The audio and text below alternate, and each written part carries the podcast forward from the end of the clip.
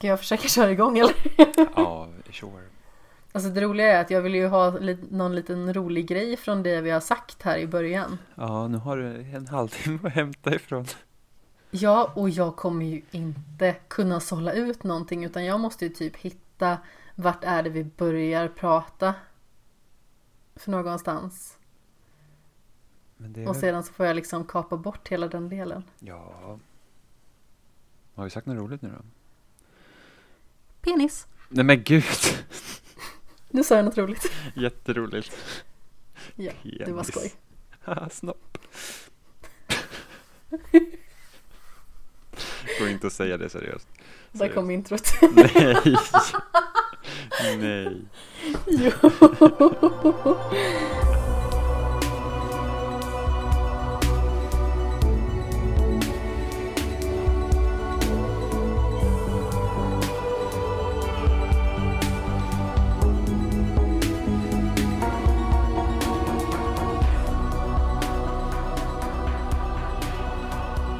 Hej och hjärtligt välkomna till den 29 episoden av Skämshögen med mig Amanda Sten och med Jimmy Seppele. Hallå?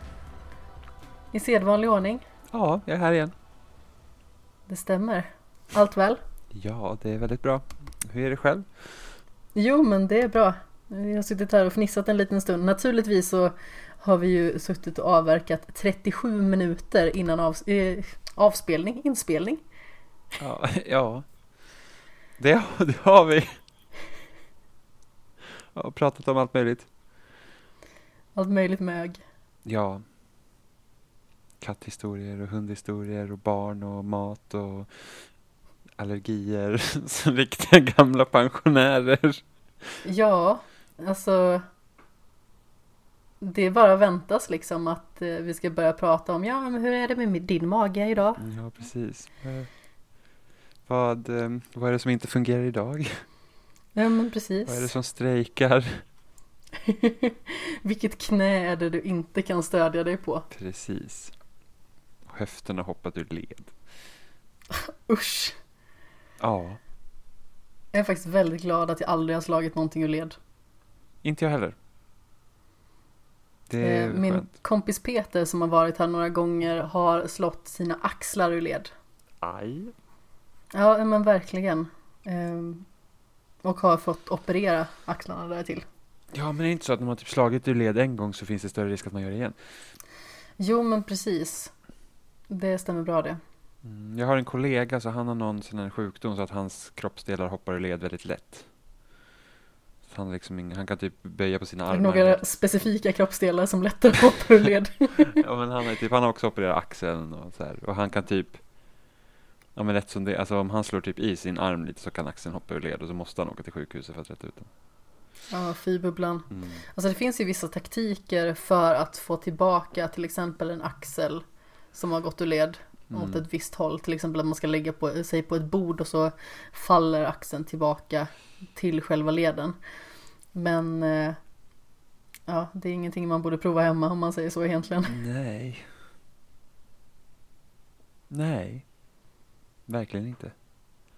Det verkar, det verkar ju otroligt obehagligt i alla fall. Ja, men jag har heller aldrig brutit någonting och heller något sånt. Så att, Det deklarerade vi ju förra veckan Precis. att eh, jag har brutit några saker tidigare. ja.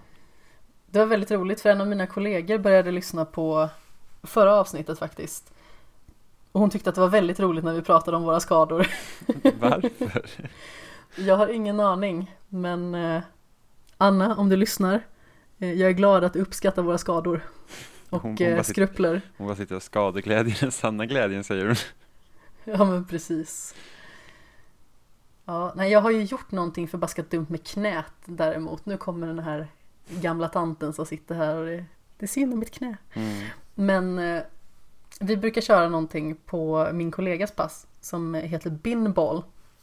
Det är alltså i mångt och mycket liknande handboll fast vi har två stycken ja, men, tunnor som vi ska kasta en boll i. Mm. Reglerna är väldigt förhandlingsbara. Oftast så ska det egentligen vara att men, du får ta ett steg. Det hålls typ aldrig. Ehm, ja men den typen av saker. Och sen så kan det vara ganska så hårdhänt för det är nästan bara vinnarskallar som är med på den här klassen. Och eh, nej men som sagt, det kan gå lite vilt till. Så jag blev tacklad i sidled så att eh, mitt vänstra knä råkade falla inåt. Oh. Vilket eh, i sin tur har gjort att det på utsidan känns som att det är löst på något vis. Men, gud. Men jag tror bara att det är någonting som är eh, uttänjt eller att det är någonting i det område som fått sig en törn. Nu har det varit så här i två och en halv vecka så jag funderar på att kolla upp det men samtidigt känns det så här, det gör inte ont per definition. Utan det är mer så här, det är obehagligt för att det känns som att det är någonting som inte riktigt vill hålla kvar knäskålen. Ja, det... Ja men ändå, det kan vara bra att kolla upp. Ja, men samtidigt säger jag så här, jag drar mig verkligen från att gå och kolla upp sådana här grejer. Jo, men det är ändå knät. Mm, jo, jag vet. Men jag har ju haft sådana här dumheter i, i vissa kroppsdelar. Typ hälseneinflammation har jag ju haft i min vänsterfot så många gånger. Ja. Det är också fruktansvärt. För att det känns ju som att man typ har feber i alltså, vristen. Men fy. Plus att det är ju svullet Ja. som attan. Men det Ja. kommer ju också förmodligen av bowlingspelandet i och med att man kommer ju fram med motsatt ben i relation till den handen man spelar med. Jag är Mm. högerhänt. Så jag kommer fram med vänster ben. Och det benet blir starkare i och med att det är det benet man balanserar på och den muskulaturen behöver vara mer stabil. Alltså i synnerhet liksom kring fotled, knäled och höftled och sådär. Mm. Eh, Men samtidigt så blir det ju benet stelare. Och den foten får liksom ta emot alla stötar från när jag liksom gör mitt glid i sista steget. Ja. Så därför är den fotleden väldigt orörlig. Och eh, som sagt har genererat i ganska så många hälseneinflammationer. Sen som bowlingspelare så är man ju som en ostbåge i kroppen verkligen.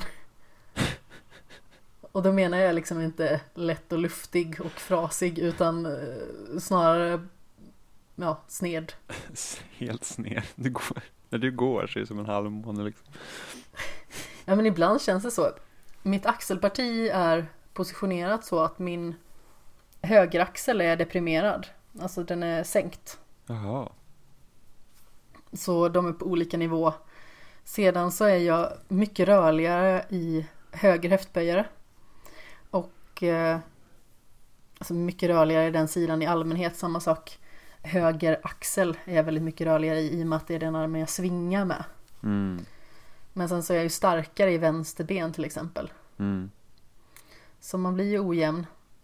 Om man kollar på eh, framsida lår, det är ju en fyrahövdad muskel och då finns det eh, en muskel som sitter längst ut, alltså mest lateralt på benet.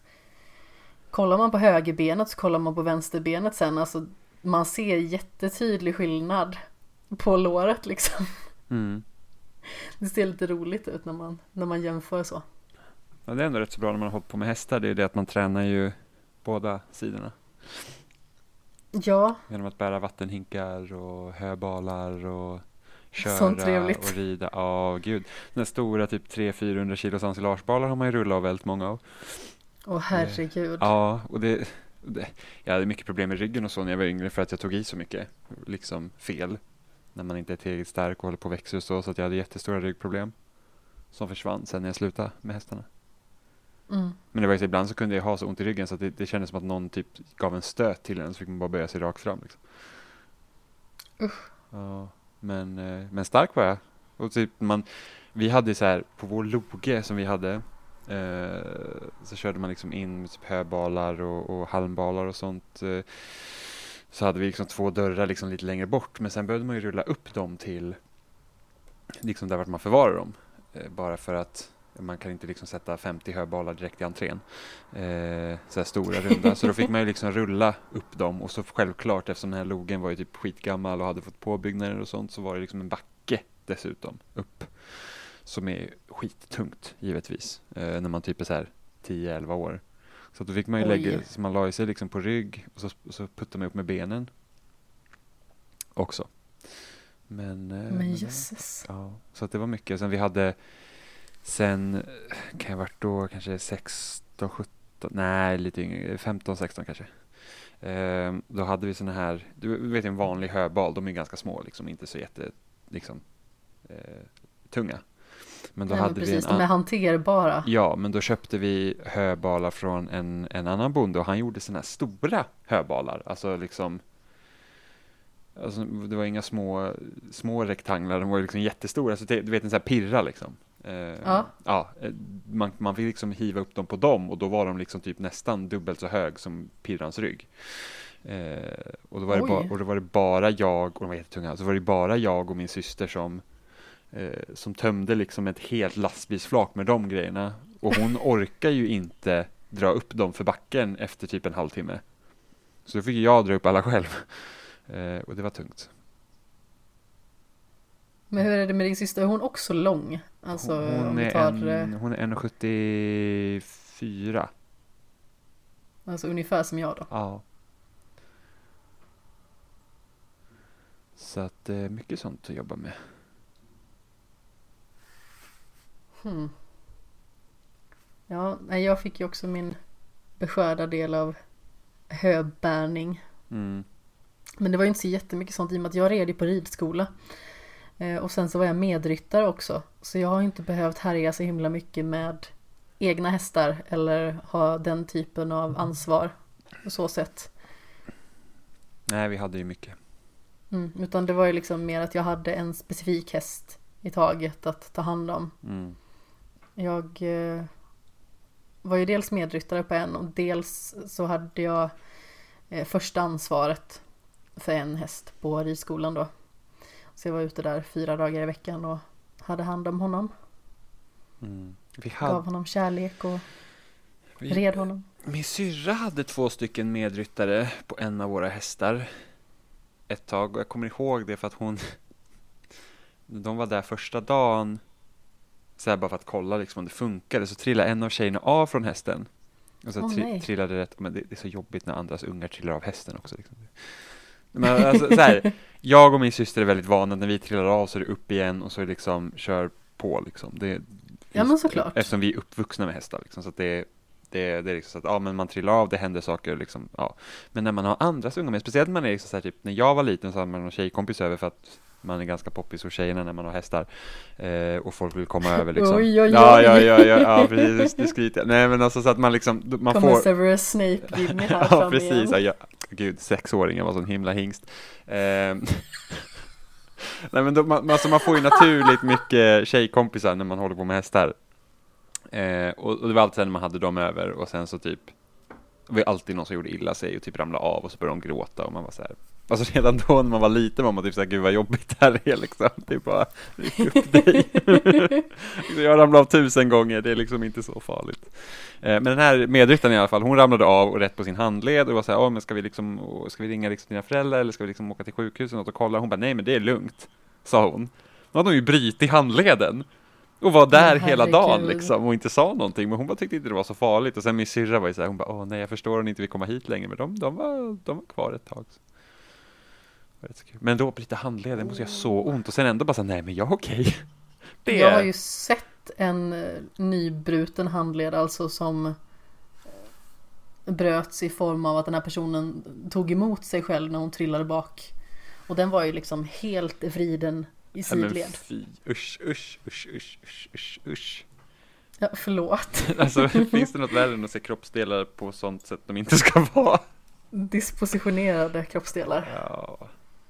Ja, det är faktiskt rätt äckligt. Jag vet en eh, fotbollsspelare, Cissé tror jag hette. Jag trodde först det, jag vet en fot. Precis som att du känner en massa fötter. Den här fotbollsspelaren i alla fall, han fastnade med dobbarna i gräset och bröt benet så att benpipan stack ut ur benet. Det var väldigt vidrigt att se. Faktiskt. Min mamma blev sparkad av en häst rejält eh, och gick hon gick typ tre kilometer hem och tyckte att det var så jävla konstigt. Hon trodde att hon hade bland, alltså, gått något eh, inom vattenpöl eller någonting för hon bara det är så jävla blött i skon. Eh, och sen så kom hon hem och så tog hon av sig skon och det var liksom, den var full med blod. Men herregud. Och så hade hon liksom ett hål rätt in till benet typ. Åh för Och så fasen hade hon vidrigt. gått hem liksom. Mm, Då, har man, då, då är det adrenalin liksom. Ja, jo men det är ju det. Och så ibland när man har fått så förbaskat ont så tänker man liksom att nej men det går nog över, jag klarar mig. Ja, Förutom den gången när en häst ställde sig på min fot och jag stod kvar liksom. ja. Och jag kunde ju inte flytta på hästen för hon vägrade flytta på sig. Ja, då, det, det är så jävla jobbigt. Det var en stor häst och jag var typ 11 år. Så då är det inte så himla lätt när den är lite bångstyrig. Nej, eller typ när de har broddar på vintern. Och man bara, ja nu trampar du på min. Alltså det bästa var ju när man skaffade skor med stålhätta.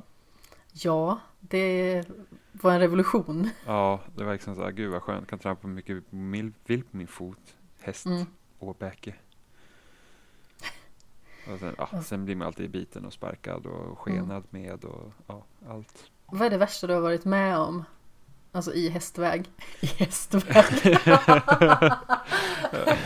ja, eh, nej men undrar om inte jag berättade i den här podden. Det var när eh, det var när vi hade då världens snabbaste shetlandsponny som som, som skenade mig på Gotland. Eh, har jag Det berättat kanske här? du har berättat här. Du har berättat det för mig i alla Ja, fall. jag har för mig att jag berättade det här, men i alla fall. Han, det var liksom så här, han- var liksom snabbloppare, alltså okej, världens snabbaste just då i autostart. Eh, och eh, just den vintern så hade jag tränat honom så jävla mycket, han hade liksom gått fem dagar i veckan liksom. Så här typ två snabbjobb och sen så resten och så, så liksom joggar man då så att han liksom får röra på sig. Vilket gjorde att han hade blivit väldigt stark. eh, och liksom han var så uppstressad inför det här loppet. Jag undrar om inte det var kan det ha varit SM? Det brukar, av någon anledning kör de ofta SM typ i oktober för shetlandsponnyer. Typ Åby Mhm. travbanan som ligger åt helvete så långt ner. Ehm, och, och så, du, Så liksom, åt helvete så långt ner är det väl inte? men man bor här uppe är det det. Så då, och liksom oktober, liksom högsäsongen är ju under sommaren och det är också då hästarna går som bäst. Eh, men jag tror att det var SM också, hade fått det på Gotland om de körde någon så här typ, om de samsades med ryss SM, för det går alltid på Gotland. Eh, jag kommer inte ihåg, det var i alla fall ett snabblopp. Eh, och jag hade tränat honom så mycket den vintern. Och sen så ska så ska jag liksom bara köra honom typ till rakbanan liksom så här, ja men bara jogga liksom igång honom innan loppet. Pappa var med mig då också och jag kände bara att han är så jävla het liksom, så stark. Och sen så kommer en annan eh, gubbe, Pelle Telhammar heter han, som vi har liksom känt hur länge som helst. Så ska ju pappa såklart stanna och prata. Och jag, fort, jag kan inte stå still med en häst, jag fortsätter skritta iväg. Och sen han bara liksom lägger nacken styv och sticker. Och, Herregud. och de här jävla vägarna är ju liksom för det första aldrig kört där borta. Så att jag, och jag, hitt, jag har liksom inget lokalsinne heller så det hjälper inte till. Ehm, och det var liksom bara så här skogsvägar och det bara går vänster, höger och så sitter man liksom en liten lätt sulky så minsta lilla sten så finns det ju risk att man flyger av. Jag hade glömt mina vanliga körskor så jag hade gympadojor på mig som dessutom satt ganska dåligt. Bara massa problem. Ehm, och Jag hör det. och jag tror det var någon vecka innan så hade någon annan, eller det var någon månad innan hade en annan häst kommit på rymmen på den travbanan och de hade inte hittat hästen förrän typ en och en halv månad senare och den hade fastnat mellan två träd och liksom dött. Eh, så, jag var ju, så jag var ju liksom livrädd bara liksom att flyga ur vagnen också så att min häst försvinner. Så, så jag fick Ja, han, det var ju bara att försöka hålla koll på liksom vilka vägar man tar, så här, höger, vänster, höger, vänster. Sen så, jag lyckades till slut få stopp på honom med att jag körde in i ett buskage. Så det liksom går inte att komma fram. Eh, och sen var det bara att hoppa av, ta tag liksom i tömmen och sen fick jag liksom gå tillbaka till travbanan. För att han var så, det hade liksom inte gått att hoppa upp i sulken igen, han hade liksom dragit på en gång igen. Ja. Eh, och sen det loppet gick ju såklart inte bra, han var liksom helt slut efter det.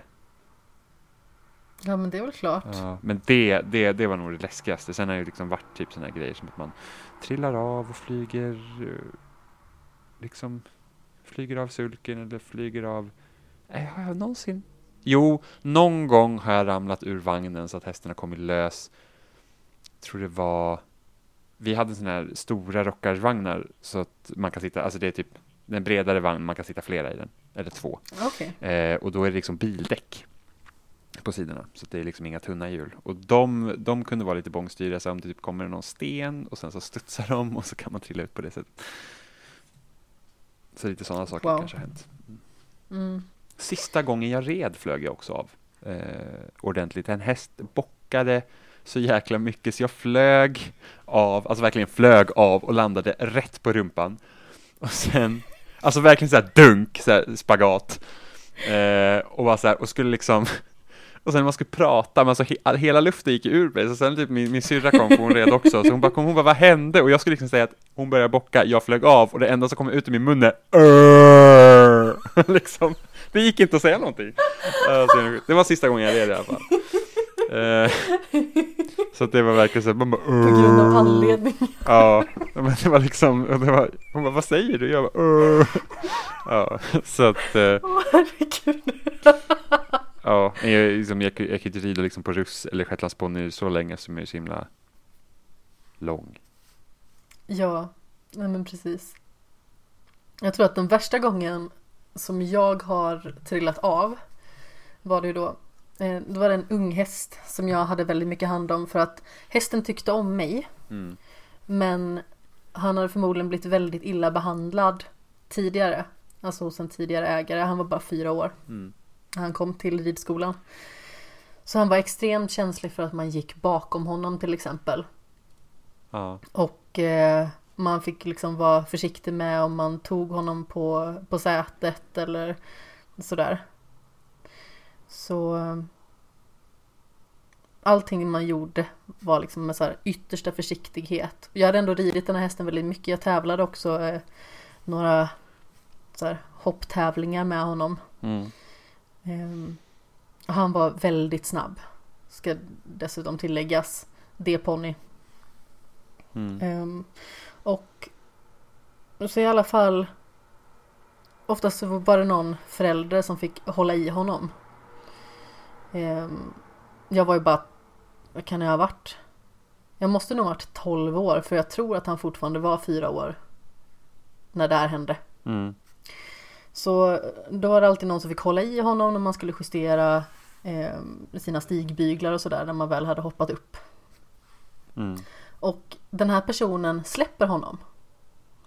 Och jag sitter och justerar min högra stigbygel fortfarande. Mm. Hästen får fnatt. Springer iväg genom manegen. Jag trillar av. Hänger i stigbygeln ett halvt varv. Och sen lyckades jag äntligen lossna. Hästen fortsätter att springa runt. Ja.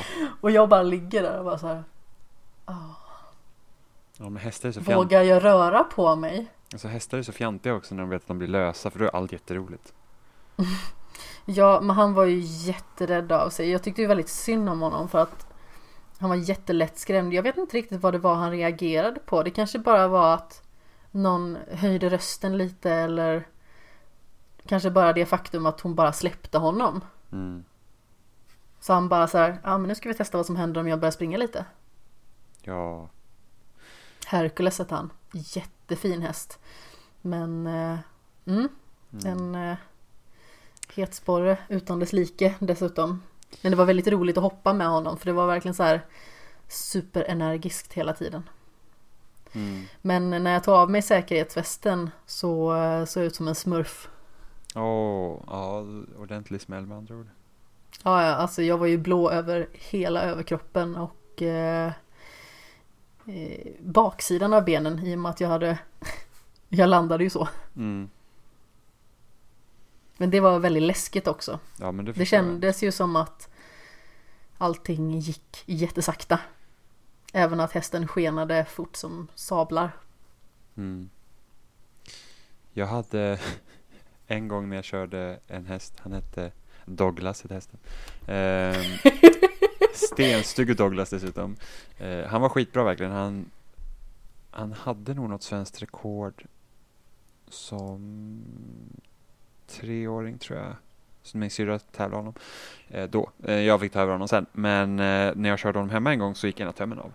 den gick av helt enkelt. Eh, och han, Oj. ja det, det var verkligen så här, man, man typ så här, han började galoppera, skulle dra in honom. "Skyn, där, där gick tömmen och man var så här bara, åh nej, vad gör jag nu? så det var ju bara liksom att styra ut, alltså han, jag fick ju styra ner honom i diket så han hoppade över på en åker där det var typ upplöjt så att han inte kunde springa helt enkelt. Men Och sen jösses. fick man hoppa av och gå hem. Sen har man haft de hästarna som är väldigt lata, som helt tvärstannar och vägrar gå när man är så långt borta hemifrån som man bara kan. Det är, då är, så här, då är man såhär, mm, du skulle bli en väldigt fin korv just nu. Eh, det är liksom, då är man, alltså jag hade en, hade en häst på träning som var så här, alltså hon var jättetjock, alltså hon levde typ på luft. Och hon stannade när man var typ långt borta. Men det är så bisarrt sådana här grejer som min, alltså Typ min syrra vann ett insprängt lopp på Romme travbana där hon fick hästkorv i första pris. Det tycker jag är lite magstarkt. Men va? Är det sant? ja, det, ja, det är sant. Det var såhär typ, åh åh, vad gott med för att jag äter inte häst. Alltså jag äter det mesta med häst äter jag inte. Jag Nej, pappa, inte jag heller. Jag Jag, tror- är i och för sig lite kinkig med Ja. rött kött ja, men, men jag äter inte häst av den anledningen liksom att, för det är häst. Eh, och, eh, och min syrra äter inte, alltså ingen i min familj äter häst förutom pappa, för han bara, vad ska man bry sig för? Eh, så, och det var ju så, så man bara, åh korv, gud vad gott, och så tittar man på innehållsförteckningen så bara, mm, hästkorv, man, alltså, men alltså, vi har kört en häst, vunnit med en häst och så får vi hästkorv, det det är lite bisarrt. Väldigt. Så att, Vilken ja. morbid grej Ja men verkligen, det, det, det, är lite, det, är lite, det är lite märkligt faktiskt. Men ja, det är så det är. Åh, herregud. Du sitter fortfarande och fnissar åt korven. Ja faktiskt, det var lite kul. Men alltså det är många gånger man har varit sur på, på någon Så det är häst. Liksom Kul men konstigt. Ja, verkligen. Ja fast det har ju funnits hästar som man verkligen har känt bara så här, men herregud. Har du aldrig rört dig någonsin i ditt liv? Flytta på dig. Ja, man, mär, alltså man märker så mycket när en häst inte vill arbeta. Ja, Det är verkligen så här att din lata fan typ. Eller typ, alltså, men precis som människor liksom, djur har ju också personligheter så att det är ju Jag vet vi hade en, en häst, han heter Miklas, också avelshingst. Och han var så, alltså, så frustrerande att hålla på med honom för att Det var så här typ att jättehingstig så här hållit på att gnägga och sånt i stona. Man visste när man körde lopp med honom ibland, om han började liksom här, typ hingsta sig när man var liksom i starten, då var man så här, okej det här kommer ju inte gå så bra för att han liksom tar inte det här seriöst överhuvudtaget. Och så blev han ju, och så blev man ju liksom ingen arbetsmoral för Nej, nej men verkligen inte. Han bara, oh ladies liksom. Ehm, och sen, avelshingst. Så, och, och vi har ju vi hade ju liksom de, häst, de hingstarna som inte tävlade, de kunde ju gå på fribeteckning liksom, de fick gå i flock med sina ston liksom. Men de som tävlade, de behöver man ju handbetäcka med. Eh, och för de som inte vet vad det är, så man håller i hingsten och sen någon håller någon i stoet och så pang på liksom. Och då tänker man ju, åh gud vad skönt, och han, han är liksom så här typ hingstig och flörtig av sig hela tiden, så det kommer inte vara något problem när han ska betäcka stona. Han var den mest kräsna jävla hingsten jag någonsin har varit med om. Alltså det var så svårt att betäcka vissa ston med honom.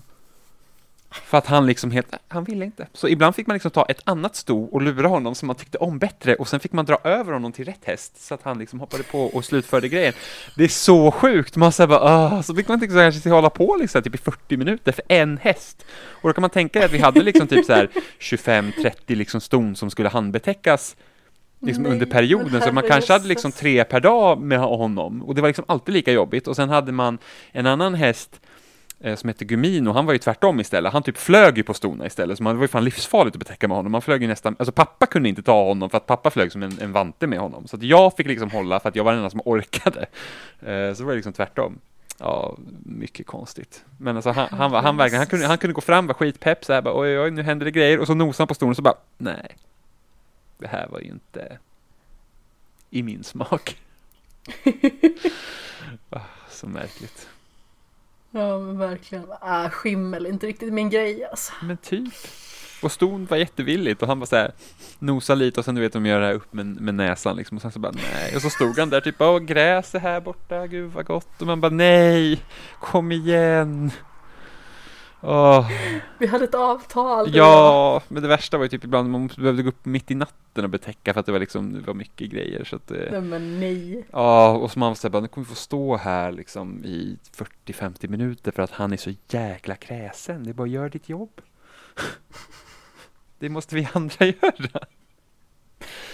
Ja, ja, men det är mycket, mycket konstigheter att hålla på med hästar. Ja. Jag älskar hur vi så här börjar med skador och så går vi över till hästar.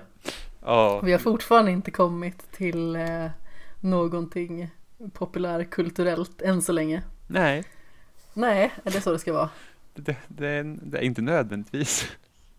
Om inte folk är jätte så här förtjusta i typ hästporr tänkte jag säga nu, men det är, Men Jimmy, alltså jag, jag har en kompis, jag har en kompis. jag är inte säker på om jag gillar vart det här är på nej, väg. nej, nej, ingen borde gilla vart det här är på väg, men eh, jag kommer aldrig glömma det, för typ en av de första konversationer man hade på den tiden man använde MSN, eh, när han hörde att jag höll på med hästar, han bara åh, här jag ska skicka en grej till dig, så skickade han liksom någon GIF på så här hästporr, och man säger bara nej, nej, nej, inte okej.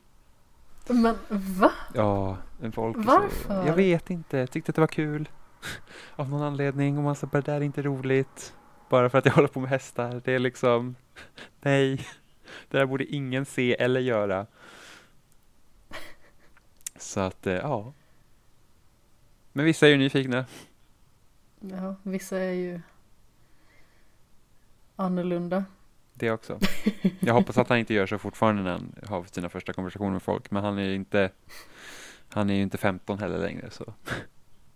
Det är kanske är en sån person, person som har börjat skicka dickpics. Ja, nej, nej, nej, det ska jag absolut inte tro att han gör. Jag skulle bli väldigt förvånad om han gjorde det.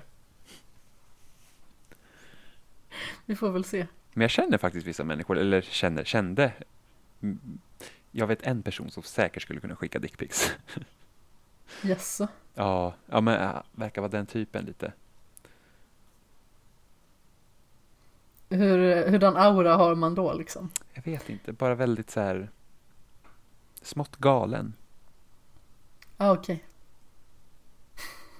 Ja. Men eh, skickar de några dickpics i Archer säsong Eh, 10? Nej, men det hade nog inte förvånat mig om Archer hade kunnat skicka en dickpic till någon och tyckt att det var jätteroligt. Så jämföra med pilen bara, kolla här.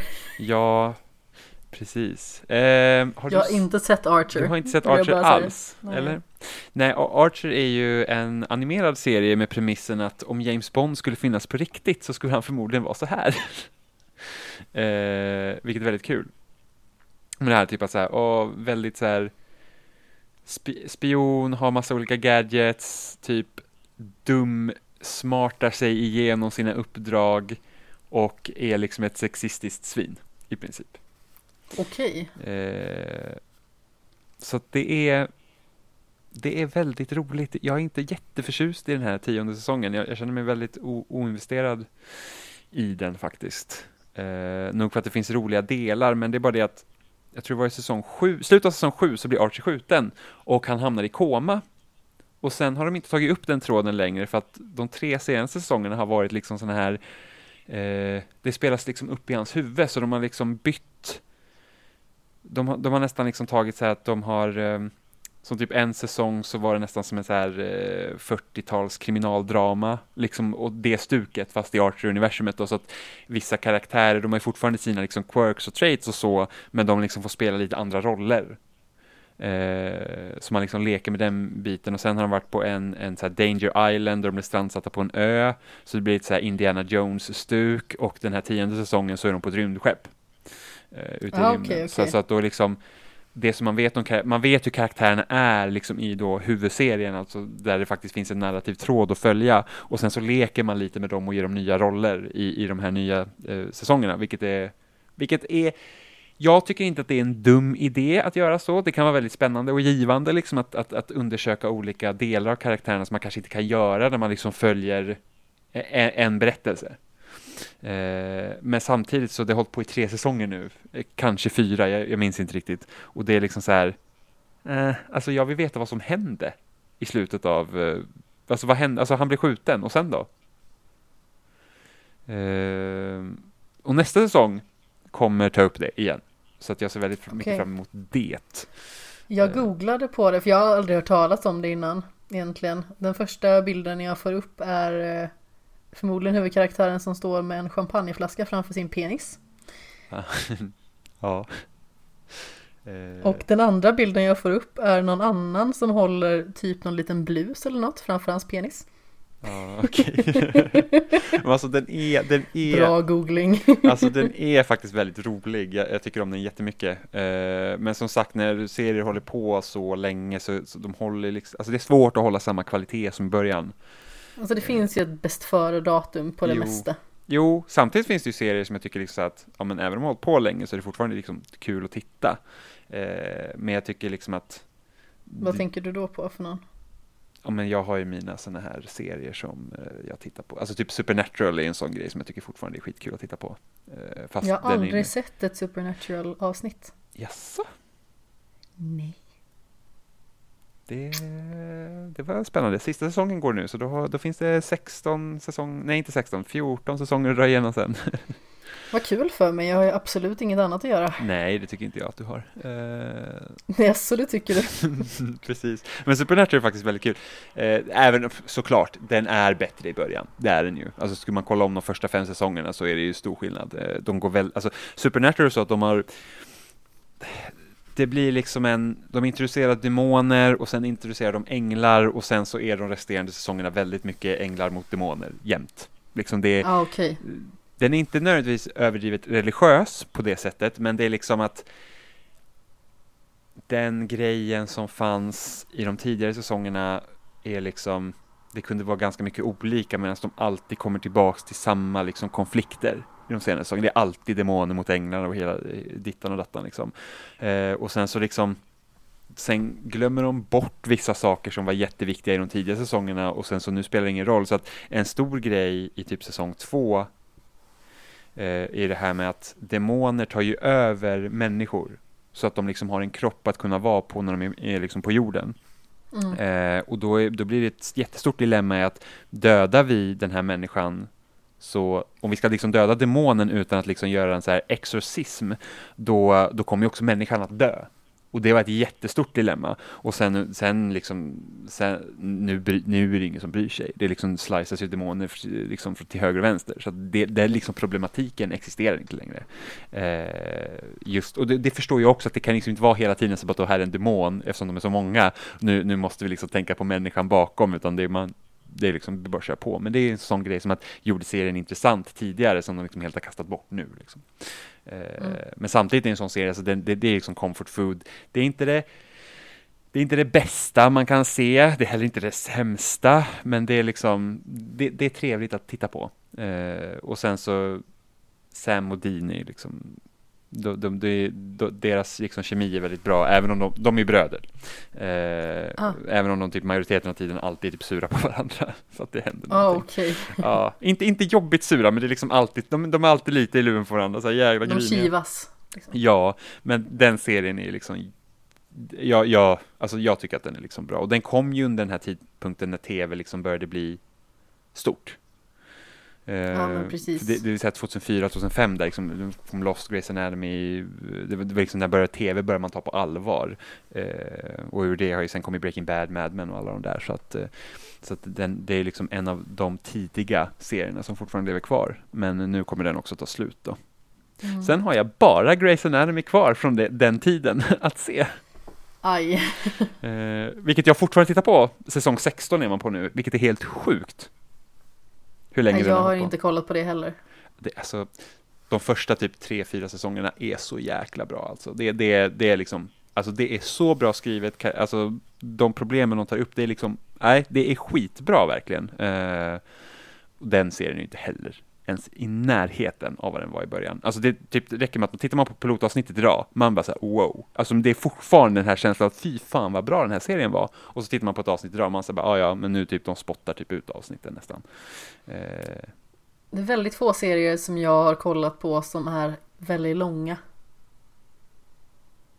mm. Jag Alltså, försöker liksom komma på, det är så här, Game of Thrones är ju en väldigt lång serie. mm. Men det är jag heller inte så många avsnitt. heller- precis per det jag skulle komma till. Däremot eh, Brooklyn 99 har jag sett alla avsnitt. Den är ju sex säsonger. Mm. Och det kommer ju fler. Är det en säsong till då? Ja, alltså jag undrar om inte den blev förnyad för typ tre säsonger på en gång nu. Oj, är det så pass? För den skulle ju läggas ner. Jag vet, men det var, de köpte ju den blev ju upplockad igen ju och sen så tror jag att det blev, den, det blev sån succé nu den senaste säsongen att liksom för att jag tror att folk blev så intresserade av den också när den när den skulle plockas bort. Det var ju så jag blev intresserad av den, liksom när den lades ner. Jag bara, okej, ska jag kolla på den då? Och sen så var den ju skitbra. Eh, så jag tror att den har blivit förnyad för fler. Jag är inte 100% säker, jag kan, det kan också vara så här önsketänkande från min sida, men i alla fall att det, säsong 7 kommer i alla fall. Ja, okej, okej. Nej, Mm. men eh, då är jag med. Men jag tycker ju om den också. Alltså, jag tror att vi har pratat om, om det någon gång tidigare i podden. Att när jag såg första säsongen så var det verkligen så här, vad är det här? Mm. Eller i alla fall de första avsnitten. För att jag tyckte att Jake var så förbaskat jobbig. Ja, Jag tyckte att Amy var jätteanal av sig. Och eh, alltså deras kemi, det fanns någonting där. Men samtidigt så är det alltid lite jobbigt när folk är så här, vet inte, sura mot varandra. Eller så här tävlingsinriktade kan jag tycka kan vara lite så här jobbigt att kolla på. Jaha. Jag älskar ju att tävla. Jo, jo, men det gör jag också. Men alltså det beror på naturligtvis hur det görs. Men det var Ja. någonting med det här i början som man bara kände så här att ah, nej, nu kommer de att vara besvärliga mot varandra hela tiden. Ska det hålla på så här hela serien? Mm. Sen så Ja. gjorde det ju inte det naturligtvis. Men eh, jag, jag tycker att det började faktiskt bli bra när det blev mer uppenbart att de hade ett intresse av varandra. Mm. Ja, de har inte förstört det än heller. Liksom, det är inte som att de har liksom, ah, vi sätter de här människorna med varandra och sen så typ, åh nej, det går inte bra, då måste de liksom göra slut. Mm. För jag tror det är en av kärnan i Brooklyn 99, det är ju det att de är så, alltså de är kompisar allihopa. Ja, Och att det liksom, man gör sig inte, serien gör sig inte rolig på deras bekostnad. Det är inte så att, åh, de här klantiga poliserna, för de är bra på det de gör. Det tror jag liksom var mest förvånande när jag såg den, liksom att det var en komedi som ändå inte liksom gjorde sig, alltså reta sig inte på karaktärerna på det sättet. Det var så att, okej, de här poliserna, de, de har liksom sina quirks, men de är inte dåliga poliser. Det, är liksom, det roliga är inte att de är, haha, och gud, vad, liksom, och nu klantar de sig, eller åh, nu sådär, utan det är liksom, de är bra på det de gör och sen så är de bara liksom, det är bara konst, det är lite udda personligheter. som- ja men som är- verkligen, alla har ju sina extrema egenheter egentligen, Mm. vilket kan vara väldigt skoj. Sen så ibland kan det bli lite för mycket också, det måste jag ju villigt erkänna. Det är samma sak i Parks and Recreation att om vi tar eh, Tom till exempel så kan han vara ganska så jobbig. Um, och, och sen så kan det ju komma in sådana här karaktärer från sidan liksom som typ John Ralphio som är så fruktansvärt jobbig fast som har vissa roliga saker som typ The Worst. Ja, Det är ju så otroligt roligt. men det är samma han som spelade Rosas pojkvän, han som har den här helt galna frisyren. Eh, Ja, han som också är med i The Good Place och... Och eh, spelar typ exakt samma person. Ja, Ja, han precis. spelar Det, det, alltid liksom typ så här eh, Halvt. rishög. ja, men halvt galen liksom för att han ser lite knäpp ut. Ehm, och, och han så, ser ju som att han har tappat det. Ja, men alltså, eller typ att han liksom har sprängt en, alltså det, han känns som en, en seriefigur som har sprängt dynamit i ansiktet på sig. Konstant. Det är liksom den liksom känslan jag får av honom och han, liksom, han är liksom jobbig. Eh, så, att, Det är ja. han faktiskt. så att ja, det finns ju alltid sådana karaktärer typ som man, man stör sig på. Eh, det, men det som Brooklyn 99, jag tycker det är bättre än Parks, för att jag tyckte typ att Parks and Recreation var den bästa komediserien jag sett när jag såg den. Och sen Jag så, älskar den. Alltså den, den är fantastisk. Och sen så såg jag Brooklyn 99 och bara så, okej, jag tycker Brooklyn 99 är bättre. Eh, och det beror mycket på att de är verkligen snälla mot varandra i Brooklyn 99 och i Parks and Recreation så är de mer, alltså, Fast vi har ju Gina också som alltid är typ jo, men, rätt rövig. ja, precis, men det finns ändå hjärta och värme där. Men till exempel i, i Parks and Recreation, något jag alltid stör mig på, det var ju, visst heter han Jerry va? Eh, Ja, Som de- exakt. som de Fast han alltid- heter inte det egentligen. Nej, okej. Ja, jag är, I mean on the joke. Men liksom bara så här, helt, eh, helt uh, omotiverat elaka mot honom, jämt. och det ska bara Ja. vara kul på grund av att de är elaka mot honom. Eh, och det tycker inte jag finns riktigt i, i Brooklyn 99 för att nu ska vi se, eh, vad är det, Skull, nej Sally, vad heter de två äldre poliserna som Eh, typ Det är ju Scully och Scully och, sedan Åh herregud, vad är det de heter? oh, jag kommer inte ihåg det här nu då. Jag för mig att vi hade samma problem förra gången när vi faktiskt pratade om Brooklyn Nine-Nine att vi kommer inte Åh, det ihåg vad de här muppiga poliserna heter. Eh, vi ska se här, jag eh, kommer nog eh, fram till det med en liten, liten googling. Vilka Hitchcock. är din... Hitchcock och. Hitchcock, precis. Eh, ja, och, eh, och det är liksom så här att ja, folks, alltså de andra poliserna retar sig lite på dem för att de är liksom lite så här äckliga, men de äger hela den personen. Det är liksom inte ja, någonting så att, de så, så att det är liksom, det är dem och de vet om det och då blir det inte liksom samma här att man liksom slår neråt på samma sätt som de gör i Parks and Recreation. Nej, Eh, men vilken alltså, är din favoritkaraktär i Brooklyn Nine-Nine? åh gud, ja men det är Holt. Det är utan tvekan Holt. Min också, Alltså det är, absolut. han är så jä, alltså det är så jäkla roligt. Och typ, jag kommer ihåg, alltså ni har verkligen märkt så att okej, jag älskar den här serien. Det var i första säsongen när de har behövt vara vaken hela natten. Ja! Eh, och liksom så här typ, Hans hår! ja precis, och så kommer Jake, han bara så här, men alltså, hur, alltså har du också varit vaken hela natten? Alltså du ser ut exakt likadan ut och Holt bara tittar på honom, helt gravallvarlig och bara så här, vad snackar du om? Mitt hår är helt förstört typ. Och han är ju snaggad. Det finns inget hår som kan vara förstört. Nej, Det precis. What are you talking about? My hair is a mess. Det är faktiskt Det underbart. är så roligt. Det är så roligt verkligen. Alltså jag älskar det. Jag älskar verkligen hur han är också. För att han är så himla, vad ska man säga, alltså emotionellt frånkopplad. Ja, Och samtidigt så säger han sådana saker som de funkar egentligen inte med hur han uttrycker sig. Men tack vare det så blir det så förbannat roligt. ja. När han typ säger jag har aldrig varit lyckligare. Och Ja. så säger han det liksom med så här helt blankt ansikte verkligen. Ingen känsla eller värdering i det överhuvudtaget. Verkligen. Och sen älskar ju alla det så här, du vet när de Halloween när de har sina när de Ah, liksom här, alltså, jag älskar verkligen sådana återkommande avsnitt Ja, för det är varje säsong. jätteroligt. Det är samma sak, Vänner har alltid i varje säsong ett, ett eh, Thanksgiving-avsnitt. Det är typ ett, liksom de bästa. Det är Ja, alltid- okej. Det är alltid lika kul, liksom. man kommer, oh yes, nu är det här avsnittet igen, oh, vad ska de göra i år liksom? Och det är, det är samma sak i Brooklyn 99 med de Halloween-avsnitten, så har de sina heists, och det är så kul liksom vad de kommer på, och det är liksom Det är helt, och det är helt bisarra grejer, det är liksom, alltså vad, vad, hur?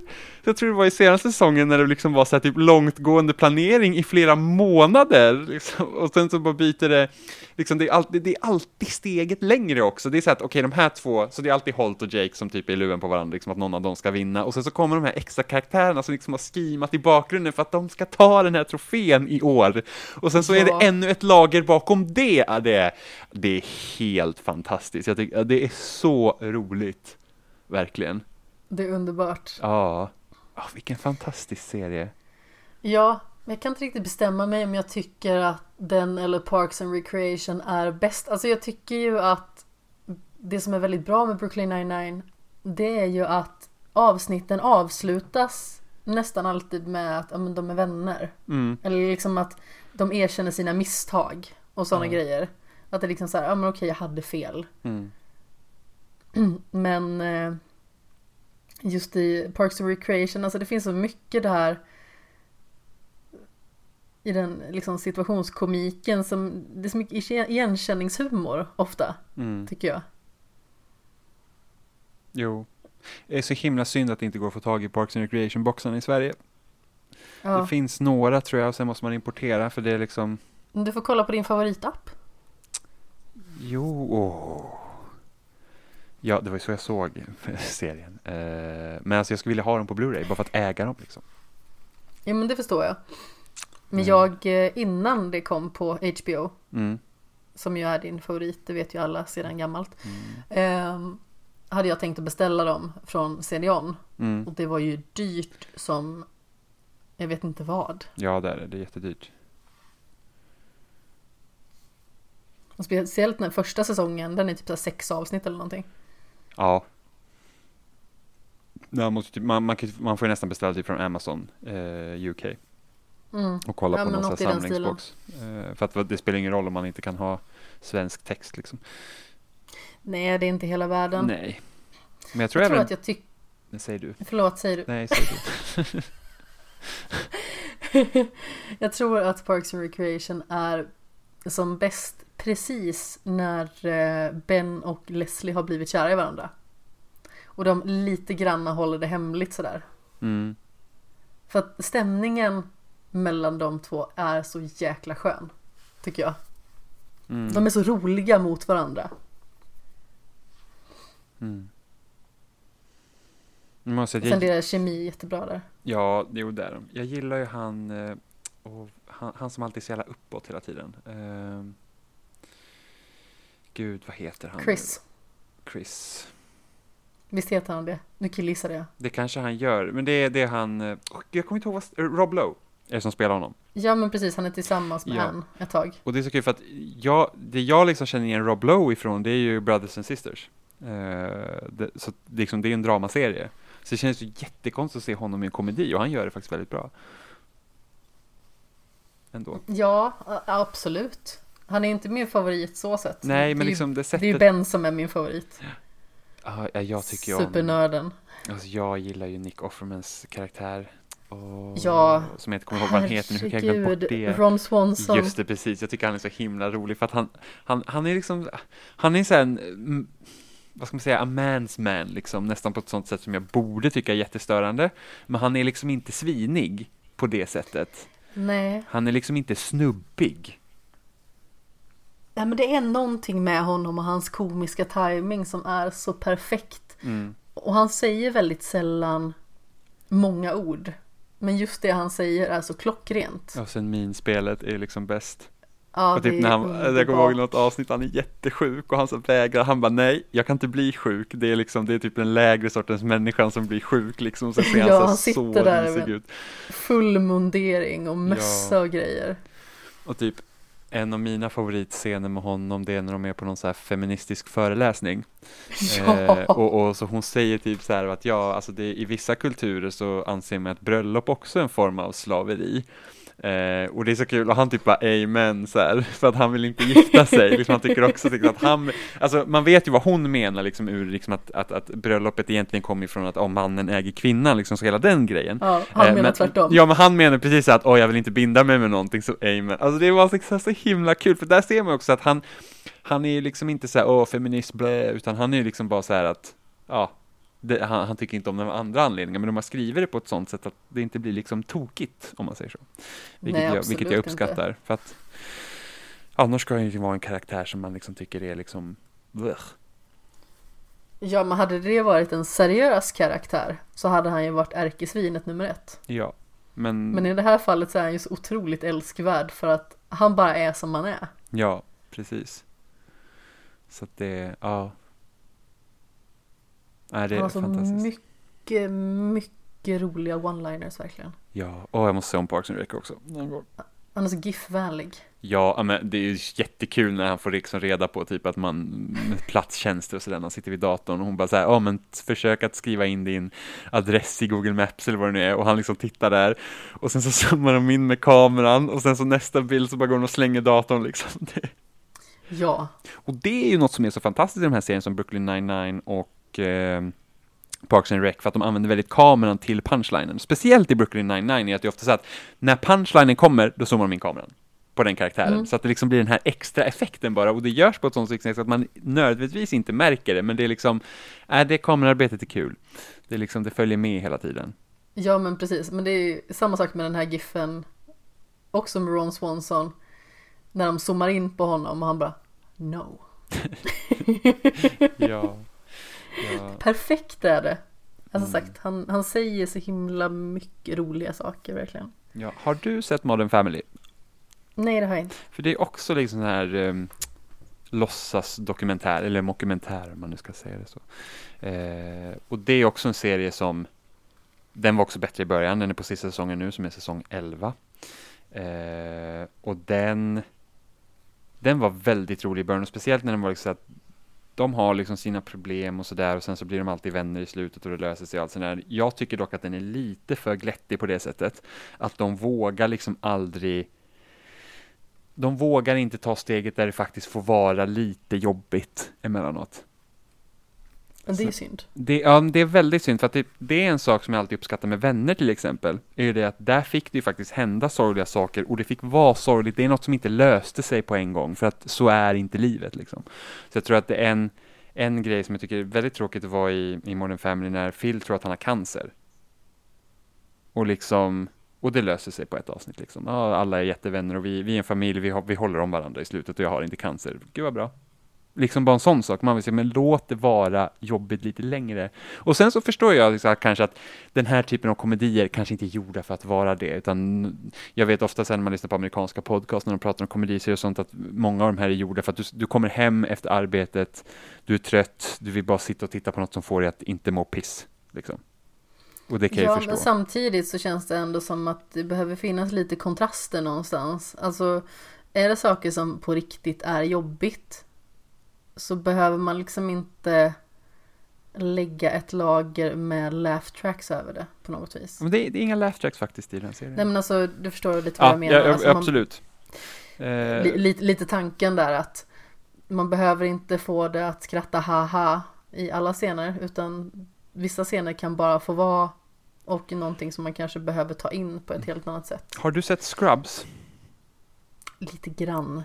För att den är en sån serie där den, den kan vara väldigt mörk och tung emellanåt. Och den, liksom, den behöver inte lämna dig när ett avsnitt är eh, slut och säga så att ah, men allt blir bra. Utan det är verkligen så att nej, det är jobbigt. Eh, så den är, den, är, den är väldigt, väldigt bra. Så den, den kollade jag faktiskt på. När jag, när jag låg och fick behandling för min cancer så kollade jag på Scrubs för att då fick jag alla boxar av min mamma. Ah, okay. eh, och det, är här, det där är alltid problem när man pratar liksom med läkare som kommer in och ska prata med en. Så bara, vad tittar du på? Om jag tittar på Scrubs så bara, ja, det är lite häftigare än det vi gör här. Och man säger, men alltså behandla inte mig som jag typ vore två nu, för att jag tycker faktiskt att typ hela medicinyrket är väldigt spännande. Eh, Absolut. Så liksom, det, det, är alltid så bara, men det är lite spännande. Man säger bara, Ja, alltså det är väl inte, det är väl inte riktigt, jag kollar inte på sjukhusserie för att det är lite för lite spännande här, liksom.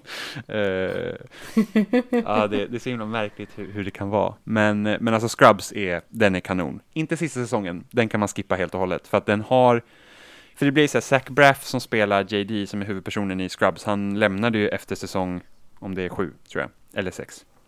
Jaha, okej. Okay. Det blir ju lite märkligt då nästan. Precis, men de gjorde bara en säsong till, så de typ hoppade fram eh, liksom lite i tiden och sen var han typ såhär gästskådespelare typ de sex första avsnitten och sen hade man liksom nya karaktärer som man skulle följa då. Eh, men ja, det var ju så dåligt. Alltså det var verkligen så dåligt. Jag tror det första jag såg honom i var den här The Garden State eller vad den heter. Den är, den är helt okej okay, den filmen. Ja, visst är det med Natalie Portman? Ja, ah, precis. Exakt. den, den är helt okej, okay, men alltså nej, men alltså Scrubs är också en sån serie som du borde se på för att den, den är liksom, den är helt fantastisk. Och avslutet, alltså slutet i, liksom, inte den kackiga säsongen som man kan, den kan man totalt ignorera. Eh, den har liksom ett riktigt slut. Ah, okay. så, att, så att det är inte som att åh nej, nu lämnar Zach Braff och sen vet man inte riktigt var utan den får faktiskt ett riktigt slut där. Eh, så att den är, ja, den är, den är, den är, den är riktigt bra den serien. Ja, alltså det jag har sett har jag inte varit jätte så här överväldigad nej, man, Det är nej, samma sak How I Met Your Mother liksom. Ja, men... Då har jag ändå sett typ de där fyra första säsongerna eller någonting. Av How I Met Your Mother? Ja. Ja men det är typ de fyra första säsongerna som är värda att se och sen blir det bara så här. Eh, men, Då är jag klar med den. ja men typ. Men Scrubs är en sån serie, för jag var också så när jag sett några ströavsnitt här och där och man säger, mm, du vet, det är liksom så här, oh, det är Scrubs. Alltså det, det är nästan på samma nivå som när man typ tänkt, när man råkade se Married with Children, eh, när man kom hem från skolan, du vet, att man säger bara, ja det är på, du vet. Nu är Married with Children flera resor sämre än Scrubs. Jag tycker om Scrubs väldigt mycket, men liksom du vet den här känslan man liksom tittar på något där man bara varför tittar jag på det här? Jo, för att det inte finns något annat. Jag typ käkar min torra macka med typ kräm eller någonting sånt. Och... Eller typ när man såg våra bästa år.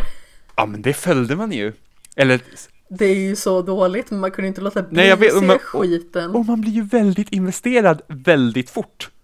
Det är så här, man bara, men jag måste veta om den här kidnappade hemmafrun och sen den här onda tvillingen och sen liksom de här två som typ... Och den eh, här personen som typ har återuppstått från de döda. Ja, men precis, så bara varit borta i tre säsonger, men nu är hon tillbaka och man bara oh my god. Eller typ Sunset Beach, har du sett det någon gång? Så sjukt, så sjukt, Så det var liksom dåligt.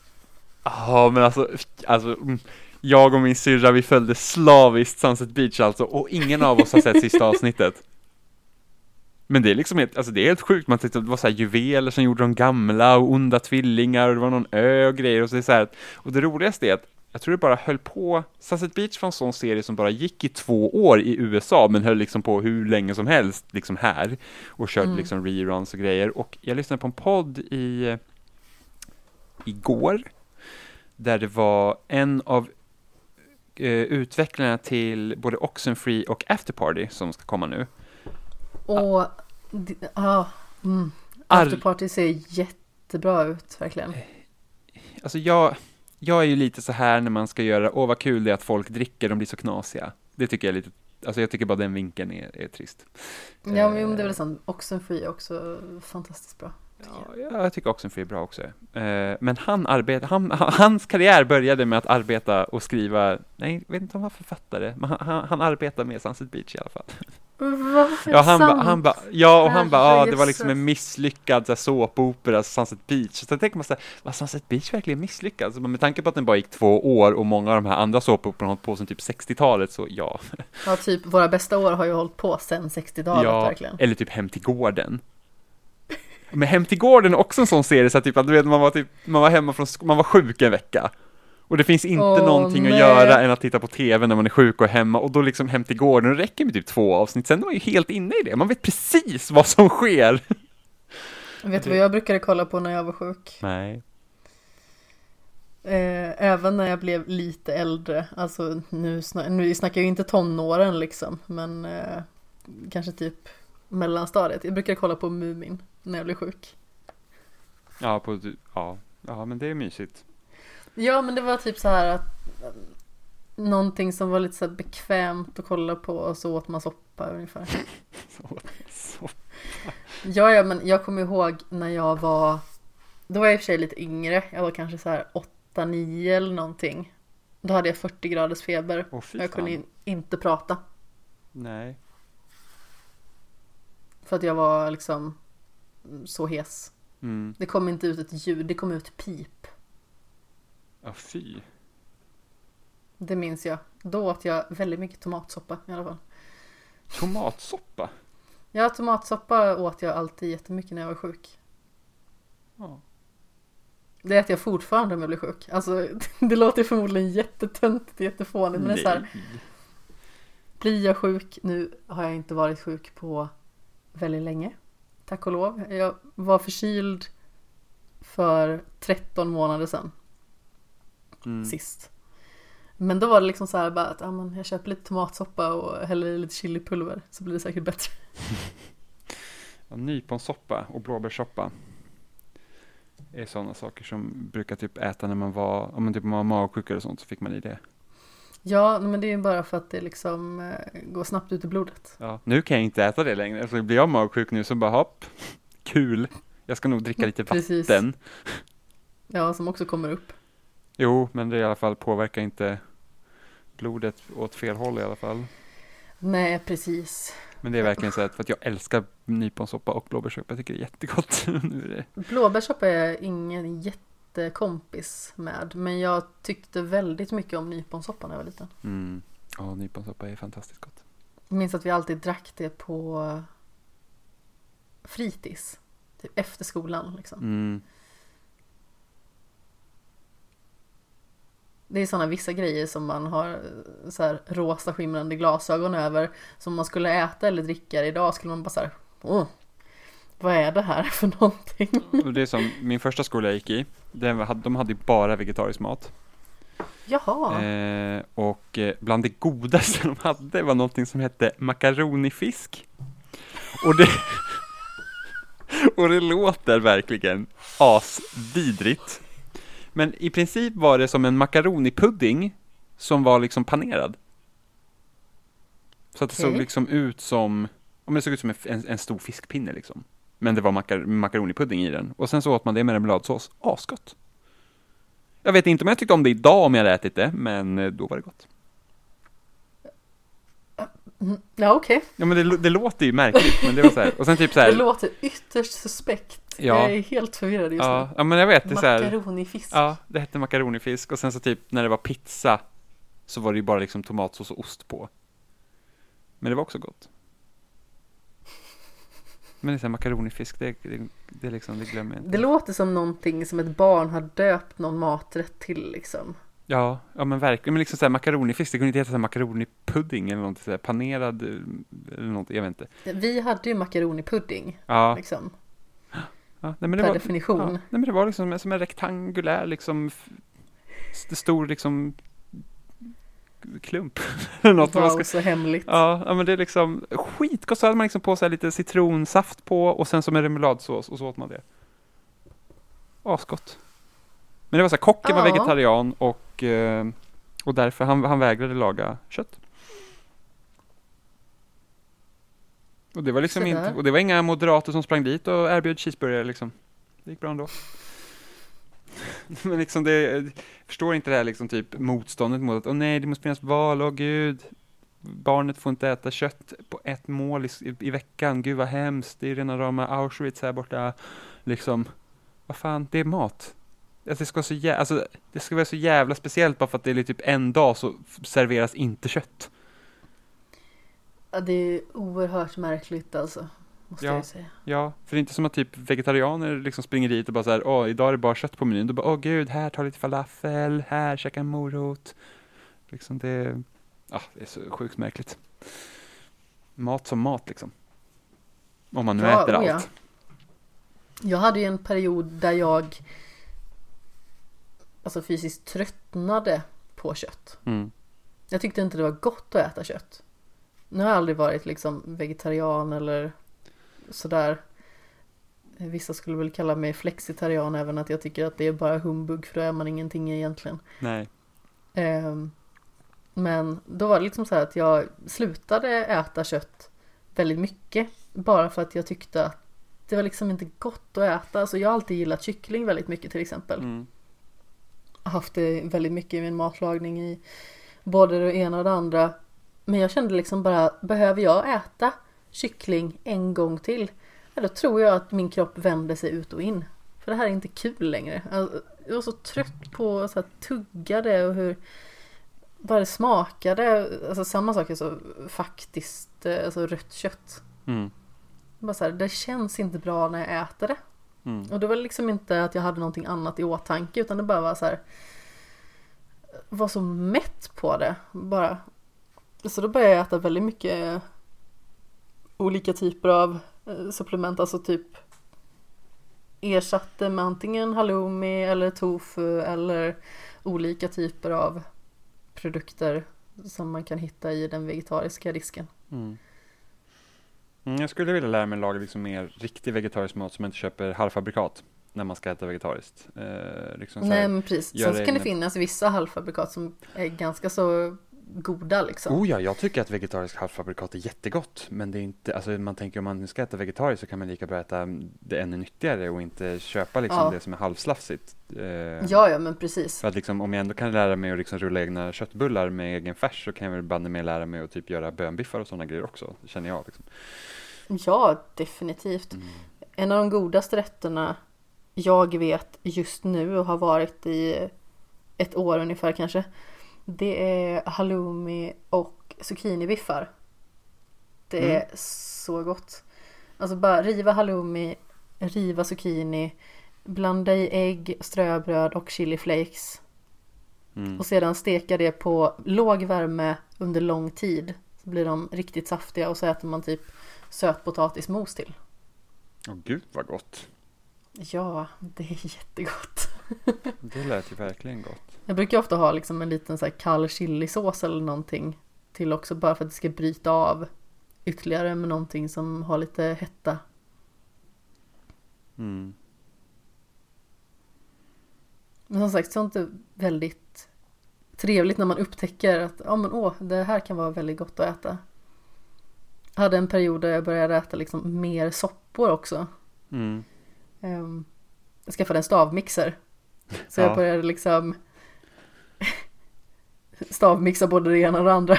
Ja, jag har en Det stavmixer. där lät mer perverst än vad det egentligen var. jag, jag mixar lite vad som helst. Oh. Mm. Eh, jag har en stavmixer jag aldrig använt. Eh, för att jag skulle Jag lära mig göra egen hyfsat. falafel. Så jag har, Ja, okej. jag har kikärtor och allting sånt som jag köpt till den här stavmixern, för det var tanken och jag har inte gjort något med den. För falafel är väldigt gott. Det är det absolut.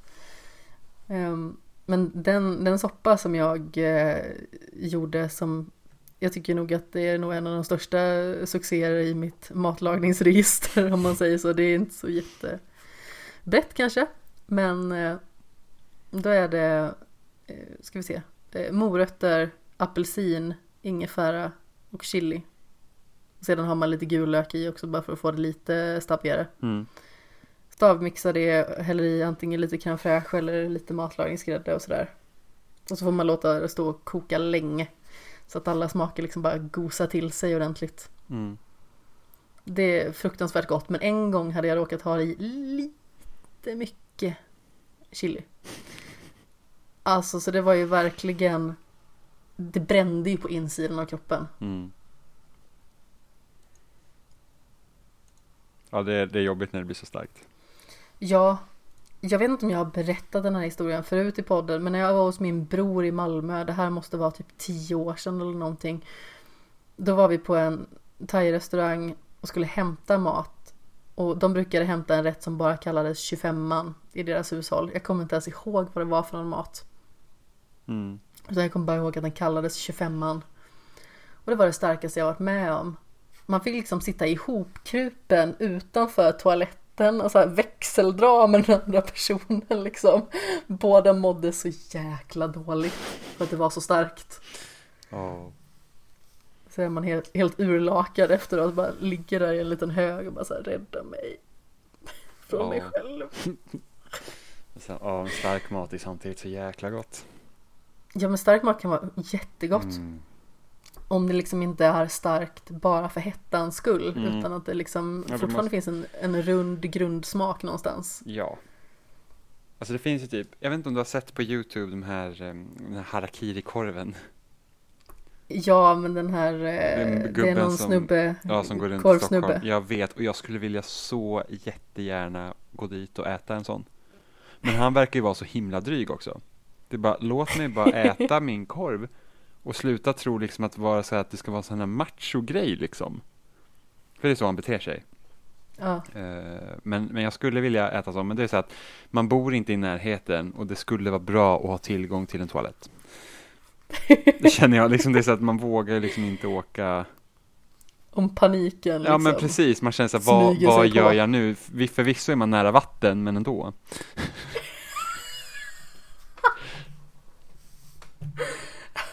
Så att, ja, men, men det, det, det, jag är så himla nyfiken på hur det känns, för att jag har aldrig ätit något så starkt så att man liksom typ känner att man ska typ dö. Nej, Men är du inte nej nyfiken? som sagt. Vad sa du? Skulle inte du vara nyfiken? På den här harakiri Nej. Jo. Alltså på sätt och vis, ja naturligtvis att det är så här, hur fasen smakar någonting som är så starkt. Men samtidigt så här, nej. Jag utsätter inte min kropp för det. Jo, det hade Och det är inte någon sån här min kropp är mitt tempelgrej. Utan det är bara så här att nej jag gör inte det här. Nej, jag undrar hur mitt blodsocker skulle reagera på det. Typ så här, går direkt in i så här attack mode. Liksom bara okej, nu är det typ kört här. Vi måste bara pumpa i så mycket socker i det som helst för du håller på att uppenbarligen att Rädda dö. dig själv. Ja, Din kropp så. håller på att förintas. Rädda dig själv. Man får typ stå där med sprutan och korv, eh, sprutan i ena handen och korven i andra. Så här, bara, Eh, ja, nej, men jag är sjukt nyfiken. Jag skulle så jättegärna vilja gå och käka den korven. Alltså. Bara för att du det? liksom, ja, jag borde göra det. Jag, jag borde! Jag måste hitta någon att dra med mig dock. Så att, också så att jag inte behöver lida, lida i min ensamhet. Jag kan följa med och filma. Ja, visst. Sen får du typ bära mig. Ja, jag tar det över axeln. Det är hur lugnt som helst. Det är bra, det är bra. Då har vi löst det. Kanske borde köpa så vuxenblöja också för säkerhets skull. Nej men usch. Man vet aldrig. när, när, när, när nöden trycker på. Men hur långt hopp är det från vuxenblöja till The Crimes of Grindelwald? Jag vet inte, det är ju, båda kan ju handla om skit. Så det är inte så långt ifrån varandra, kanske. Du har sett den nyss. Ja, jag, precis. Jag, eh, exakt. Jag såg den i princip för, färdigt för typ tre timmar sedan. Något sånt. Jaha, Eh, det är så pass Ja, jag såg halva igår och sen så såg jag andra halvan idag. Eh, och eh, ja, alltså det, jag vet inte, men jag kanske tycker att den här är bättre än den första filmen. För jag känner att Det den, gjorde jag. För jag känner att den har liksom en, den, den har ett annat fokus. Det finns ett fokus först och främst. Den känns inte bara liksom helt lösryckt. Samtidigt tycker jag hela den här delen av, av, eh, Harry Potter-franchisen är jättemärklig, för jag vet inte om det här var planen från början. Jag tror inte det. Nej, jag tror inte jag vet det. inte riktigt om jag gillar den här delen alls, om jag ska vara helt ärlig. Alltså, det finns en viss tjusning i att se den här typen av filmer fortfarande. Och man blir ju lite glad i byxan liksom när oh, Dumbledore kommer och så är det naturligtvis Jude Law som spelar honom. Och så blir man så här rosig om kinderna för att han är fin på något sätt. Och han har en jättecharmig accent som är helt omöjlig att ignorera. Men samtidigt känner jag att det är någonting med den här delen av universet som det klingar inte riktigt rent på något vis. Den Det är en sur ton någonstans. Ja, men den är, det är så märkligt. För, att, för, att, för jag tänker liksom typ, ja men först de utan så här fantastiska videon och var man hittar dem. men Det är så här att den kan ju Sa du liksom, fantastiska vider? Nej, sa sa jag det? Det vet inte. Fantastiska vidunder och var man hittar dem. Ehm, för att ba, bara liksom den idén, den en tar ju verkligen vara på den magiska, liksom hur magiskt Harry Potter känns. Eh, just med att den liksom skulle kunna vara lite lättsammare, för att, för att om man tänker typ de första Harry Potter-filmerna, i alla fall första och andra filmen, den, de, är, de har ju en betydligt lättare ton än vad som händer efter film tre och framåt. Av Herregud, naturliga ja. anledningar. Samma sak med böckerna, det börjar väldigt lättsamt och även om det liksom blir mörkare under seriens gång så finns det alltid liksom en lite lättare ton i det hela och det är liksom allt är inte bara liksom mörkt och flashigt utan det är liksom Harry och de har liksom de problem man har när man växer upp samtidigt som de har liksom hela det här överhängande liksom narrativet. Jo men absolut, det är liksom inte bara ond, bråd, död konstant. Men det jag gillar med bok nummer tre och film nummer tre, om man säger så, Fången från Azkaban. Det är ju att den blir mörkare, kontrasterna blir större, vilket fungerar väldigt väl. Alltså om vi tar Alfonso Cuarón som gör den här tredje filmen så finns det en helt annan ton i den i relation till de tidigare filmerna.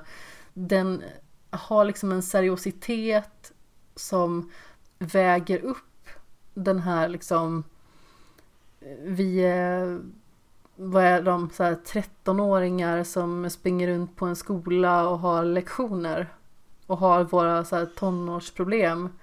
Men samtidigt så kommer det liksom in allvarliga teman. Mm. Jag gillar det. Ja, jo men, men det är ju det liksom att, att, att, att speciellt liksom man tänker att Voldemort ska komma tillbaka och så här att liksom hela den det blir liksom allvarlig efter det. Därför jag tycker om Flammande bägaren eftersom han kommer faktiskt tillbaka i slutet av den boken. Den liksom, liksom Ja. vänder upp och ner på, på allt. Jag minns att jag hade väldigt svårt att ta mig igenom den. Varför? Jag minns inte exakt varför, men jag för mig att jag började läsa den och att jag alltid kom sig sådär tre, fyra kapitel in och att jag alltid slutade. Så. Ja, jag tycker den är så bra. Det var någonting som inte fick mig att trycka mig vidare. Jag kommer inte ihåg exakt varför. Jag för mig att jag tyckte att den var väldigt seg i början. Men eh, när jag väl kom förbi den så eh, slukade jag ju eh, Fenixorden när den väl kom i ett nafs. Jag har ju läst de här böckerna väldigt många gånger och sedan så har jag lyssnat på dem och så har jag ju sett filmerna nat- naturligtvis. Mm. Och jag tycker om Harry Potter-världen. Jag tycker att den är helt fantastisk. Ja, Och hade man liksom fått välja, typ vill du existera i någon fantasivärld och vilken skulle det vara? Då skulle det nog vara den. Ja, för men- att den är så väl uppbyggd. Alla trådar är så väl knutna, perfekt ställen.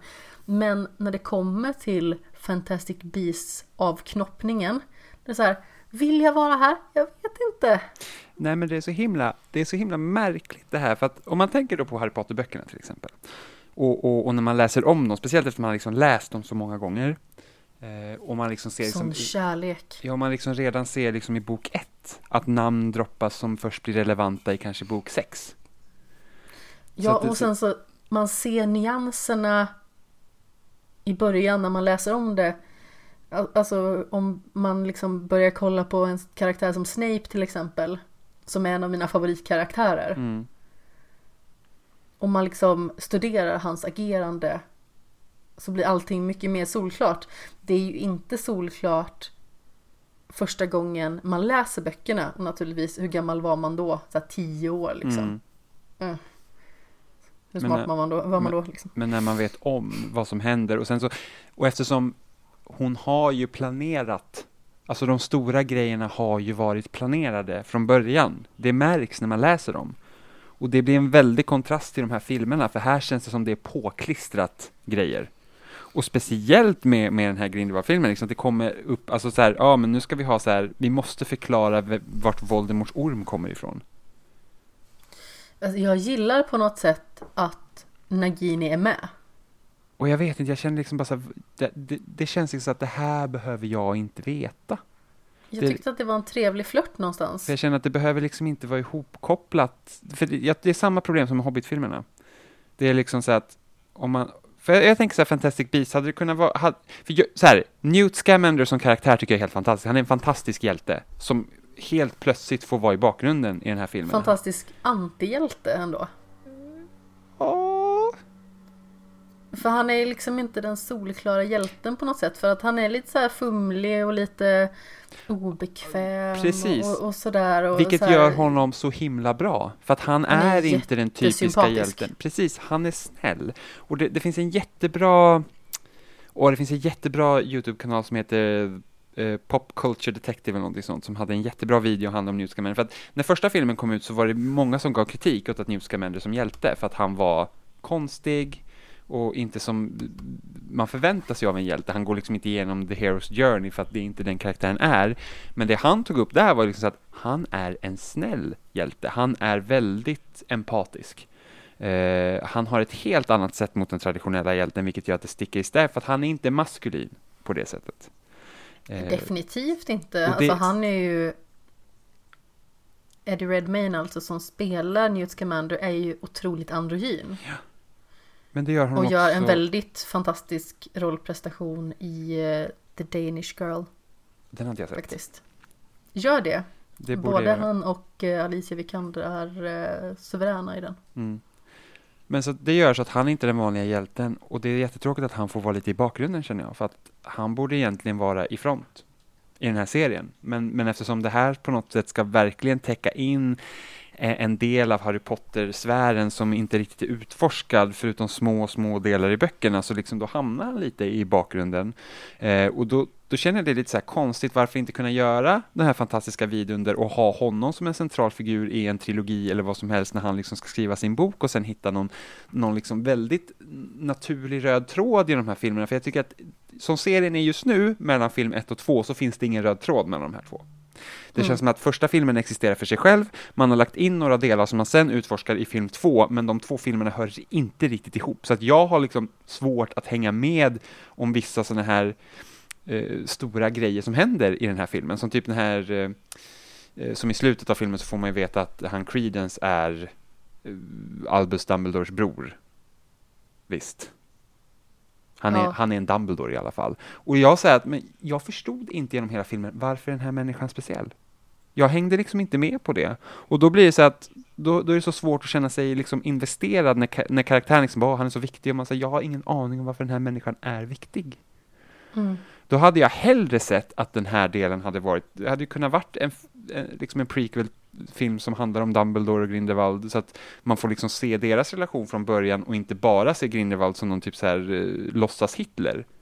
Det hade jag väldigt gärna sett. För att jag tycker ju att deras relation är väldigt intressant. För att Eh, det finns ju väldigt många teorier om det liksom är en romantisk relation eller om de bara är väldigt nära vänner.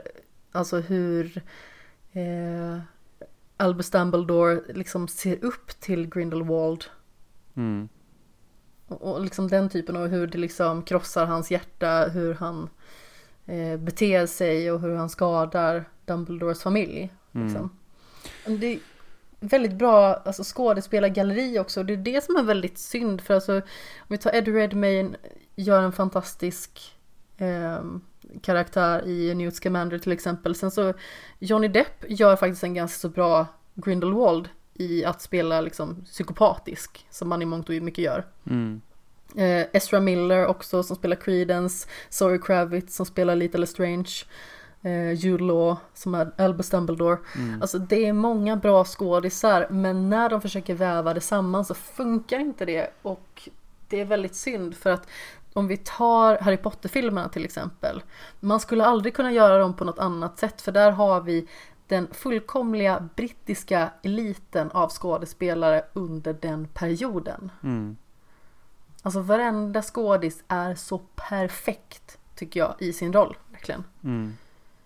Jag hade inte kunnat anmärka på någonting, alltså vem skulle kunna ersätta någon av dem?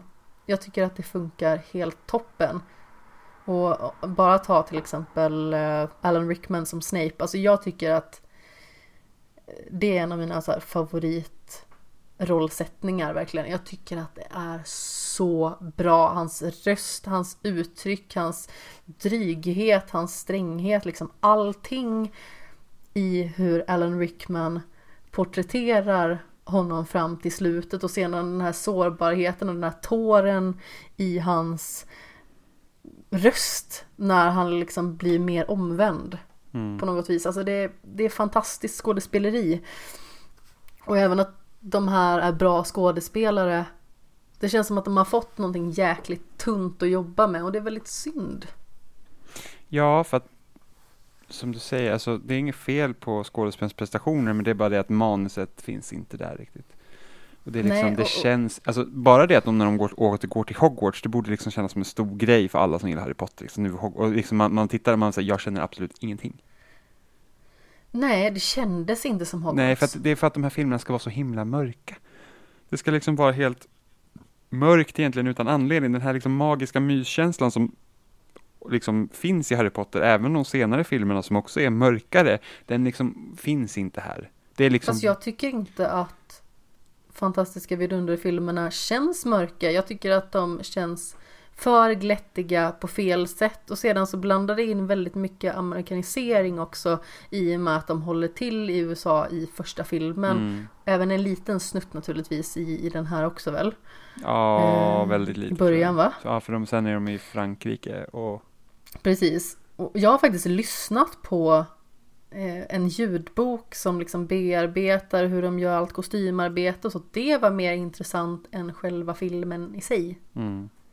Och manuskriptet i sig. Alltså, det är inget bra manus. Nej. De säger inga saker som liksom är fungerande eller intressanta. Nej, och de lägger liksom, nej, det känns liksom bara som att det, det, det känns lite som att samma problem som var med Hobbit-filmen, att man försöker väva in det för mycket i för att jag tror inte det var tanken från början att det skulle vävas så in så mycket i mytologin i Harry Potter som det, utan jag tror att från början var det nog tanken att det skulle vara lite, för jag tror att det skulle bli två Fantastic Beasts-filmer från början va, tror jag. Det skulle vara del ett och del två. Sen så, Ja, och nu sen, ska det bli fler. Ja, sen blir det typ, sen, ja men de kör en trilogi och sen så nu tror jag det är sju filmer eller någonting sånt. Eller sex eller sju filmer som det ska vara totalt. Ja, Och då är det så här, det är ju en alltså- djup besvikelse. Ja, och då känner jag liksom så här att, för det hände ju också med Hobbit-filmerna, det var liksom helt plötsligt så du, för att Bilbo-boken är ju fantastisk, alltså tycker jag. Jag tycker att, alltså jag har läst den flera gånger och jag tycker den är så himla Ja. bra. Och var väldigt glad när, när liksom Peter Jackson skulle göra Hobbit. Eh, och först var det så att, ja men det skulle bli två filmer. Och det var så här, okej. Den borde ju varit kort. den borde varit en film. Eh, Ja. Och då var det så här, ah, okej, det är väl lite en stretch, men två är ändå bra. Och sen bara, nej, vi gör en trilogi. Och då lägger man till massa grejer och ska väva in det i resten av Sagan om ringen-mytologi. Så istället för att det är liksom en film om Hobbit, så är det en, en prequel-trilogi till Sagan om ringen. Och som är så många resor sämre än än Sagan om ringen-filmen och just det att det liksom ska blandas in och så här eh, humor på helt fel sätt och det är liksom så att Ja, försöket står inte för sig själv heller. Nej, för det ska liksom ta den här liksom lite lättsammare stilen som finns i Bilbo och sen blanda det med det mörker som fanns i Sagan om ringen och det liksom går inte ihop ordentligt. Det gör det definitivt inte. Det finns väldigt många aspekter som absolut inte fungerar. Alltså, det blir ju väldigt mycket slapstick-humor Ja, men typ framför så här- allt. Ja, när de hela dvärgarna när de åker ner för den här jäkla ån i tunnorna liksom. I tunnorna. Och samtidigt som alverna hoppar runt där och sen så en jävla Det blir radda... så fånigt. Ja, och sen rad... speciellt när det liksom ska också vara lite mörkare på sina ställen och sen samma Radagast, den liksom trollkarl med sina jättekaniner och man liksom bara säger nej. Nej, det här är liksom inte, om ni ska göra liksom i samma stil som Sagan om ringen, då får ni göra i den stilen. Och vill ni göra Bilbo och Val och så lättsam som den boken var, så gör det. Ja, alltså som sagt, den hade fungerat väldigt bra som en film. Ja. Alltså, som hade bearbetat hela den här grejen. Och den har ju väldigt mycket charm, Mm. den boken verkligen. Och jag tycker ju att de skådespelarna som de har satt, alltså framförallt Martin Freeman som Bilbo, det är ju liksom Ja, men jättebra. jag blev överlycklig. Alltså nu som sagt kanske är lite partisk på grund av älskar honom som eh, John Watson och även i The Office. Och sen har vi liksom Benedict Cumberbatch som är också en karaktär som jag älskar väldigt mycket när han spelar Sherlock Mm. till exempel. Eller, ja, jag tycker han är väldigt bra i väldigt många roller men det är liksom Sherlock som jag ser honom som primärt egentligen. Mm. Och när de liksom utannonserade det så var det liksom så här Det kommer bli så bra! Jag var liksom helt, helt superexalterad. Men sen när man såg resultatet då är det typ det är de två som är bra. Alltså Ja. naturligtvis, Sir McKellen han gör ju ingen dålig rollprestation. Nej. Såklart. Men när man får veta hur han i mångt och mycket sitter och pratar med en green screen.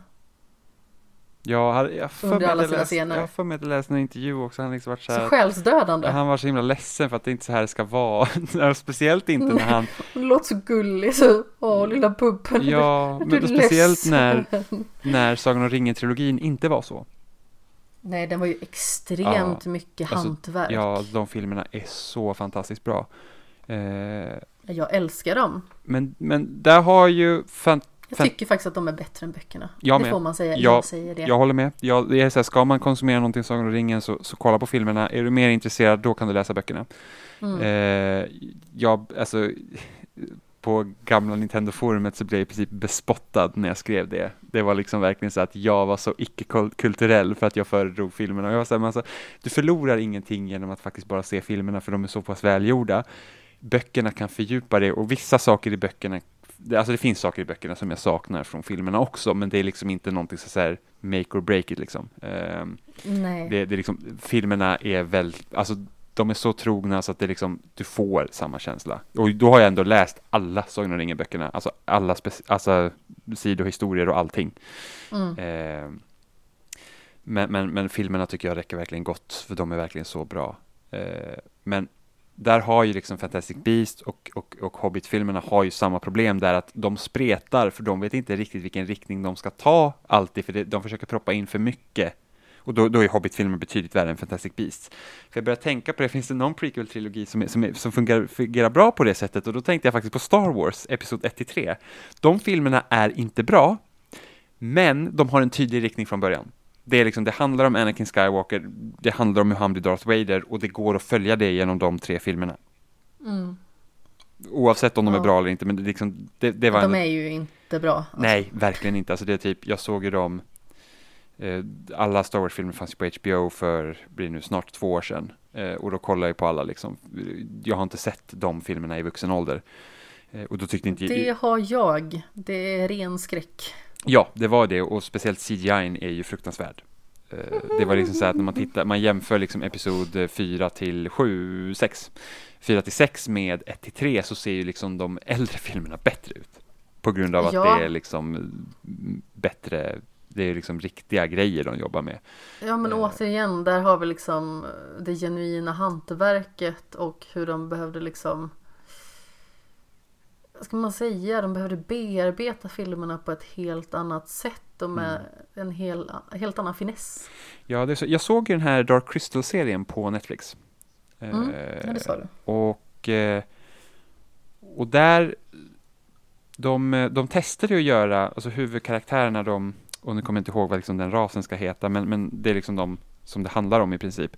De testade att göra CGI-karaktärer av dem först för att se hur det såg ut. De liksom ska ha dockor till vissa och sen CGI till de här eftersom de ska vara med så mycket. Och då var det så att det ser så fel ut, för man fick se liksom en test. Man bara, det där ser liksom, det hade inte funkat. Det liksom ser så billigt ut på något sätt när inte allt är CGI. Så de körde liksom dockor på allting och det är så häftigt hur de liksom, hur de har spelat in, för de, de släppte också en dokumentär på Netflix samtidigt om hur de gjorde Dark Crystal-serien. Och liksom Mm. i, så här, ja men den gamla filmen var så här och så här och vi tänkte så här och så här och så, så, så gjorde vi det här och det, det är liksom det är så imponerande att det är typ värt att se serien enbart för att se hur häftigt det är och sen så tittar man på eh, dokumentären också. Och jag hade inte sett Dark Crystal alls eh, innan, så att, och även den, Nej, den, den gamla filmen finns också på Netflix. Så att jag såg ju tv-serien, så såg jag dokumentären och sen tittade på den gamla filmen också. Och eh, det, är, det, liksom, det är så imponerande vad de har lyckats åstadkomma. Sen har de ju vissa specialeffekter, såklart. Eh, allt kan man liksom inte göra med dockor, men det är så mycket som är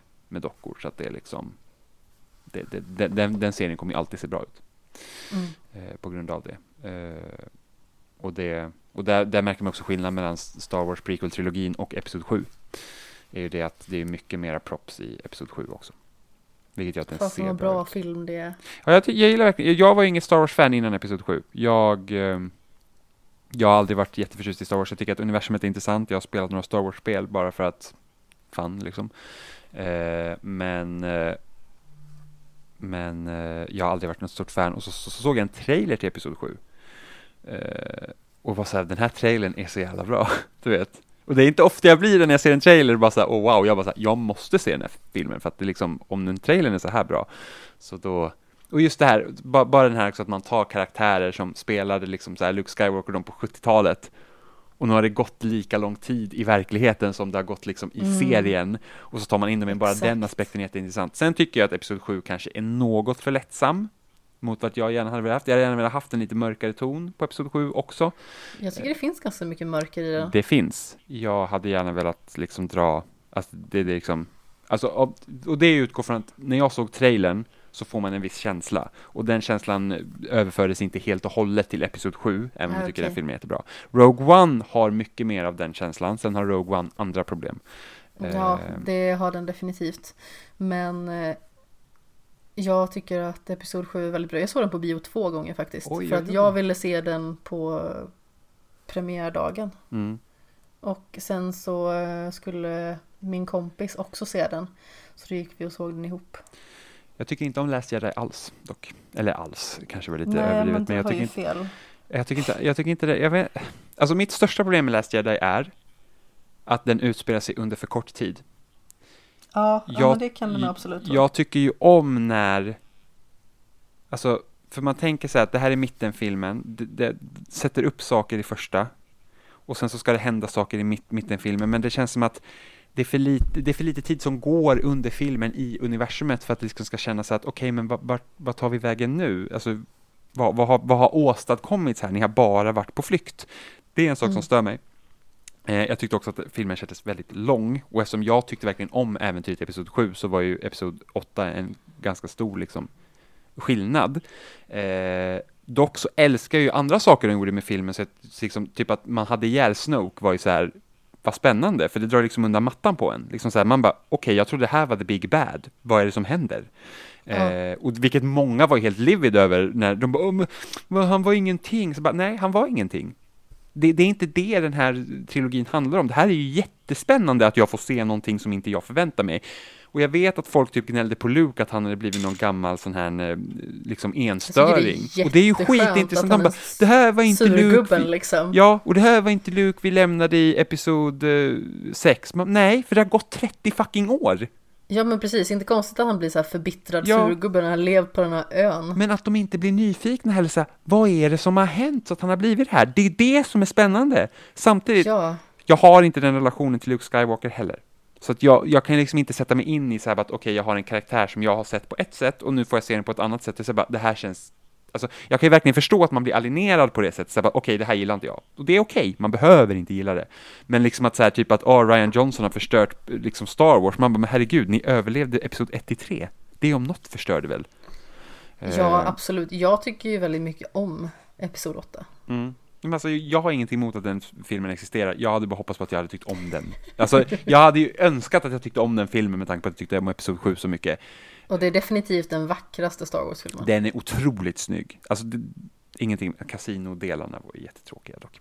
Ja, nej, men det är så himla överflödigt. Det är bara för att de ska få sin lilla romans någonstans. Och den ja, men var, var, varför är det fel med att, att karaktärer kan bara få vara kompisar? Jag förstår inte varför man är så allergisk mot att visa vänskap i film. Jag vet inte. Det är liksom typ, åh, det måste vara romantik. Alltså i och för sig, folk tycker om det. Jag vet att min syrra kan vara så ibland när man har så här gått på bio. Hon bara, åh, jag önskar att det var mer romantik i filmen. Och man så bara, ja. Varför? Jag vet inte. Alltså vissa tycker om det. Så det, men det är så här, det är så här typ att, ja, men de har typ pratat med varandra tre gånger och sen så bara, ja, men nu gillar vi varandra. Och man bara, okej. Okay.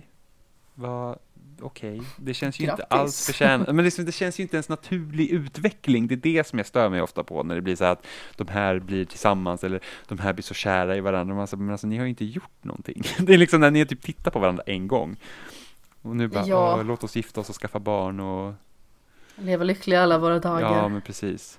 Eh, Nej men alltså, ja. det här har jag tagit upp 71 miljoner gånger i bara den här podden, men relationsutveckling i film eh, sällan det görs bra alltså. Och då menar jag romantiska relationer framförallt. Ja, men sen har man ju också den här att du har typ ofta den typen av filmer också, så här romantiska komedier. Du har så här en timme och en och en halv timme på att fixa det. Och då ska man liksom, de ska träffas, de ska ha, ge, leva lyckligt, de ska bli osams och de ska bli tillsammans igen.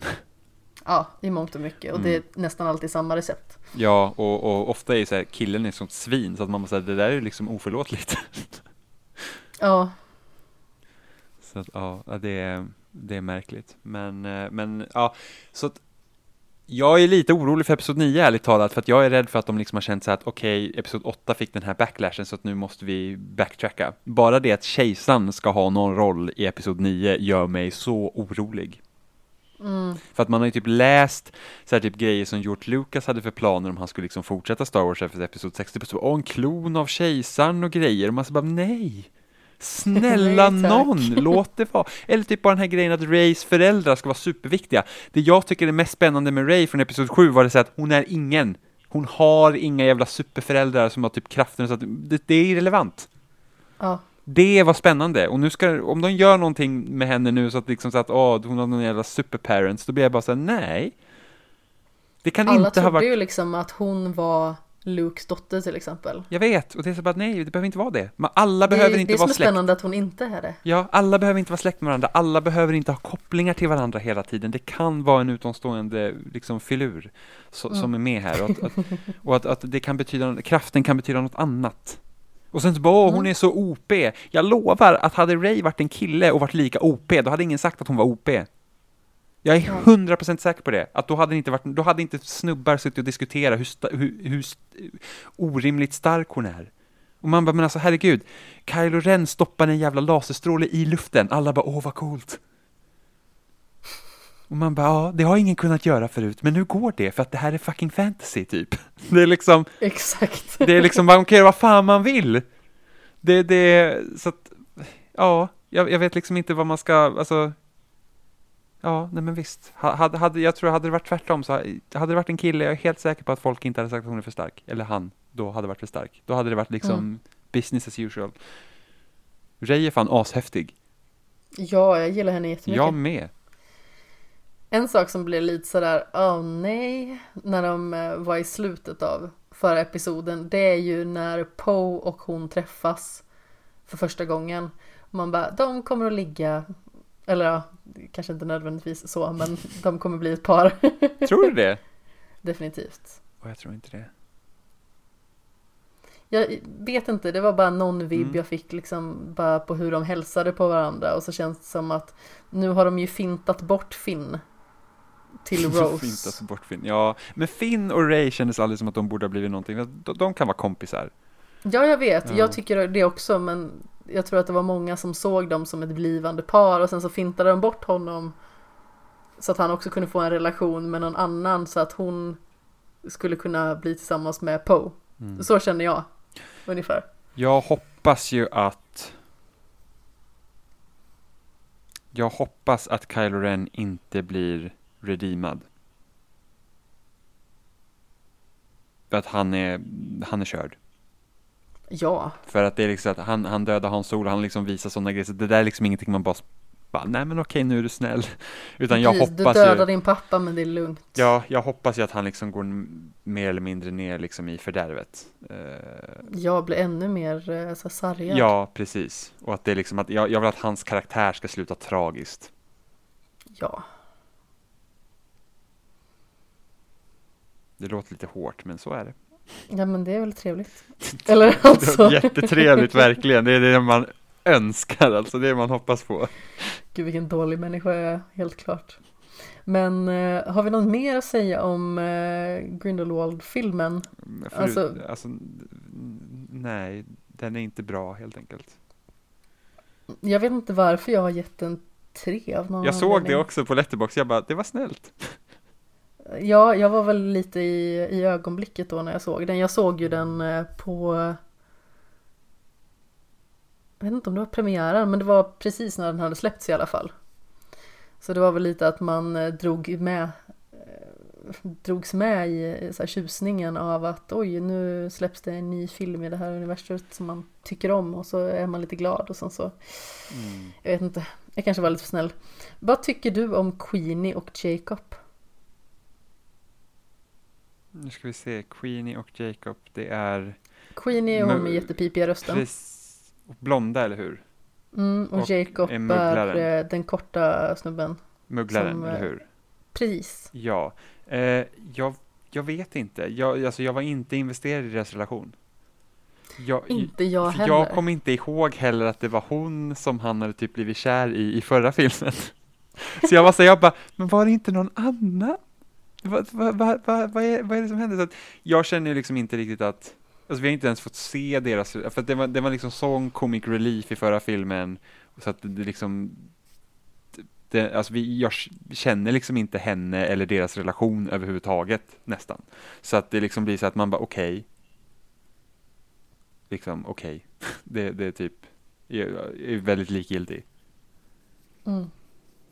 Den, den känns inte heller liksom äkta på det sättet att, att man har fått se de här karaktärerna liksom utveckla någonting utan det, det ska bara vara. Mm, det är någonting med det som inte riktigt känns Mm. 100%. Det kan ju vara att eh, hon behövde rensa hans minne fullkomligt. Men eh, Ja. För, för, det är bara någonting som gör att det känns inte genuint. för annars gillar jag ju Jacob som karaktär och, och jag tycker liksom att de hade de gjort en Fantastic Beast som någon liksom trilogi eller någonting så borde det ha varit ja men Newts äventyr med Jacob liksom. Vi har den här mag- liksom lustiga magikern med mugglaren som helt råkade komma in i den här sfären. Exakt. Det hade kunnat vara så, det hade kunnat vara helt fantastiskt. Tror du att vi någonsin kommer få se en tv-serie eh, av Harry Potter som kör igenom sju böckerna igen? Det hoppas jag inte.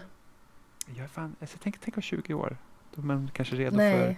Ja, jag tänkte, för att man hade kunnat ta upp så många bra... ah, Okej, det- castingen kommer självklart vara ett problem av, av anledningar. För att...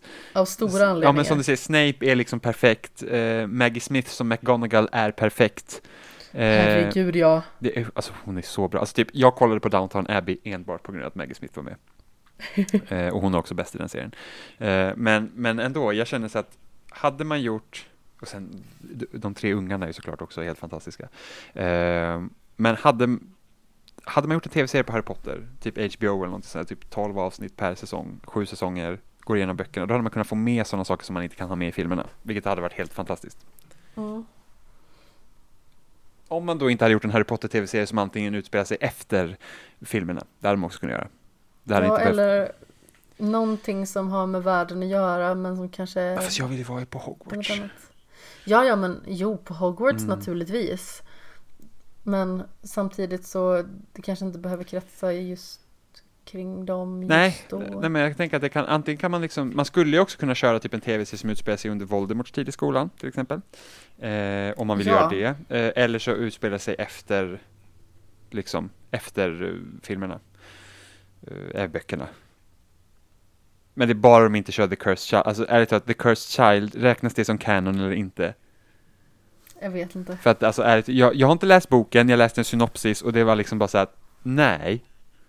Det här är liksom, det, det är liksom, nej. Det är inte rätt. Det är liksom, det låter helt fel med så tidsresande och hit och dit och bara liksom, bara massa bullshit. Jag är så besviken. Så besviken. Vet du vad jag tycker det sämsta i filmerna är förresten? Eh, nej. Det är när Harry, Hermione, Ron och Ginny ska lämna sina barn för att de ska åka till Hogwarts. Det är så dåligt gjort. Allt Just- annat är så fantastiskt bra jag, gjort. Jag stör mig faktiskt inte på det. Det gör jag, något så in i Jag bomben. vet att många gör det, men jag, jag har Det ser faktiskt så inget dumt problem. Jag har ut. inget problem med det. Jag stör, Men här mig kommer de här och cos- cosplayar vuxna. jag stör mig dock på att Harry och Ginny är liksom en grej. Alltid gjort. Varför då? Jag vet inte, jag, jag, bara, jag bara, jag tycker bara inte att det passar. Jag vet inte varför. Det, det har alltid stört mig.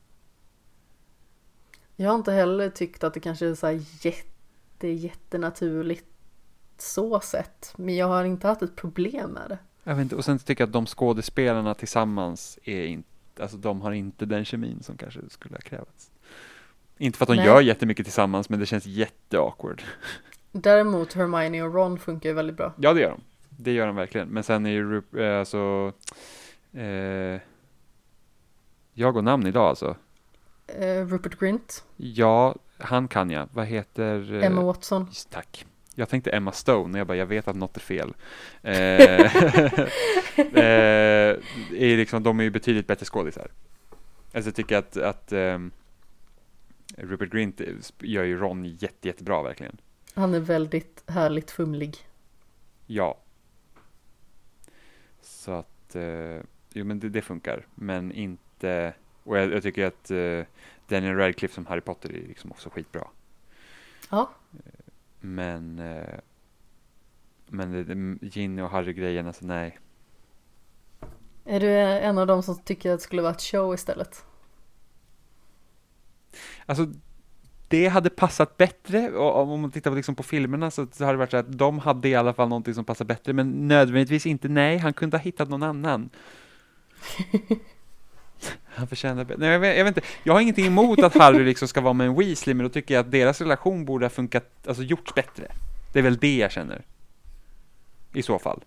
Ginny hade kanske behövt ha liksom en, nu tycker jag att Ginny fungerar bättre i böckerna än hon gör i filmerna, men oh, hon Han skulle ha- tagit en av tvillingarna istället. Eh, vä- vänta. Weasley-tvillingarna. Ja, skulle, vänta, vänta, vem skulle ha tagit, skulle Harry ha tagit en Weasley-tvilling? Lätt, det hade varit Det, jättebra. det hade ju varit någonting. Men, Vem är det eh, som dör? Är det Fred som dör? ja, Spoiler för Harry Potter. jag ångrar Säg mig så efteråt. hårt att jag läste sjunde boken på engelska. För att eh, de svenska översättningarna är jättebra. Problemet när man läser på ett annat språk är ju det att karaktärerna inte känns riktigt samma. Så att, det är sant. Så att för mig var det så att, för att jag kunde ju inte vänta på att den svenska översättningen skulle komma när sista boken kom liksom. Så jag läste den på engelska och det var typ så här att, Såklart. ja men det var verkligen så här att jag, oj, här dog någon. Whoops. Typ. Så att, Jag minns så starkt när jag läste den avslutningen första gången. mm, Jag hade sån ångest. Framförallt, spoiler, för Harry Potter, sjunde boken nu. mm, Eh, framförallt när jag läste att eh, Lupin och eh, Tonks dog. mm. Fasen vilken ångest jag hade då. Jag Ja, kan det- fortfarande komma och tänka på det ibland. Bara, nej, fan att de dog alltså. Ja, det flög, flög ju bara förbi mig när jag läste på engelska. Det var så här, okej, det hände. För att det liksom, nej, och så- det men- var fasen hjärtekrossande för mig.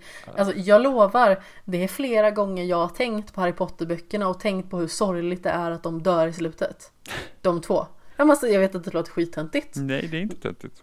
Men alltså Lupin är en av mina favoritkaraktärer. Ja, förstår. Jag tycker det är hemskt när Dumbledore dör. Ja, det Jag är tycker det att det är hemskt. Man, vet, man, liksom, man, man kommer till den. För jag, jag tycker Halvblodsprinsen tycker jag är en av de bättre böckerna också. Jag tycker att den Jag tycker det är ännu sorgligare, äh, fan vad var det för ord? jag tycker det är ännu sorgligare när Snape dör i så fall.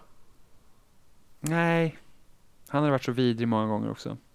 Ja, men jag har aldrig kunnat låta bli att tycka om Snape även när han var vidrig. Jo, men det är klart. Men jag, det här är så kul. Jag läste ju Hemligheternas kammare först. Varför Eh, då? För att eh, det var, alltså när jag gick i, vad var det nu, jag måste ha gått i ettan tror jag. Du gör bokordning fel. Ja, jag vet och det, det jag avskyr det, men det var så att vi gick i ettan och så hade vi, och där hade vi så att när man läste ut en bok så fick man alltid så stå framför klassen och så fick man berätta om boken. Och ville någon låna den boken då, då kunde man liksom låna ut den till en klasskompis. Eh, och då var det någon som hade läst Hemlighetens kammare, jag kommer inte ihåg vad han hette nu. Stigbjörn kallar vi honom. Nej, han hade ett utländskt namn. Ehm, men jag, Stigbjörn. Stigbjörn, Björn Stig. Björn Stig, han var norrman. Nej. Ehm, så han, gud, jättedåligt, ursäkta mig. Men han, eh, han hade läst Hemligheternas kammare och då fick jag låna den av honom. Och det var så jag läste. Och så då läste jag Hemligheternas kammare och tyckte den var jätte, jättebra. Såklart när man är liten så var det klart att man trodde, alltså man, man tror ju allt man läser så var det klart att Hagrid var ju skurken, det trodde jag ju stenhårt på. Eh, och sen så, sen, sen fick jag Det vice sten. Jag fick Det vice sten, Hemligheternas kammare och Fången från Azkaban tror jag i julklapp sen. Och då läste de från början. Och tänk då att jag läst Hemligheternas kammare, vet att Snape är med i den boken, trodde ändå Snape var skurken i första boken. så typiskt liksom. Eh, jag vet inte ens vad jag håller på att dilla dem längre. Va, va, hur kom jag hit? Vad pratade vi om innan? Va, varför tog jag upp den här anekdoten som inte har någon relevans till någonting? Jag vet inte, vi Inte jag. pratade om eh, Jag bara, nu, jag bara, jag tycker om att höra min röst och nu måste jag få prata. Eh, Jag tycker också om att lyssna på när du pratar så det är lugnt. Jo, men jag vet inte varför jag pratar om just det här. Vad var min poäng? Jag förlorar poängen. Alltså jag tror att det hade med att göra att jag började dilla om att jag började tänka på när folk dör i Harry Potter och att jag typ blir ledsen Jag vet, tänka du på det. tyckte om Snape. Och jag trodde, just det, jag trodde alltid Snape var skurk. ja. Mm, precis. Mm. Eh, ja, men det är samma sak. Det var lite pinsamt för att jag satt i lunchrummet och lyssnade på ljudbok. Det här var precis när jag hade börjat på det jobbet jag jobbar på nu som analytiker. Och eh, att lyssna igenom alla Harry Potter-böckerna med Stephen Fry som eh, uppläsare, det är en fantastisk upplevelse. Men då var jag i femte boken och alltså jag började ju typ sitta och gråta i lunchrummet när Sirius dör alltså. Mm. Lite pinsamt. Men ja, som sagt, det, det är rätt på något sätt att göra det. För jag tycker att det är jättesorgligt. Jag tycker det är skitjobbigt när han dör. Den Mm. jobbigaste dödsscenerna. Jag kommer inte ihåg hur jag reagerar på det. Så jag tror att jag är mer så att jag, man, man ställer sig så sympatiskt till Harry snarare än att tycka att det är sorgligt att just Sirius dog. Du gråter varje gång. Jag, jag tror inte, jag vet inte varför jag inte har den kopplingen. Jag, jag, Sen tycker jag ju att Gary Oldman gör en väldigt Ja. bra rollprestation också. det gör han verkligen. Det gör han Jag gillar verkligen. Gary Oldman i allmänhet. Jag med. Han är väldigt, väldigt bra som Jim Gordon också. Det otroligt bra som Jim Gordon. Han ser ju exakt ut som man tänker sig att han ska se ut. Verkligen. Vilket är rätt så kul, när, han, när, Christopher Nolan frågade honom om en roll i Batman så sa han att jag tar det bara jag slipper spela skurk, för han får alltid spela skurk. Vilket är rätt så kul, för att jag ser liksom inte Gary Oldman som en skurk, men då tänker jag med Harry Potter-filmerna, alltså han spelar ju Sirius och Sirius egentligen inte är en skurk, så är han ju ändå en skurk. I Ja. den filmen. Han Eh. framställs ju som en skurk men han har aldrig gjort något skurkaktigt egentligen. Nej men precis, men han, liksom, han är ändå the bad guy egentligen i den filmen, liksom, liksom på pappret om man säger så. Ja. Sen så, jag kommer ihåg, Gary Oldman, så typ femte elementet, sådana grejer också. Alltså den filmen är inte Herregud, bra. den frisyren är inte okej alltså. Nej, den, är- den, den är fruktansvärd precis som filmen är fruktansvärd. Jag kommer ihåg att jag gillade den när jag var liten och så, så köpte jag den på Blu-ray för att den var på rea och jag bara, men det kan vara kul att se den igen. Och så såg jag den och jag var så här, nej, Jag har för mig att jag gillar den. inte min typ av film längre alltså. så att, eh, ja, nej men. eh, Och sen Tinker Tailor Soldier Spy är också bra i. Ja, Jag har lite problem med att den filmen har lite skumt tempo. Den är skum den filmen. Jag gav eh, femte elementet 3 av 5 förresten. Så, Som, som. Grindelwald med andra ord. ja men jag bara, jag har för mig att jag tyckte den var bra. Jag bara, ah men okej den var okej tydligen bara. Mm. Eh, Brukar du ge tumme... Ja, där. Brukar du ge tumme upp eller tumme ner på filmer på Netflix? Nej det gör jag inte. Nej, inte jag heller. För att jag, vill, jag är så här jag vill inte att någonting påverkar de här listorna, vad, vad Netflix rekommenderar till mig. Det rekommenderas ju till höger och vänster i alla fall. Jag vet, men det är så att jag vill beroende inte göra- jag-. Jag vet, men jag vill inte underlätta för dem att det är så att det här gillar jag. Så att man typ, man typ råkar inte ge gilla... mer inverkan Ja, men det är typ så här, man deras råkar- algoritmer. Ja men det är typ därför jag oftast försöker att inte gilla grejer på Instagram, för jag vill inte att Instagram säger åh du tyckte om det här, då ska du få se mer sånt. Nej, alla personer jag följer på Instagram följer jag för att jag vill se deras bilder. Jag har inte följt en massa människor för att jag kanske vill se något annat. Jag har följt dem här för att jag vill se deras grejer. Mm. Ehm, så att jag vill se allt. Så sluta liksom, eh, sluta helt enkelt. Jag hashtaggar väldigt sällan. Det är typ enbart om jag lägger upp eh, på någonting jag har tecknat. Mm. Men då när det var betygssystem på Netflix där man kunde ge stjärnor, då la jag betyg faktiskt. För då, det tycker jag ger mig, för då är det inte, det är inte så binärt som, som det är med bara tumme upp och tumme ner. För det är så att, vad säger det? Egentligen, så tumme upp, jag kan ge tumme upp till en film som jag egentligen inte tycker är så jättebra, men den är inte så dålig att jag vill ge en tumme ner. Och då bara Netflix bara hoj, hoj, hoj, den här komedin med Kevin James som egentligen är helt rövdålig, den tycker du om, så nu får du bara se en massa Kevin James-grejer. Ja, vad kul med typ så här The Mall Cop, eller vad fan han nu gör. Åh nej, det låter ju jättepajigt. Dock gillar jag King, King of Queens, jag tycker den serien är faktiskt rätt rolig. Inte sett. Ja, Jag har inte sett, du vet, fyran efter skolan, det kommer typ tre avsnitt på rad. Oh, Fine. det är den. Ja, men Och liksom... så är vi tillbaka på ordjakten igen. Åh gud, ja! Alltså jag, så, jag har bara ångest jag tänker på ordjakten, för jag tycker det, det hela det sättet och allting är så himla fult. Alltså, alltså man typ mår dåligt när man ser det. Det roliga är att vi pratade om ordjakten sist också. Jag vet, det blir så när man bara har gratis tv när man var liten. Medan alla andra tittade typ på så här Cartoon Network och Nickelodeon, så att det där och tittade typ på TV4. Fast TV4 var fan jävligt bra på mitten av 2000-talet. De hade liksom, det var nästan varje dag de hade liksom en tv-serie som var liksom nice. Men faktiskt, det, det var liksom, TV4 var liksom, det var, det var, det var bra. Det kom bra grejer. Um, så köpte in intressanta serier, nu vet jag inte alls hur. Jag säger, kollar liksom inte på, alltså det enda gången jag typ kollar på fyran, det är typ när man springer på gymmet. Då har de på tv-apparaterna. härligt. Ja men det är typ fyra, alltså man typ Law and Order liksom. Och, och den här typ Special Investigation Unit eller vad det nu är. Så här, CSI. precis. Och så Herregud. med, med Ice-T. Och det är bara att de har inget ljud på obviously. Så man, man lyssnar på någon podd samtidigt som man typ läser undertexterna. Ah, alltså jag minns när jag eh, sprang som mest på gym. Alltså då sprang jag ibland två gånger om dagen liksom. Oj. Ehm, och då kollade jag också på vissa sådana här grejer som var, jag har för mig att någon gång ko- kollade jag på så här Idol auditions. Yes. Eh, och sedan så när jag skulle springa morgonen efter så var det ju repriser från de jag redan hade sett Åh och jag kollade nej, på dem igen. åh gud vad hemskt. Ja, verkligen. Ja, sånt är så jäkla drygt. Men jag har ju faktiskt lyckats pricka in typ ett eh, CSI-avsnitt tre gånger. Så här, samma man bara så här, jag känner igen det här. Och sen så bara, ah. Mm, Vilket är väldigt märkligt. oerhört. Ska vi gå vidare och prata om bok kanske? Ja, Du har ju inte läst den, men det har jag. nej, alltså det roligaste är att jag ser namnet här som är Norra Latin. Och, jag läs, och jag läser som Norra Latrin och så får det mig att vara lite skrattig. Men, Hur ja. som haver, jag hade tänkt att göra någon form av lustig segway mellan eh, Harry Potter och eh, Norra Latin, för det finns extremt många Harry Potter-referenser i Norra Latin. Eh, den här boken skrevs 2017, eller i alla fall den släpptes 2017, skriven av eh, Sara Bergmark Elfgren.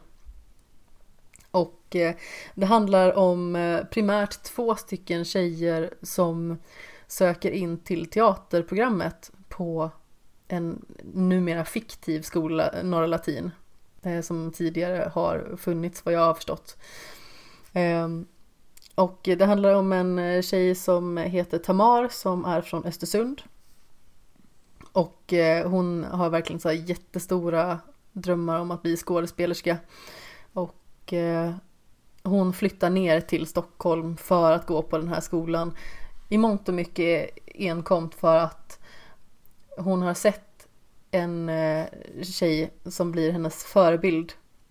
Och hon spelar Puck i en midsommarnattsdröm av William Shakespeare. Mm. Och det blir liksom hela hennes inspirationscirkus på något vis. Och hon börjar öva för sitt intagningsprov, kommer dit, kommer in och sedan så flyttar hon ner helt sonika. Mm. Den andra tjejen som det handlar om heter Clea. Sa jag vad den första tjejen hette ens? Tamar heter hon i alla fall. Mm. Jag kanske glömde det totalt. Den andra tjejen, Clea i alla fall, hon är i mångt och mycket uppvuxen i teatermiljö för att hennes finlandssvenska mamma, Eva, har varit eh, skådis. Så eh, hela den här teatergrejen är liksom i blodet på henne. Mm. Och hon har även en eh, hyfsat nära vän som heter Tim. Som eh, också har en pappa som gick i skolan med Cleas mamma. Så de har känt varandra väldigt länge och båda är liksom hyfsat kända svenska skådespelare i det här fallet då. Mm. Så de här två tjejerna börjar gå på samma skola, man får se från deras olika perspektiv hela tiden. Sedan börjar märkliga saker hända det kretsar väldigt mycket kring en form av skolmyt som går ut på att det är en kille som eh, heter Erling Jensen som då ska ha spelat puck just eh, i en skolas eh, eller Norra Latins uppsättning av En midsommarnattsdröm om det är på 40-talet eller någonting i den stilen. Han går ut i en demonisk röd mask och när han har läst sin slutmonolog så dör en lärare. Oj. Och han försvinner. Um, och mycket av mystiken kretsar då till den här gamla eleven då och eh, vad som skulle kunna ha hänt. Man får hela tiden höra olika nya versioner. Någon säger att hans väsen fortfarande finns kvar på skolan och att eh, folk har dött för att de tror att de har sett honom och sådana grejer. Mm. Ehm, så det är väldigt mycket mystik kring det här, helt sonika. Och eh, jag måste säga att jag tycker att själva berättelsen i boken och eh, uppbyggandet av eh, karaktärerna i sig är otroligt bra. Jag tycker om det jättemycket. Det är en väldigt mysig bok att läsa och sen hur allting knyts samman och hur saker och ting vävs ihop är faktiskt tipptopp verkligen. Mm. Jag visste inte riktigt vad jag skulle förvänta mig av en svensk fantasybok på något vis. Jag har i och för sig läst eh, första boken i Cirkeln-trilogin. Som mm. också är bra, också av eh, samma författare plus, eh, plus eh, Mats Strandberg. Ehm, men som sagt, jag visste liksom inte riktigt vad jag skulle förvänta mig egentligen av den här boken. Däremot så finns det några saker som jag kan det känns lite så här småaktigt att reta sig på det. För att jag skulle nog enligt många klassas som en nörd ut i fingerspetsarna. Mm. Och det är extremt mycket nördreferenser i hela boken. Och typ på ett jobbigt sätt? Eller? Ja men det är liksom så här, åh nu kommer den här personen ut i den här tröjan med det här trycket på. Och nu står den här personen i sin Gryffindor halsduk. Eh, och eh, där kommer den här referensen från ingenstans. Och, och, det kan jag tycka blir lite så här. Ja, det kan vara kul när det kommer lite då och då. Mm, men det, men det känns mycket. som att jag tror att författaren har en väldigt stor kärlek till alla de här olika alltså nördkulturgrejerna. Mm. Så att hon bara vill proppa in dem så mycket som möjligt för att det gör henne glad. Och jag förstår att det gör henne glad för att alltså, nördreferenser gör mig generellt sett väldigt glad också. Alltså, jag vet bara hur mitt eget, eh, alltså boende ser ut liksom. Mm. Boende, det låter som att jag sitter inne på anstalt men Ja, men det är så här, ja, jag blir inlagd för mina knäppa beteenden. Jag, Ja, nej men precis. Jag sitter med en sån här fin tröja på mig som man knyter på ryggen. Nej, men eh, jag vet ju bara hur min lägenhet ser ut. nu förstod jag. Jag bara så Nu här, förstod du, det, en det, tvångströja roliga, alltså. det roligaste var att vet du vad jag tänkte på först? Jag tänker på den här, Nej. typ, den här stekan med sin du vet, tröja som man sätter över axlarna och knyter fram till. Ja! Så här, med, på sin rosa piké t-shirt som man har på sig. Liksom. Det, var, det var jag bara så här, ja vad var det för nördigt, vad var det för konstigt med det tänkte jag. Och sen så Ja. bara, åh, Ja, jag syftade på en, eh, en jag, för, jag ja. förstår det nu. Mm. Hur som helst. Eh, men som sagt, bara min lägenhet liksom kan vittna om hur mycket jag liksom kittlas av nördsaker. Helt enkelt. Men det blir lite för mycket när det hela tiden strösslas på en. Det blir Mm. liksom inte samma tjusning heller om det hade kommit fram lite då och då eller sådär. Nej, Men alltså som sagt, jag har inget problem med att författaren uppenbarligen gillar alla de här nördigheterna så himla mycket. Men det blir för mycket av det goda mm. i mitt tycke. Det känns liksom som att den här Gryffindor-halsduken liksom står mig högst upp i halsen just nu. Eh, och jag tycker att det är lite jobbigt. Sen en sak som jag, som är väldigt så här, vad ska man säga? Alltså är det lite så här Ready Player One-vibbar av referenserna? Nej, inte på det sättet utan det är lite mer sådär att ja, men, eh, den här posten hänger inne i det här rummet och den är med den här nördgrejen och den här halsduken och den här t-shirten och eh, det här telefonskalet. Men alltså på den nivån att det byggs hela tiden upp med billiga referenser i mitt läsande. Mm. Och det är klart att jag tar de referenserna. Och på sätt och vis är det trevligt. För att jag känner igen referenserna. Men på sätt och vis blir det för mycket bara. Mm. Någonting som jag eh, har större problem med. Som eh, uppskattar det svenska språket. Det lät ju väldigt också sådär töntigt. Men jag, jag tycker om att använda ord. Eh, Jag tycker om att författa texter. Det, är, det, är, det är bra att du tycker om att använda ord, det var lite jobbigt annars. Ja. Ehm, det jag skulle komma till var i alla fall att det är otroligt mycket svengelska. Och jag vet att den här författarinnan är väldigt skicklig med ord egentligen. Jag har hört intervjuer med henne och hon pratar på ett väldigt vad ska man säga, begåvat vis. Men sen så, bara för att det är en ungdomsbok som utspelar sig i Sverige under någorlunda nutid så kommer det in väldigt mycket svengelska. Ah. Och jag tycker att det är jättejobbigt. Jag tycker det är så störande. Mm. Och jag förstår att det försöker skildra den vardagen som är idag. Men samtidigt så tycker jag att det finns andra sätt att skildra att ungdomar är unga. Är det alltså svengelska i dialogen? I dialogen hela tiden. Men det kan ju också bli störigt för att det är någonting som typ när man spelar Life is Strange eh, första säsongen Mm. och man hör dem prata man säger fast det här är det här är tonåringar skrivna med vuxna ögon. Ja det funkar inte för att mm, så här pratar man inte. Inte ens Jag höll på att säga det här är vuxna som försöker göra barn men det lät också inte bra. det, det kan ju vara det, behöver inte alltid vara svårt. Men eh, så att ja, så det blir liksom märkligt. på det- det tycker det jag faktiskt. Alltså meningsutbytanden eller utbyten som det känns vet inte, det känns bortom mig på något vis att det går till på på det sättet när man diskuterar. Mm. Sen så, jag försöker i allmänhet att inte använda mig så jättemycket av engelska själv när jag pratar svenska. Mm. Precis som att jag pratar ju ingen svenska med min kollega som pratar engelska. Nej. Alltså nu kan det vara att vi skämtar till lite granna och att han börjar prata lite svenska och det låter väldigt roligt och väldigt gulligt och charmigt sådär.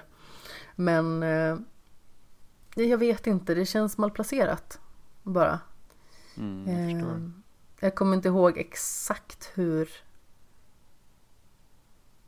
liksom den här kommentaren är, men jag tror att det är någonting i den stilen att det är en kille som går fram till en av huvudkaraktärerna, Tamar, och eh, som sagt ger henne komplimang för hur hennes skildring av Puck är.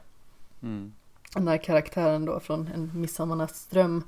Och så säger han Erling Jensen hade varit stolt child. Eller någonting i den stilen. Bara så här, det här child retar jag mig på något så infernaliskt. Mm. Jag tycker det är så irriterande. Men Han hade det- kunnat säga mitt barn. Ja, Alltså- men det, det låter ju också med, fast det känns inte som att man pratar, man blandar inte in engelska på det sättet heller, utan ofta när man blandar in engelska så är det ju ord som saknas på ett bra sätt. Ja, men typ släng in ett fucking i svenskan, det funkar för att så kan man prata, men liksom, Ja, även att inte jag gillar det. nej, Alltså överlag. men det går. Det, liksom, Alltså, det det känns mer funkar. naturligt. Det funkar när du och jag pratar så här Mm. till exempel. Alltså i en faktisk konversation. Men om jag ska läsa någonting fiktivt så vill inte jag ha in en massa fucking, oh my god och dylikt. Nej, men det förstår jag. Men liksom, det, det känns ändå mer naturligt att det är så vi använder språk liksom. Än, Jo, alltså jag köper det och jag köper att det tyvärr är åt det hållet som det svenska språket utvecklas. Att det kommer in massa eh, alltså engelska ord som egentligen inte riktigt hör hemma och, och sådär. Jag gillar det engelska språket ska jag säga otroligt mycket. Jag tycker om att prata engelska, jag tycker om att lyssna på engelska. Men jag vet inte, jag tycker inte om svengelska helt enkelt. Nej, men jag, jag kan förstå. Det, jag, tycker det, jag tycker det förstör. För att man behöver inte skildra ungdomar på det viset. Jag hade fortfarande förstått att de var unga ungdomar om de hade pratat med svenska ord. Mm. De behöver inte ha svengelskan. Jag hade fattat det ändå. Sen så kanske man liksom inte pratar, eh, vet inte, gammelsvenska. Det är liksom inte så här vik hädan och dylika ord som man använder liksom när man Men är... det är typ som när, eh, som är ganska vanligt i typ japanska spel, när de ska liksom skildra gammal, eller, eller liksom gammelengelska. Och så Where art thou och sådana grejer. Eh, Ja, men precis. Och typ så jag vet att när jag spelade Octopath Traveler förra sommaren och den karaktären jag valde pratade gammelengelska och jag var så här Det här är så jobbigt att läsa, det är så jobbigt att lyssna på, varför inte bara skriva vanlig engelska? Det här är helt onödigt. Och Ibland kan det vara ganska svårt att förstå också. Ja, jag hade väl inga större problem med det egentligen, det var bara jobbigt att lyssna på för att det Det känns beror inte på som hur att det är uppbyggt i meningar och så. Ja, det känns liksom inte som att det, alltså konversationerna flyter inte på som de borde göra för det känns fake. Mm. Det liksom känns inte bra för att det är förmodligen på det sättet som de pratar i spelet pratar man förmodligen inte på den tiden heller. Man säger inte, man artikulerar inte på det sättet antar jag. Eh, så att det är liksom, då har jag ändå läst äldre engelska också när vi har haft brittisk litteratur och sådana grejer. Så jag har läst liksom typ så Paradise Lost och uh, Shakespeares olika texter. Så att, som redan de är svåra på grund av det. Och liksom hur, hur de byggde upp. För att, alltså ba, bara en sån grej så att romanen fanns inte vid den tidpunkten. Man, man hade inte det sättet att skriva på, så man skrev liksom i vers. Eh, vilket också är så här konstigt. Men det var vad man gjorde. Eh, så att, så att, och då, då ska man liksom föra över det till spel och så ska man liksom hänga med där. Det, nej, nej. Det, är liksom, det, blir, det blir liksom inte bra. Och det är jobbigt att följa med. Ja. Nej, Men som sagt, det är i alla fall en grej som jag har väldigt svårt med när jag konsumerar den här boken. Helt enkelt. Mm. Det klingar illa på något vis för mig. Mm, men jag förstår det.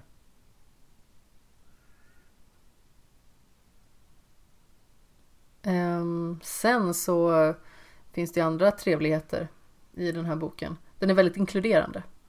Ja, Så det gör ju mig glad naturligtvis. Mm. Att eh, det på ett väldigt naturligt sätt flätas in till exempel homosexuella relationer. Eh, uppe ifrån Östersund till exempel, där Tamara kommer eh, ifrån. Där har hon liksom en vän som har två mammor. Det kommenteras liksom inte på det. Det är jättebra. Mm. Eh, hon har en icke-binär vän. Man får liksom inte veta bakgrunden till den här personen heller. Också Nej. jättebra. Bara Det bara liksom. är. Ja. Och det tycker jag är jätteskönt. Hon eh, är själv eh, homosexuell. Eller ja, kanske bisexuell men det framstår i alla fall som att hon enbart är intresserad av kvinnor i alla fall. Mm. Den andra huvudkaraktären är bisexuell. Och så- alltså det bara faller sig naturligt hela vägen igenom. Det är Alltså jättetrevligt. både med hur karaktärer är och alltså vad de har liksom för preferenser och, och Mm. sådär. Och det är väldigt viktigt tycker jag att, att sånt bara ska komma. Återigen, precis som jag sa tidigare, man behöver inte veta någon bakgrund till att jag tror att Hampus heter nog den karaktären. Man behöver inte veta någon bakgrund till hans två mammor. Mm. Man behöver inte veta någon bakgrund till Sam som är icke-binär. Mm. Det bara är. Det funkar. Jag tycker om det väldigt mycket. Mm. Det är betydelsefullt i dagens samhälle. Ja, men verkligen. Och liksom just att man inte bara återgår till samma liksom berättelser eh, som man har när man gör den här typen av av, men har den här typen av personer, liksom att ja men typ den här personen ska vara homosexuell och då ska, då, då ska den gå igenom exakt samma sak som alla andra gör. Eh, Nej in- men exakt. inte för att sådana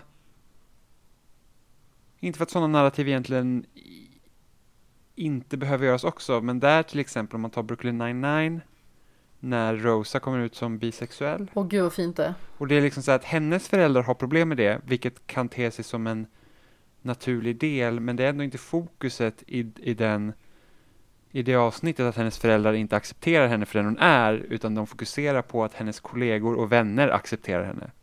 Ja, För att det är så det kan se ut. Och då, då, liksom, då går man inte igenom här, för då behöver inte hon gå igenom det själv, liksom att åh, hennes föräldrar inte accepterar henne och liksom hela den faderullan, utan då, då fokuserar man istället på att men här finns det faktiskt folk som gör det. ja Så det, precis. Det är väldigt bra. Ja. Eh, Och sen så är det ju i den här boken så är det ju en, eh, till en början i alla fall, väldigt ensidig kärlek. Mm. Så Tamar som då har följt Clea som eh, har haft lite sporadiska skådespelarroller på grund av att hennes mamma är skådespelare från första början. Har liksom en viss förälskelse i henne, bara väldigt flyktigt sådär liksom så man kan vara förtjust i någon över nätet om man säger så. Men när hon ser Clea i verkligheten så blir hon jätteförälskad i henne. Mm. Och Clea tycker att Tamar liksom, hon verkar bara sur hela tiden och hon sitter i sitt hörn och ser så himla besvärad ut och som att omvärlden är emot henne på något sätt. Mm. Och sedan så naturligtvis börjar de väva samman lite mer. Mm. Men som sagt, jag tycker att boken och hur den är uppbyggd jättebra. Alltså, jag hade inte kunnat förvänta mig hur liksom alla eh, saker vrider och vänder på sig och hur det sedan knyts samman. Det hade jag liksom inte, jag såg inte det komma.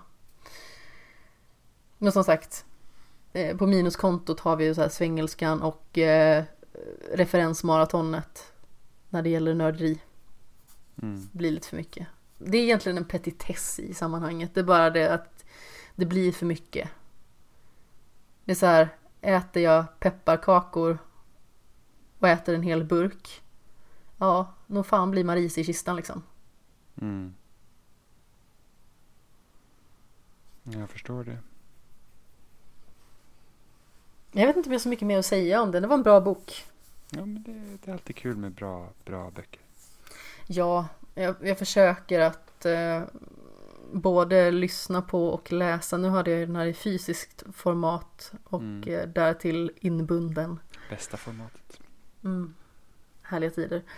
Eh, Men jag har ju ett eh, konto på Storytel också så jag försöker att eh, utnyttja det så mycket som möjligt. Mm. Jag tror att sammanlagt i, i fysisk form och i ljudform är det väl i alla fall ett 20-tal böcker i år och det är mycket mer än vad jag hade konsumerat om jag bara hade haft liksom, fysiska böcker att läsa för att tyvärr så läser inte jag lika mycket längre som Nej, jag vill och borde. Det är en helt annan grej att läsa en fysisk bok. Jag tycker det är mycket trevligt att läsa bok, men man har, ibland har man inte ro och bara sätta sig och läsa. Jag har varken ro eller tid känner jag. Alltså Nej. överlag. Jag menar när jag åker hem från jobbet på eftermiddagen då vill jag gärna vara den här personen som sätter mig och spelar eller sätter mig och läser men jag är så trött. Mm. Så jag bara så här däckar som om någon har slått mig med en klots i huvudet liksom. Mm. Ja, jag Idag det. så Jag, somnade jag innan tåget lämnade stationen.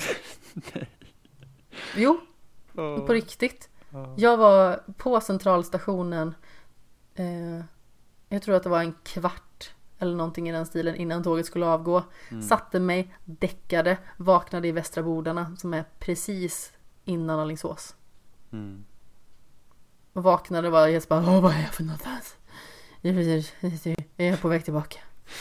Ja, jag förstår det. Jag passar på att läsa på sommaren när jag jobbar liksom i butik som är långt från mig. Så jag har liksom en timme. Ja, Eh, Men ibland så är man, alltså man somnar ju typ när man sitter och läser sidorna också. Så att det är, och då blir jag så jag somnade igår när jag spelade Fifa. Alltså nu tycker jag att Fifa är väldigt roligt att spela så det börjar inte hålla mig. Men eh, det var verkligen så här, jag var så trött igår kväll. Så jag märkte bara så här, jag gjorde mål och sen bara så här, jag ska bara blunda lite grann, lite Mm. grann, lite grann. halv Så, ligger åh gud, jag måste gå och borsta tänderna. så halv ligger man typ i soffan eller något sånt och bara så här, Ja.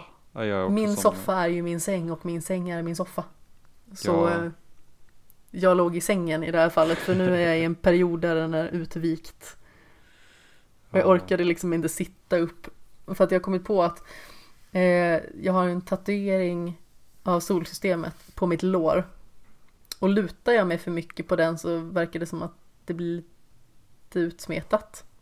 Jaha. Mm. Alltså den har redan blivit lite utsmetad på ett väldigt specifikt ställe och det är ofta där jag brukar ha min armbåge när jag lutar mig mot mina ben. Så jag har börjat ha antingen en kudde i knät eller så sitter jag liksom så här bestämt i skräddarposition och igår var det så här bara, nej mina höfter orkar inte sitta så här så då la jag mig på sidan och så somnade jag samtidigt som jag spelade. Jag somnade få gånger när jag spelade. Jag och Robin spelade Diablo 3. Ett spel som jag inte är speciellt förtjust i. Eh, Varför inte då? Det är jag- jättetrevligt. Jag tycker inte om den typen av spel. Jag har Ah. försökt, alltså jag spelar Torchlight som är likadan och jag var så här, jag fattar inte grejen. Och sen så köpte, tänkte jag, men Diablo 3 går co-op så jag köpte ett julklapp till Robin och så spelade jag själv. Och sen så spelade vi lite och jag var så här, jag tycker verkligen inte att det är kul. Jag tycker att det är väldigt kul att spela ihop. Ja, vi får spela. Testa igen. Har du inte spelat klart det? Nej, gud nej. Jag har spelat väldigt lite Diablo 3. gud nej! Oh, Jag har inte nej. spelat, jag har inte spelat eh, mycket Diablo 3, alltså det har jag inte gjort. Jag spelar igenom det plus expansion. Mm, nej, jag har inte, inte, inte mycket. Men vad var det jag skulle säga? Det var någonting jag var på väg in på. Just det. Jag somnade samtidigt som jag spelade Nino Kuni 1 också. Mm. Eh, Det här var under tiden jag studerade till personlig tränare vilket betyder att jag läste på heltid och jag jobbade.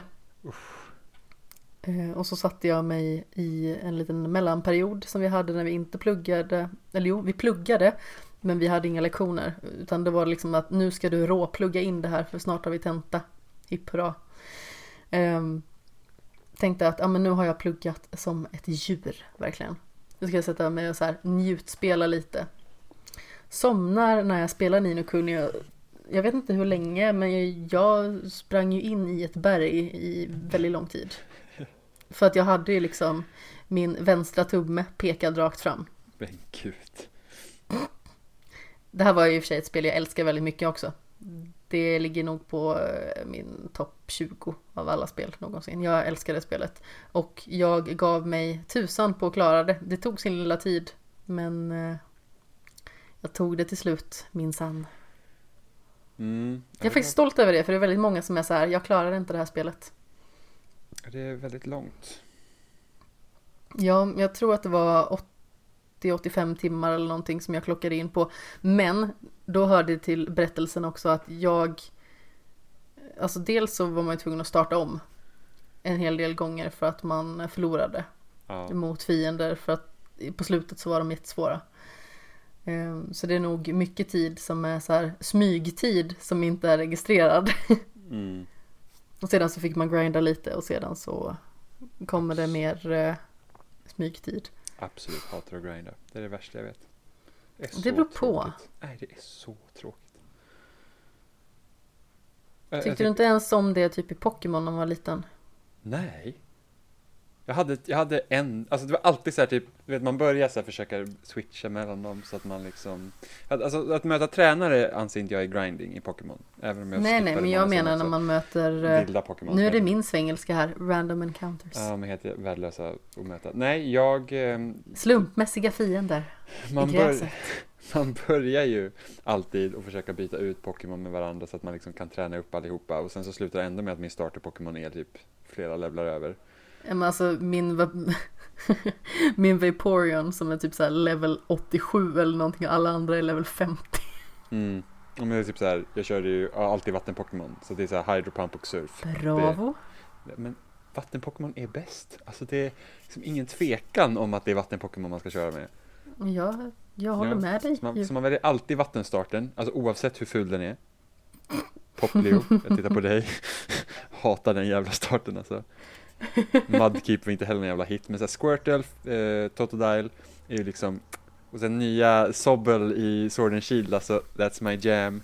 Kommer bli så jävla bra. Ja, det är den som ser ut som en enhörning va? Nej, nej det är den lilla typ grodynglet som ser ledsen ut hela tiden. Jaha. Det är Sobble. Eh, Oh, just det, jag tänker på någon helt annan. Det gör du. Förlåt. Men Eh, eh, så- alltså jag tycker i första Pokémon-spelen, jag tycker faktiskt att man hade kunnat välja vilken som av eh, Charmander, eh, Bulbasaur och Squirtle för jag tycker att alla är bedårande. ja, det är de. Jag tror att jag har startat med alla faktiskt. Alltså jag kan inte välja bort Squirtle, det är bara så. Men det är väl din favorit också? Ja det, ja, det är precis. Det är också min absoluta favorit Pokémon så att jag var så glad när de släppte en Squirtle Amiibo som nu står med i min hylla.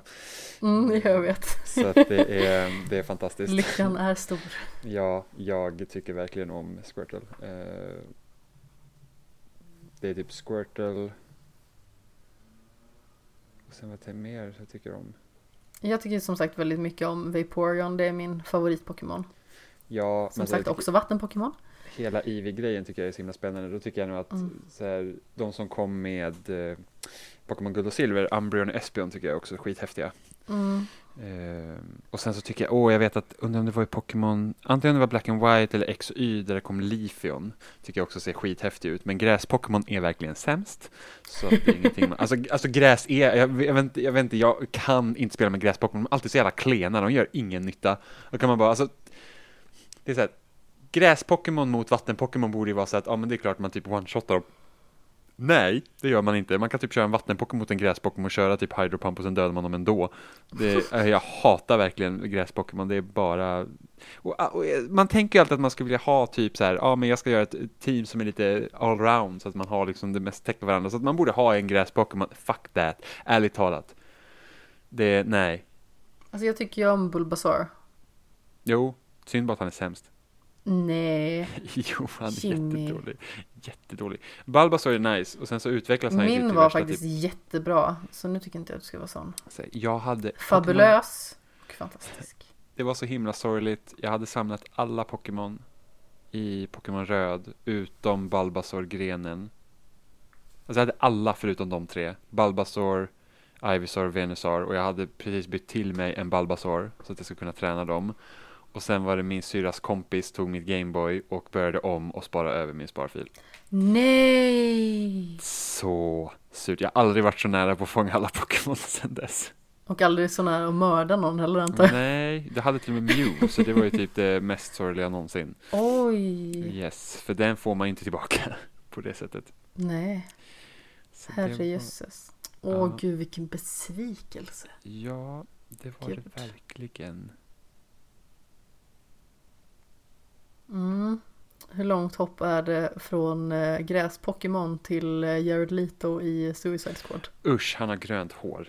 Eh, Ja, men alltså det är liksom inte så här jokergrönt heller utan det är verkligen så här. spygrönt. Ja, det är typ vi har doppat den här snubben i en dunk med hårfärg. Verkligen. Eller inte hårfärg, eh, färgfärg, skitsamma. Målarfärg skulle jag Ja. säga. Ja, Så jag, jag har ju tappat det. Jag ger upp, jag slutar. Den här Ja. podden är din nu, jag går. jag skulle behöva ta en paus dock för jag måste ta medicin. Ja, Om det Men- är OK. gör det. Bra, så får du fundera över vad du ska säga över den här skitfilmen.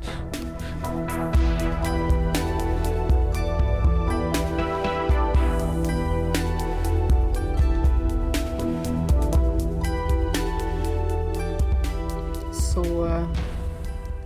Suicide Squad. Yes, världens bästa film.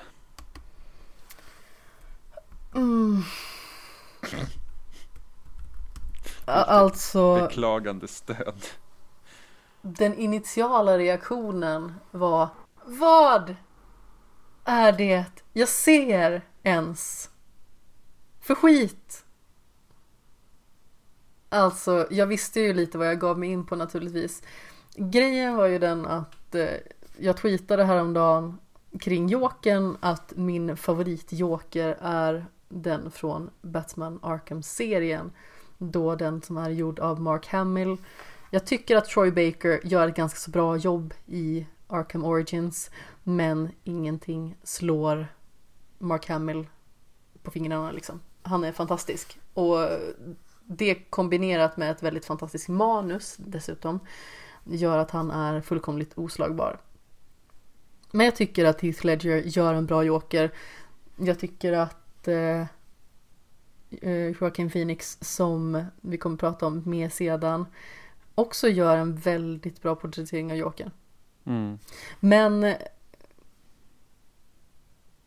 Alltså jag vet knappt var jag ska börja med Suicide Squad. Jag, jag tänkte liksom så här att, ja ah, men Jag gör det här liksom i studiesyfte. Jag ska kolla hur dålig den här verkligen är. För jag har liksom tidigare tänkt så här att Min självbevarelsedrift säger se aldrig den här filmen, det är en jättedålig idé. Du kommer bara bli en sämre människa. Mm. Men så var det som följer att jag var hos min kompis igår kväll. Vi käkade middag och vi såg den här filmen. Och eh, han har liksom inte heller planerat att se den här. Det var liksom så här, den här verkar skit. Eh, varför vill du se den? Jag berättar mitt syfte. Han bara, ja men vi har ju sett en del dåliga filmer ihop. Vi kan lika gärna se den här också. Eh, så gjorde vi det. Och till att börja med så har vi ju eh, när han ska presentera alla de här skurkkaraktärerna. Eh, och den som utför presentationen är egentligen Amanda Waller. Som är någon form av högsta höns någonstans. Och hon sitter liksom och över en middag förklarar de här olika karaktärerna. Till exempel Deadshot spelad av Will Smith.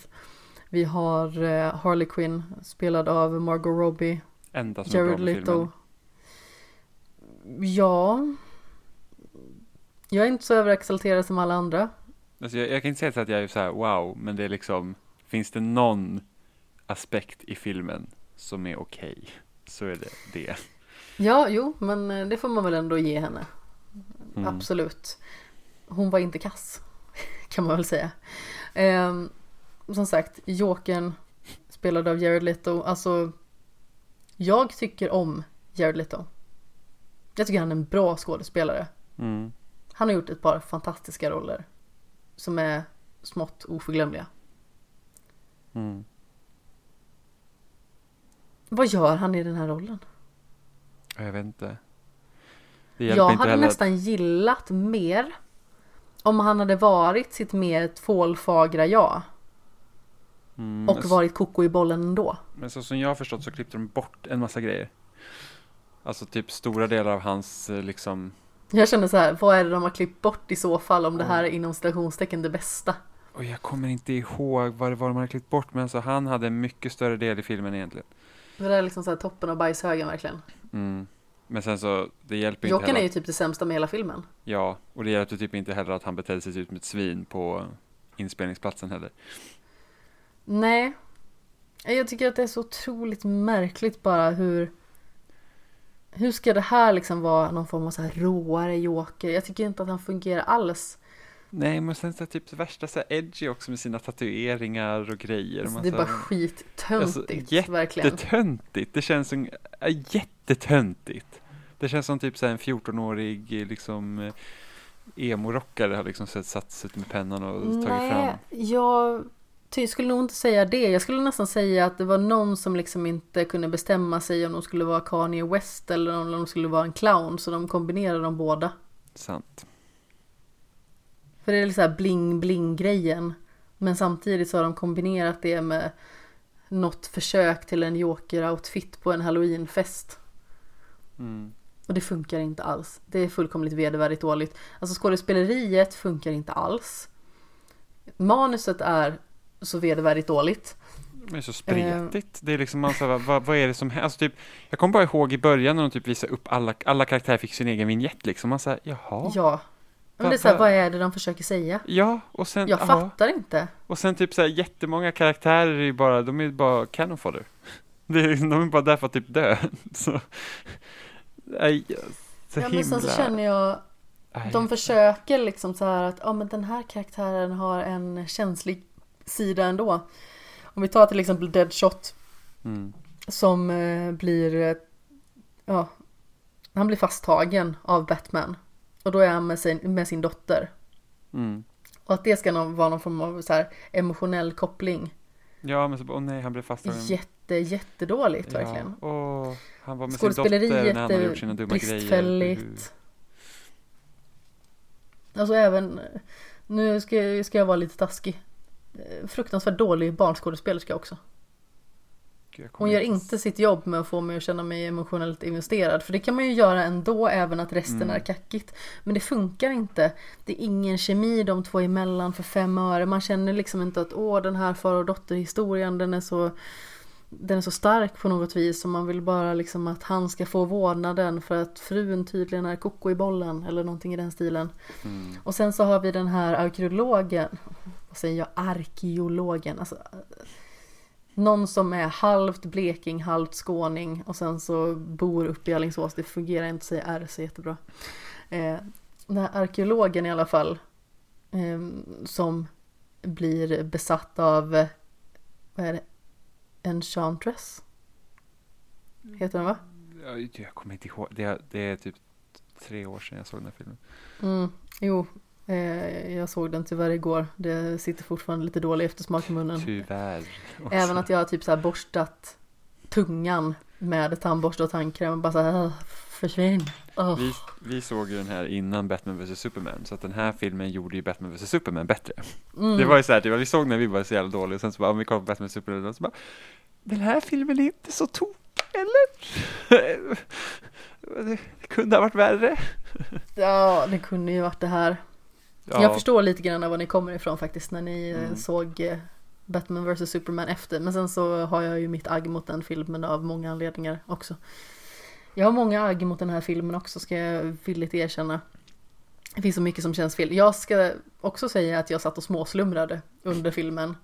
Eh, bara för att jag bara blev så trött på den. Mm.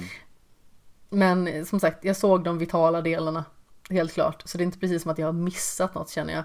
Det var väldigt roligt för att eh, min kompis, han sa liksom så här att ja men du får ursäkta om vi, eller om jag sitter och pratar så här under tiden och, och stör dig. Jag bara så här, nej prata på, håll mig levande.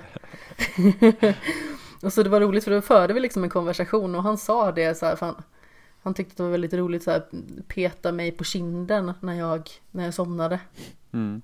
Eh, och jag liksom bara vad, vad vill du för någonting? Jag, försöker att ha kvalitativ tid här. I min sömn istället. Men han tyckte det var väldigt roligt. Jag bara, ah, men vi hade just en konversation och sen så somnade du helt plötsligt. Jag är helt fascinerad. Okej, för att jag somnade precis efter att jag typ sa ett ord eller vad då. Eh, nej men det var lite den effekten den här filmen hade på mig. Att jag bara såhär, nej, jag vill inte vara med längre. Mm. Men samtidigt, jag såg väldigt stor del av filmen. Jag sov kanske fem minuter ungefär. Nej, alltså de fem minuterna var värdefulla. Satte guldkant på min kväll. Mm. Jag förstår det. Jag- fast var taskig jag mot min kompis. Det var jättetrevligt att umgås med min kompis. Vi ses inte så jätteofta längre. Men eh, Alltså det finns så mycket skit att säga om den här filmen. Alltså, som sagt manuset och hur det presenteras är riktigt vedervärdigt. Det är så dåligt manus. Alltså, det känns som att en femåring har bara, ja men här slänger vi i lite ord, låt oss säga dem. Ja, men det känns som att de har liksom klistrat ihop massa olika delar. Det är jättesvårt Mm. att hålla liksom koll på allting. Och sen så bara, vad, vad, är, vad är tanken med filmen? Ja, alltså den har ju ingen riktig poäng. Nej, den har ju inte det. Vad betyder det liksom när de säger ord? Jag fattar inte. Ehm, och sen om vi går till Harley Quinn till exempel. Visst, på något sätt så gillar jag Margot Robbie. Fortfarande, även att hon spelar i en film som är helt kass. Mm. Så sett. Jag tycker inte att hon gör en så himla bra Harley Quinn. Faktiskt. Kan det bero också Det beror väl mestadels på manuset antar jag. Dels det och Jag tycker att den Harley Quinn-versionen känns väldigt påklistrad. Hela Mm. det här poppiga grejen med det färgade håret på det sättet som det är färgat just här. Men jag tycker det känns som att det går tröjan, liksom de korta Harley- shortsen. Alltså det är typ Harley Quinn från Arkham-spelen. Nej, jag tycker inte det. Jag tycker det känns som att de har tagit inspiration därifrån. Jag hade ju gärna velat se en Harley Quinn som hon ser ut i i den tecknade serien. Så som hon ska se ut. Ja, Och inte med typ hotpants och nej, jag, jag gillar inte det alls. Sen eh, har det kommit en trailer som visar Birds of Prey. Som alltså är den fristående Harley Quinn-filmen. Och det märks väldigt tydligt att den kommer efter Joker. För att de försöker gå in med samma ton med väldigt emotionell, stark musik. Precis som eh, Joker hade liksom i eh, den trailern. Fast den är betydligt mer serietidningsaktig än vad Jokern är. Det är precis det jag ska komma till. Det blir dissonans Mm. för att den försöker ha alltså den seriositetstonen som kommer från trailern som visar Jo- eh, Joker. Men sen så ser allting ut som Suicide Squad. Mm. Det funkar inte. Det gifter sig inte väl alltså. Eh, och sen så när Suicide Squad släpptes minns jag att de som hade gjort filmen var så här svinnöjda med så här, åh musikläggningen är så bra i hela filmen. Den är ju värdelös, den vet ju inte alls vad den vill för någonting. De bara kastar in lite populär musik här och där. Mm. Jag ska villigt erkänna att när de släppte trailern med Bohemian Rhapsody, det var ganska så medryckande. Ja. Men det funkar inte när de bara släpper in liksom så här lite populär musik här och där i filmen. Den har liksom ingen vital del heller, den får mig inte att känna någonting, den får liksom inte något tryck i några scener utan den bara så finns där. Mm. Det känns väldigt menlöst på något vis. Så hur känner du inför James Gunns Suicide Squad? Alltså varför försöker man igen? Men jag förstår liksom inte riktigt varför, alltså det måste finnas så mycket grejer de kan göra med DC-filmer och sen varför ska de göra Jag- Suicide Squad igen? Är det liksom mer för att men det är lättare att sälja typ leksaker då? Jag hade velat se en eh, riktig filmatisering av Under the Red Hood. Har du sett den? Nej. Har du läst den? Nej. Eller kanske inte heter Under the Red Hood som serietidning. Jag har nog inte Hur läst en som sån serietidning helst. heller dock, oavsett vad den heter. Nej, men eh, hur som helst så är den väldigt tung och väldigt bra. Och det handlar om när Joker eh, massakrerar Robin i stort sett. Mm. Och vad det gör med Batman. Ja, så lite som typ, det blir nästan som Arkham Knight. Åt det hållet då. Ja, Ja men alltså, för att inte helt Eh. och likadant men liksom tar i de trådarna. mm, Robin hamnar ju i händerna på Rachel Gould. Mm. Så får man se vad som händer sen. Den är väldigt bra, väldigt jobbig att se på. Sen, alltså The Killing Joke behövs inte till exempel i, alltså den har redan fått en eh, filmadaption efter sin serietidning. Det är väl en av de mest populära serietidningar från Batmans universum, Mm. skulle jag tro. Förvisso, Under the Red Hood finns ju som tecknad film också. Så den kan man se den, den är fantastiskt bra. Men jag vet inte, jag hade gillat att se den med en så här riktigt skitig, obehaglig eh, joker och eh, jag vet inte, en så här sargad, deprimerad Batman. Jag hade gillat det. Mm. Men som sagt, det finns förmodligen väldigt många mer berättelser i det här universet som man hade kunnat berätta än sådana som har med Suicide Squad att göra. Mm. Det känns bara fullkomligt onödigt. Varför? Jag förstår inte. Och varför ska Margot Robbie vara med igen och reprisera sin roll som Harley Quinn bara för att hon har blivit jättepopulär och det har sålt massa Daddy's Little Monster tröjor? Mm. Ja, det, ja, det är jättekon... Alltså det blir så himla märkligt att de... Det är problemet med att de försökte liksom fuska sig in till sitt eget universum. Istället, alltså om man tänker titta på Marvel, hur de byggde upp MCU, så var det liksom att ja, men vi, gjorde- vi gjorde Iron Man. Och så gjorde vi Hulken, och så hade vi Captain America och Thor. Och sen så kom Avengers, vi byggde liksom upp till den filmen. Medan det var typ så här, ja, vi- gjorde Man of Steel för att Stålmannen är nice och eh, det var så, gick så himla bra för Batman-filmerna så vi ska köra lite samma ton. Uh, för jag tycker typ första trailern till Man of Steel tycker jag är jättebra. Sen filmen är jättedålig. Eh, Jättedålig tyckte jag nog inte den var. alltså Den jag- var inte jag- fantastisk på jag något jag vis. så Men så den f- var inte vedervärdigt Så dålig. fort det börjar liksom bli strider och sånt så är jag verkligen såhär bara Jan. Du vet, det är så bara, här är bara massa liksom byggnader som går sönder och allt ser verkligen Jag trodde du menade. Jan som Ja. namnet. Ja, Det tog några sekunder. jag bara men Janne, vad fan! Skärp dig! Ehm, Det tog några sekunder innan jag fattade att du faktiskt menade en gäspning. Liksom. så, att det var liksom så här. ah, Janne, vad fan. jag liksom, nej det, det är inte intressant och sen så bara, oj då.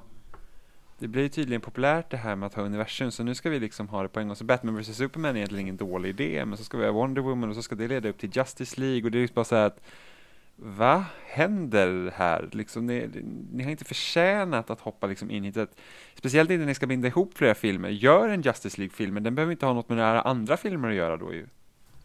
Liksom om ni ska göra på det här sättet. Eh, och så blir det så att för, för, för Marvel, det de har lyckats med, de filmerna känns ju verkligen som serietidningar i princip. Alltså den roliga delen av serietidningarna.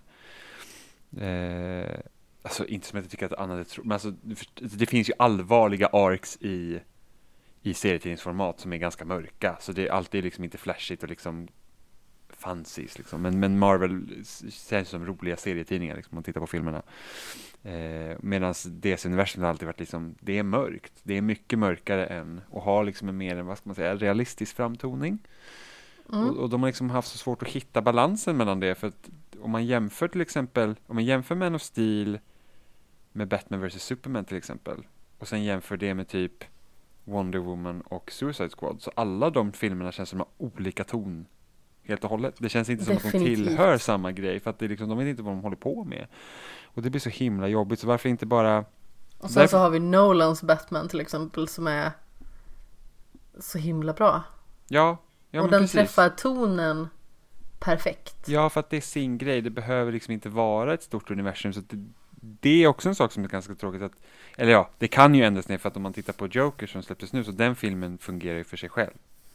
Och jag tror Ja. att det är rätt väg för dem att gå. Liksom. Det är så att om vi, vi gör sån här filmer där vi, nu har vi en historia vi vill berätta så gör vi den bara. Det behöver liksom inte vara ett stort universum för jag tror att folk går och ser de här filmerna ändå. Det, bara, Det gör de definitivt. Och om vi tar till exempel Christopher Nolans Batman som exempel. Visst det är en trilogi. Men där har de verkligen gjort sitt jobb hela vägen igenom. Alltså det är ett bra manus. Världen känns realistisk. mm, Även att Batman existerar i den. Eh, det känns skitigt. Det känns som en faktisk plats. Eh, allting känns så väl förankrat på något vis. Sen så är ju återigen eh, alla roller väl tillsatta av bra skådespelare som gör sitt jobb.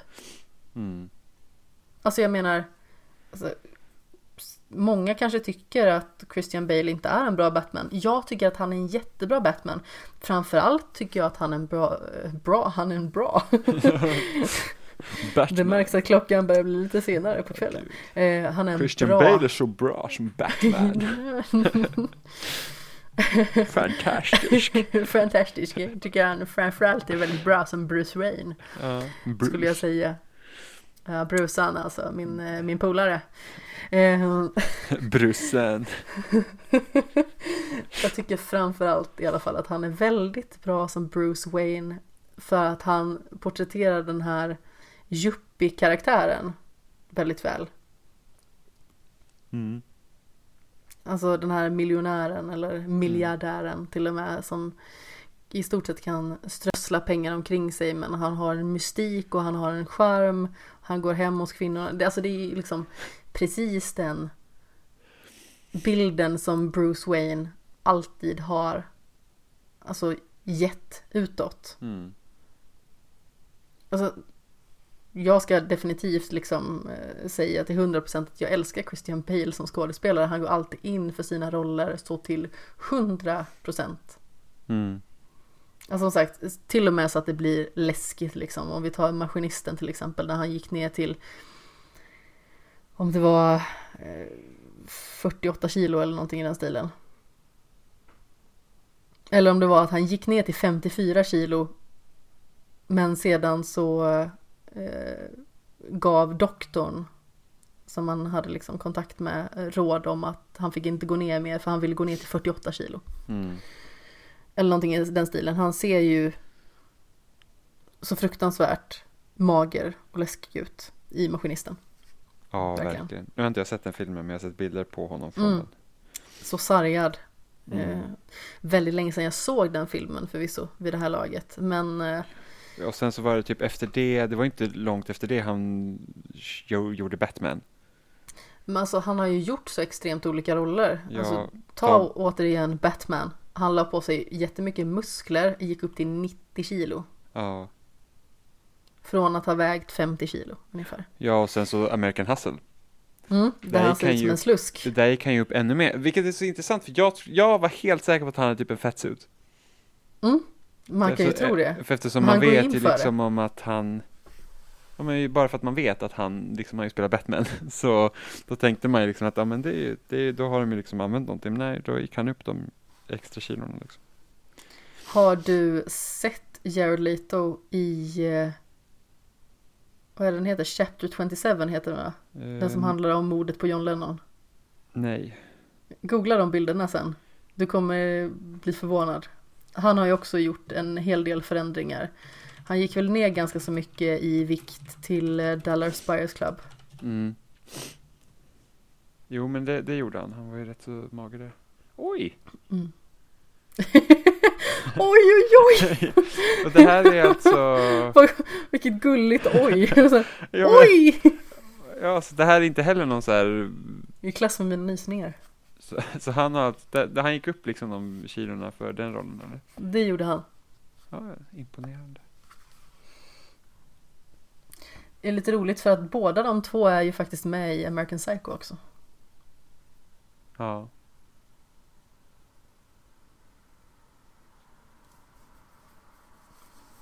Och där är de ju inte så extrema någon av dem. Nej. Alltså bortsett från uppenbarligen Christian Bales karaktär då. Ja, precis. Vilken bra film det är. Jag gillar den. Jag gillar den mycket. Det var länge sedan jag såg den dock. Kolla säger så med väldigt många saker. Jag kollar på Wikipedia, periodvis blir han till och med tvungen att sitta i rullstol på grund av de extra kilon han lagt på sig. Alltså nej, det måste fan vara bullshit ärligt talat. Vem av dem? Ehm, vad heter han? Jared Leto? Jared. Ja, det, det tror jag inte. Så, så rund är han inte på de bilderna att han skulle inte orka stå. Det måste vara påhittat.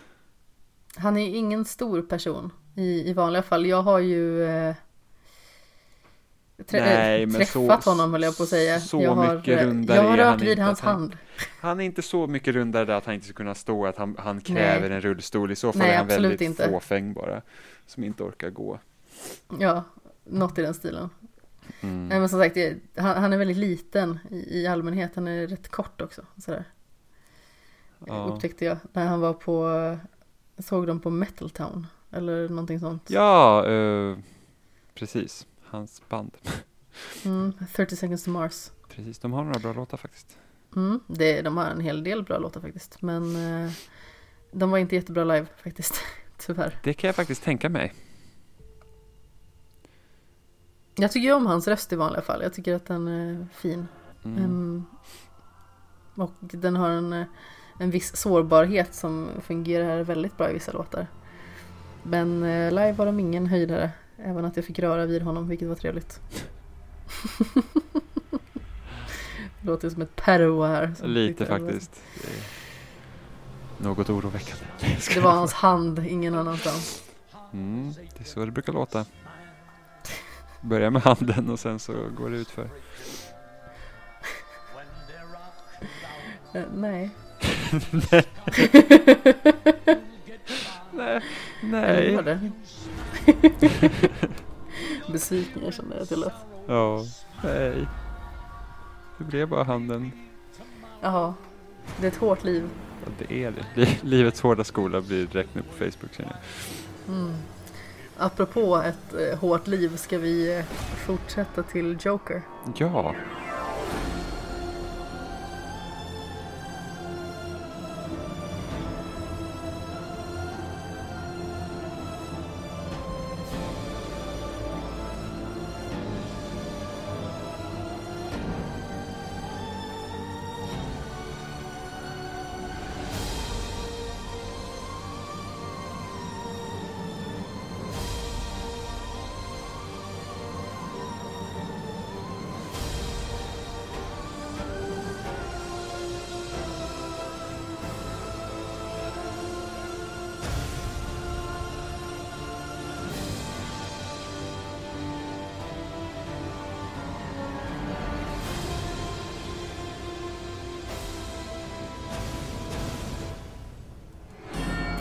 Såg ju den häromdagen.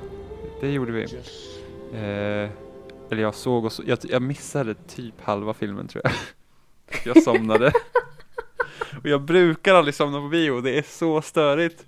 Jag har verkligen sagt, jag har gått på nattbio och allting och liksom typ varit vaken i över 24 timmar eh, på grund av det och liksom varit så här klarvaken och sen så Jokern somnade jag på. Och det var inte för att filmen var på något sätt liksom tråkig. Jag var bara trött. Alltså jag tycker att den är väldigt bra. Måste jag säga. Mm. Jag eh, hade förvisso den typen av förväntningar redan innan jag trodde att det skulle vara en bra adaption av karaktären i sig. Ehm, vad tycker du så om uh, Joaquin Phoenix som Arthur Fleck eller ja, Joker då? Så Som man ser det menar jag ska bli. Alltså jag tycker att, alltså väldigt bra, alltså castat, måste jag ändå säga. Ja. Liksom, man, man, han, han, han går in för rollen på, på ett sånt sätt. Liksom att man, och på något sätt kan man sympatisera med honom också. Det är ju det som är meningen. Alltså, Joker är ju ingen hjälte på något vis. Men tanken är ju att med tanke på hans uppväxt och hans eh, mamma som har liksom sina barnföreställningar och sådär. Så blir det ju att det är tanken att man som tittare ska få liksom ett emotionellt band till honom. Man ska känna med honom och alltså det hårda liv han har levt egentligen. Alltså det är ett väldigt tröstlöst liv. Mm. får man väl ändå säga. Han har ju sina vanföreställningar också och han är ju uppenbarligen väldigt psykiskt instabil. Tar mycket mediciner och dylikt. Mm. Men jag tycker att eh, skådesp- skådepelar, skådespelarprestationen är eh, något av det absolut bästa i hela filmen såklart. Ehm, han får ju en, precis som tidigare nämnde, att känna alltså empatin för honom även att man märker ju att det är någonting som är himla fel här. Mm. Och jag känner absolut inte på något vis att det han gör är rätt. Men, men samtidigt som sagt, det, det är svårt att inte känna med honom. Mm. Och sen så spårar han ju totalt. Men, ja som sagt, eh, har man inte lyssnat på skämshögen innan så är ju det här eh, spoiler-territorium deluxe. Så vill man inte bli spoilad på Joker så kan man ju kanske backa långsamt ut ur rummet, kolla på filmen, eh, se den gärna på bio och eh, kom tillbaka sen när du vill lyssna på spoilers. För Mm. eh, här bär det av. Mm. Jag eh, har funderat över den här filmen lite de senaste dagarna. Och eh, funderat väldigt mycket över hur mycket av filmen som egentligen är hans valföreställningar. Ja, vad som är, att han är ingen eh, pålitlig berättare. Nej, han är definitivt ingen pålitlig berättare för fem öre. Eh, grejen är ju att det är vissa grejer som blir ganska uppenbart att de här sakerna har han fantiserat ihop. Till exempel när han är i studion hos eh, Murray Franklin, den här komikern då. Mm.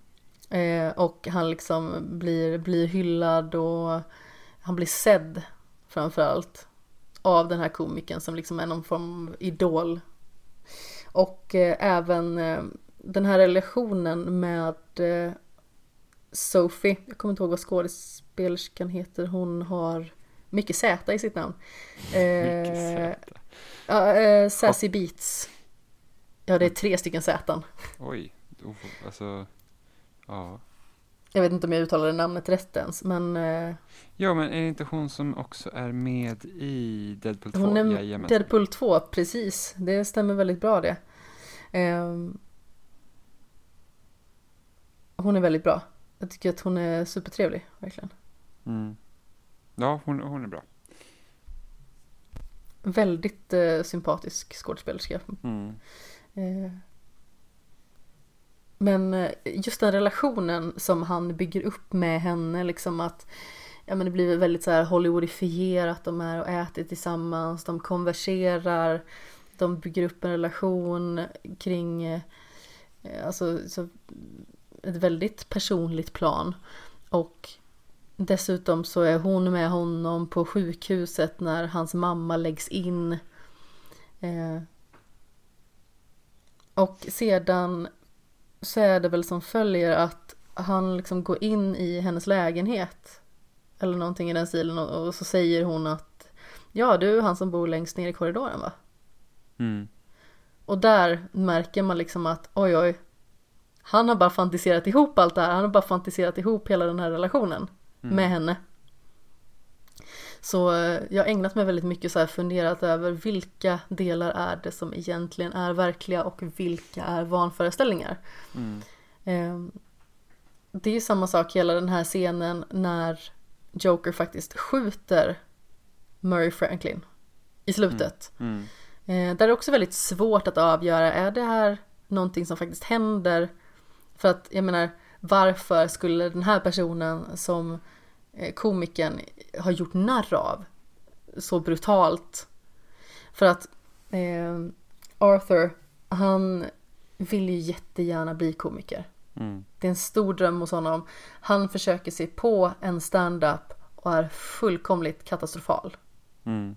Han har ju dessutom i sin eh, mentala ohälsa en del där han skrattar oavbrutet. Mm. Så han kan ju liksom inte hålla sig för skratt och liksom bara fortsätter med det. Och i det här skrattet så märker man så otroligt mycket smärta. Eh, för att det är nästan så att man hör att han brister nästan ut i gråt. I Mm. skrattet. Det gör ju Joaquin Phoenix jättebra också, liksom att man känner det här eh, Du skrattar inte för att du tycker att det är roligt. Det finns ingen glädje där. Nej, det finns ingen glädje. Det finns eh, terror. Det finns smärta. Det finns sorg. Alltså, det finns så många känslor i skrattet, men det är inte glädje någonstans ifrån. Mm.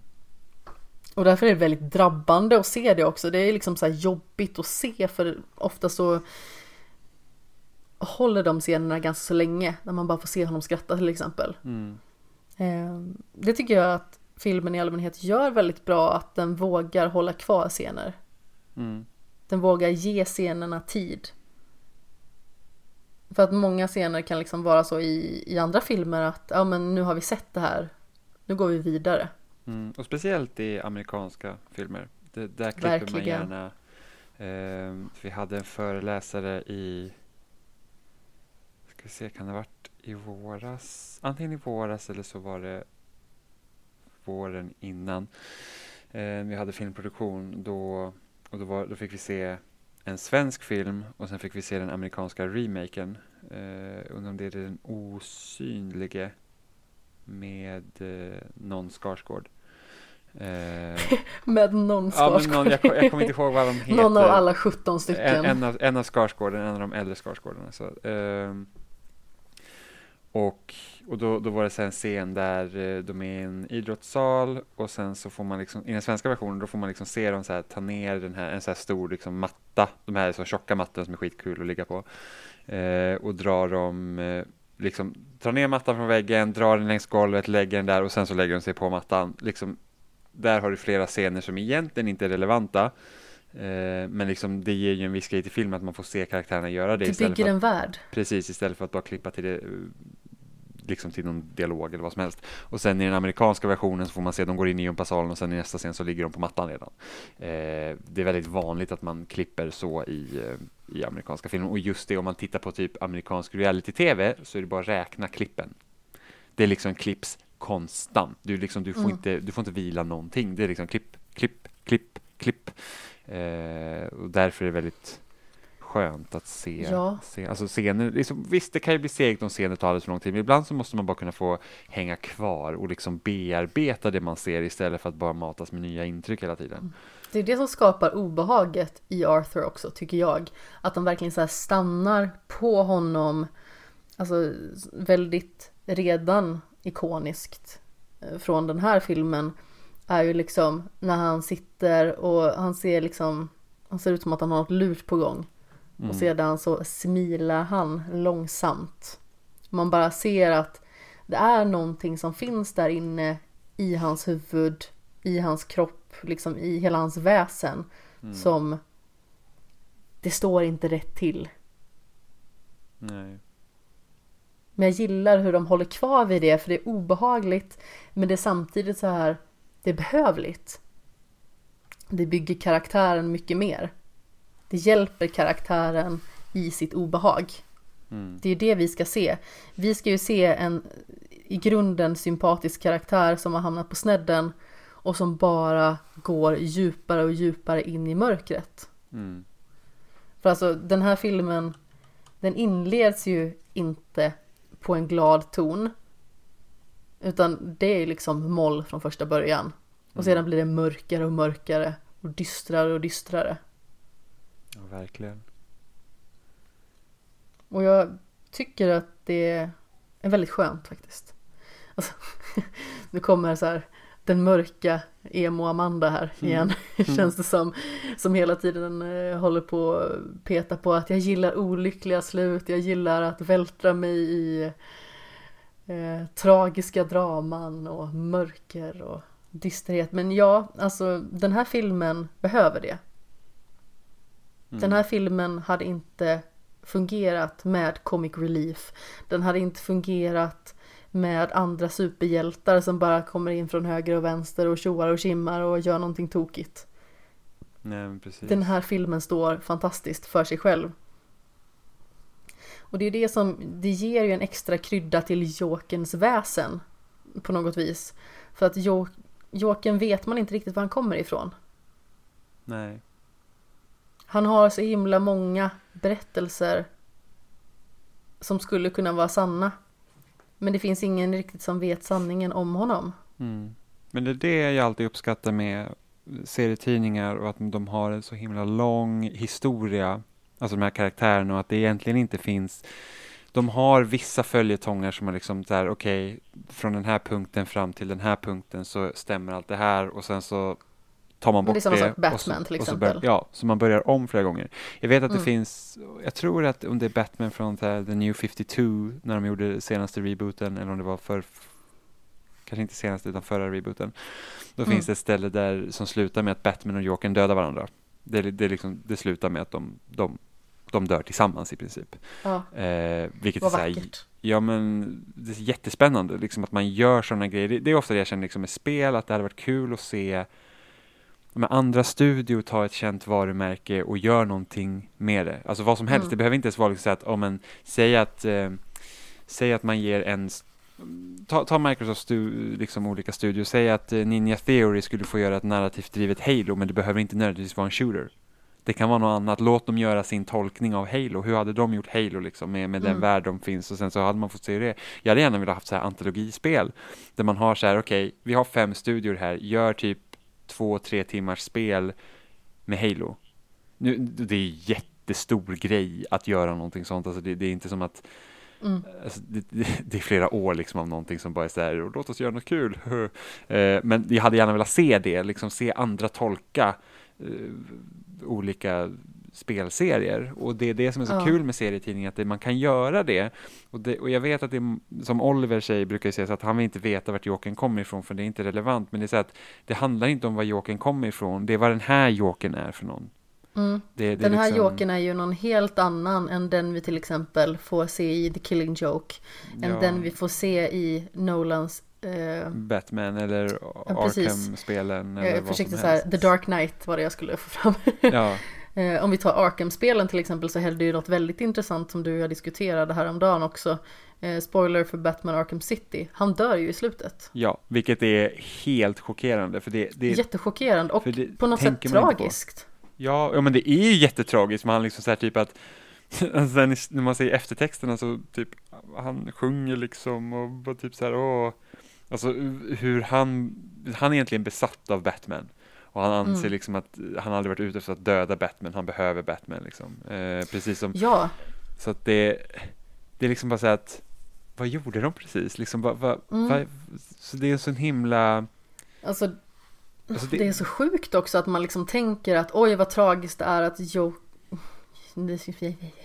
jag höll på att säga Joker, men vad, vad, vad tragiskt det är att Jokern dör. Det ja. känns ju väldigt fel att ta de orden i sin mun på något vis.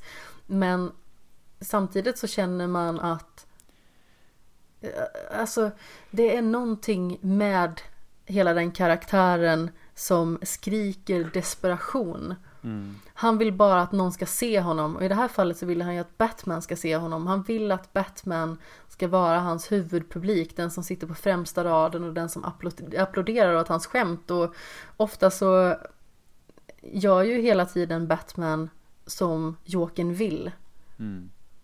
Och det är det som får Jokern att känna sig levande. Att Batman, som han liksom är besatt av, eh, hela tiden spelar honom i händerna. Mm. Följer hans liksom maj- marionettsvängar.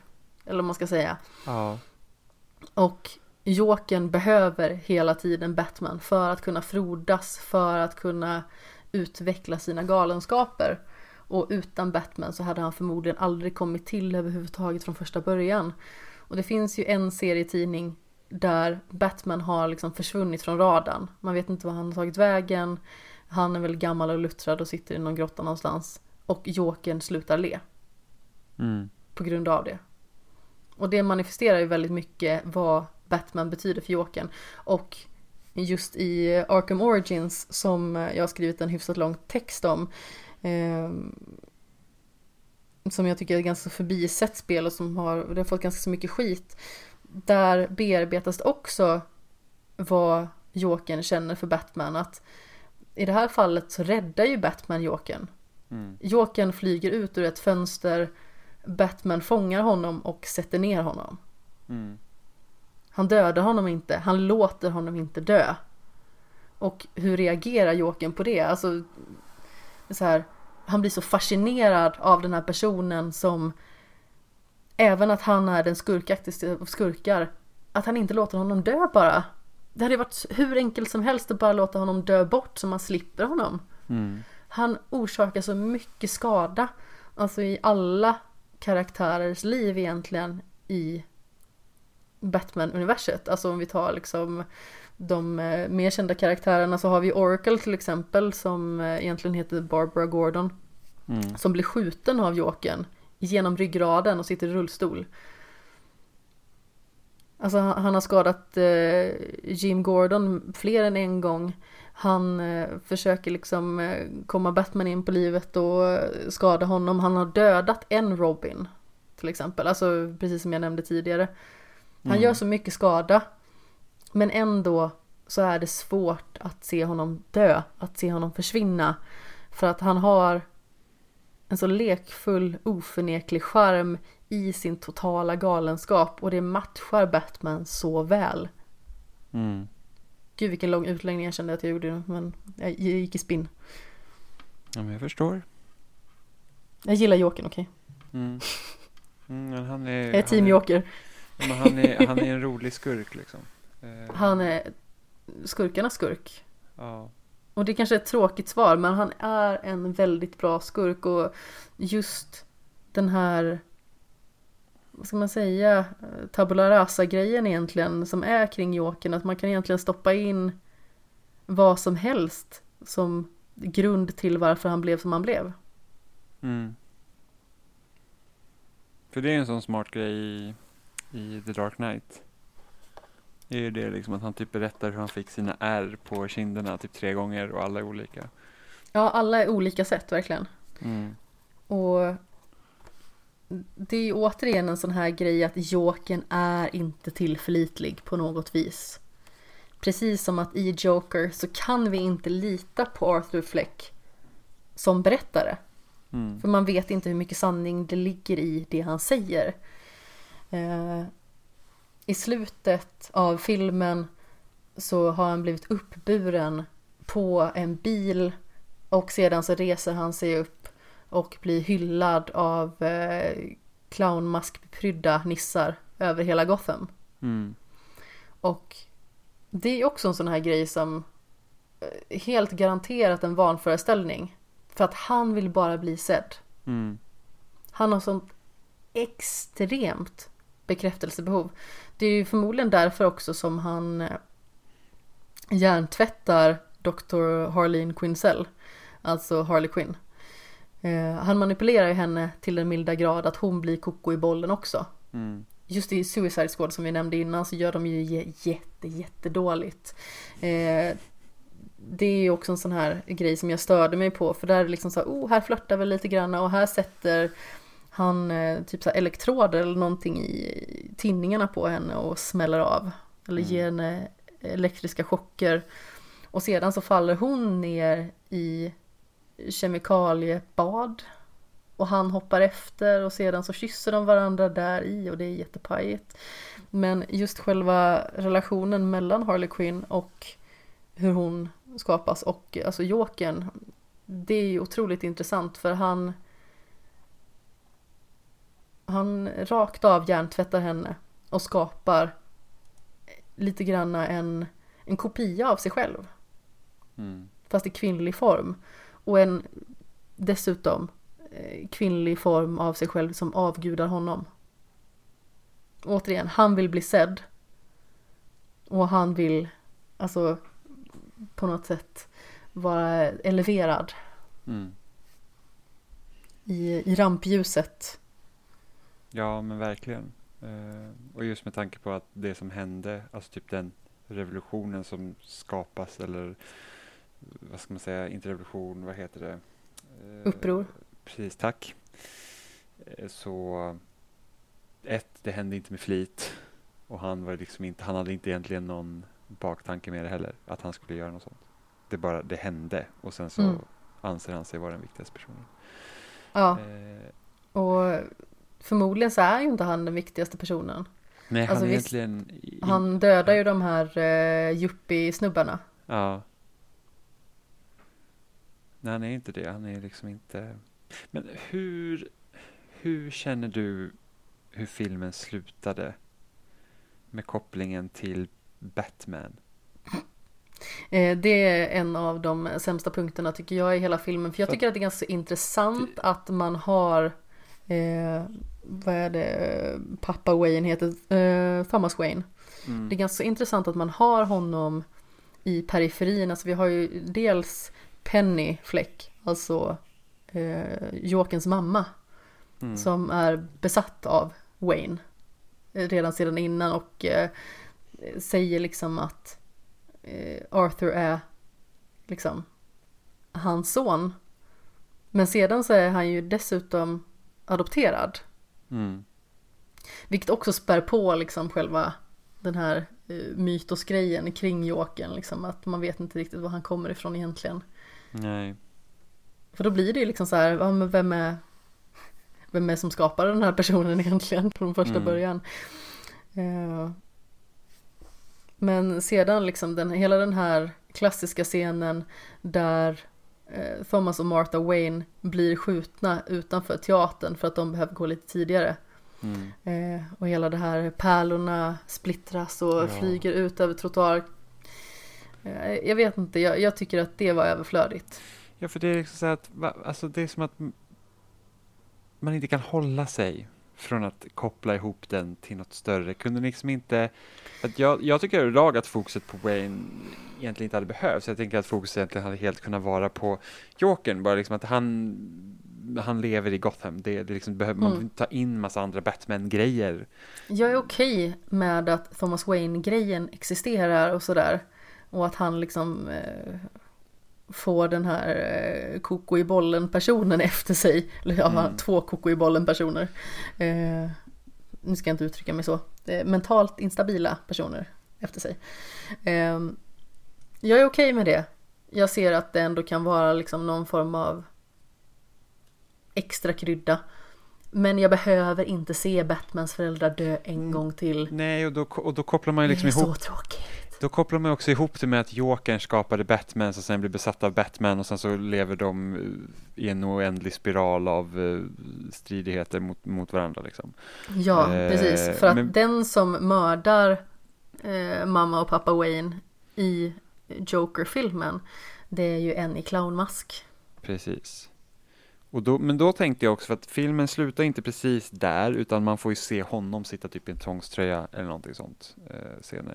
I Så att, slutet ja. ja, precis. Så att med tanke på att han är en, eh, inte en pålitlig berättare så betyder inte behöver inte det betyda att det är sant heller. Det är ju någonting som Allting man kan, kan vara påhittat i han hela kan filmen. hitta på det liksom. Ja, precis. Jag tänker liksom att han, där vi får se han i slutet så existerar Batman redan och han har liksom intalat sig själv att han skapade Batman.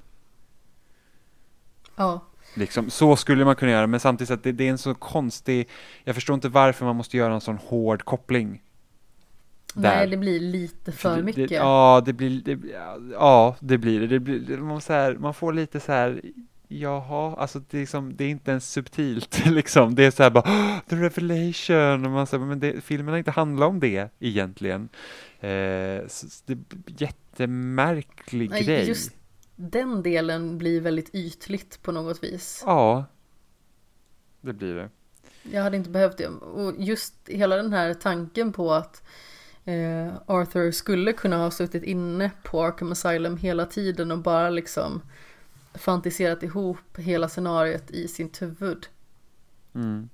Jag hade varit okej med det, jag hade trivts med det. Jag behöver inte veta vilka grejer som är påhittat eller i hans huvud.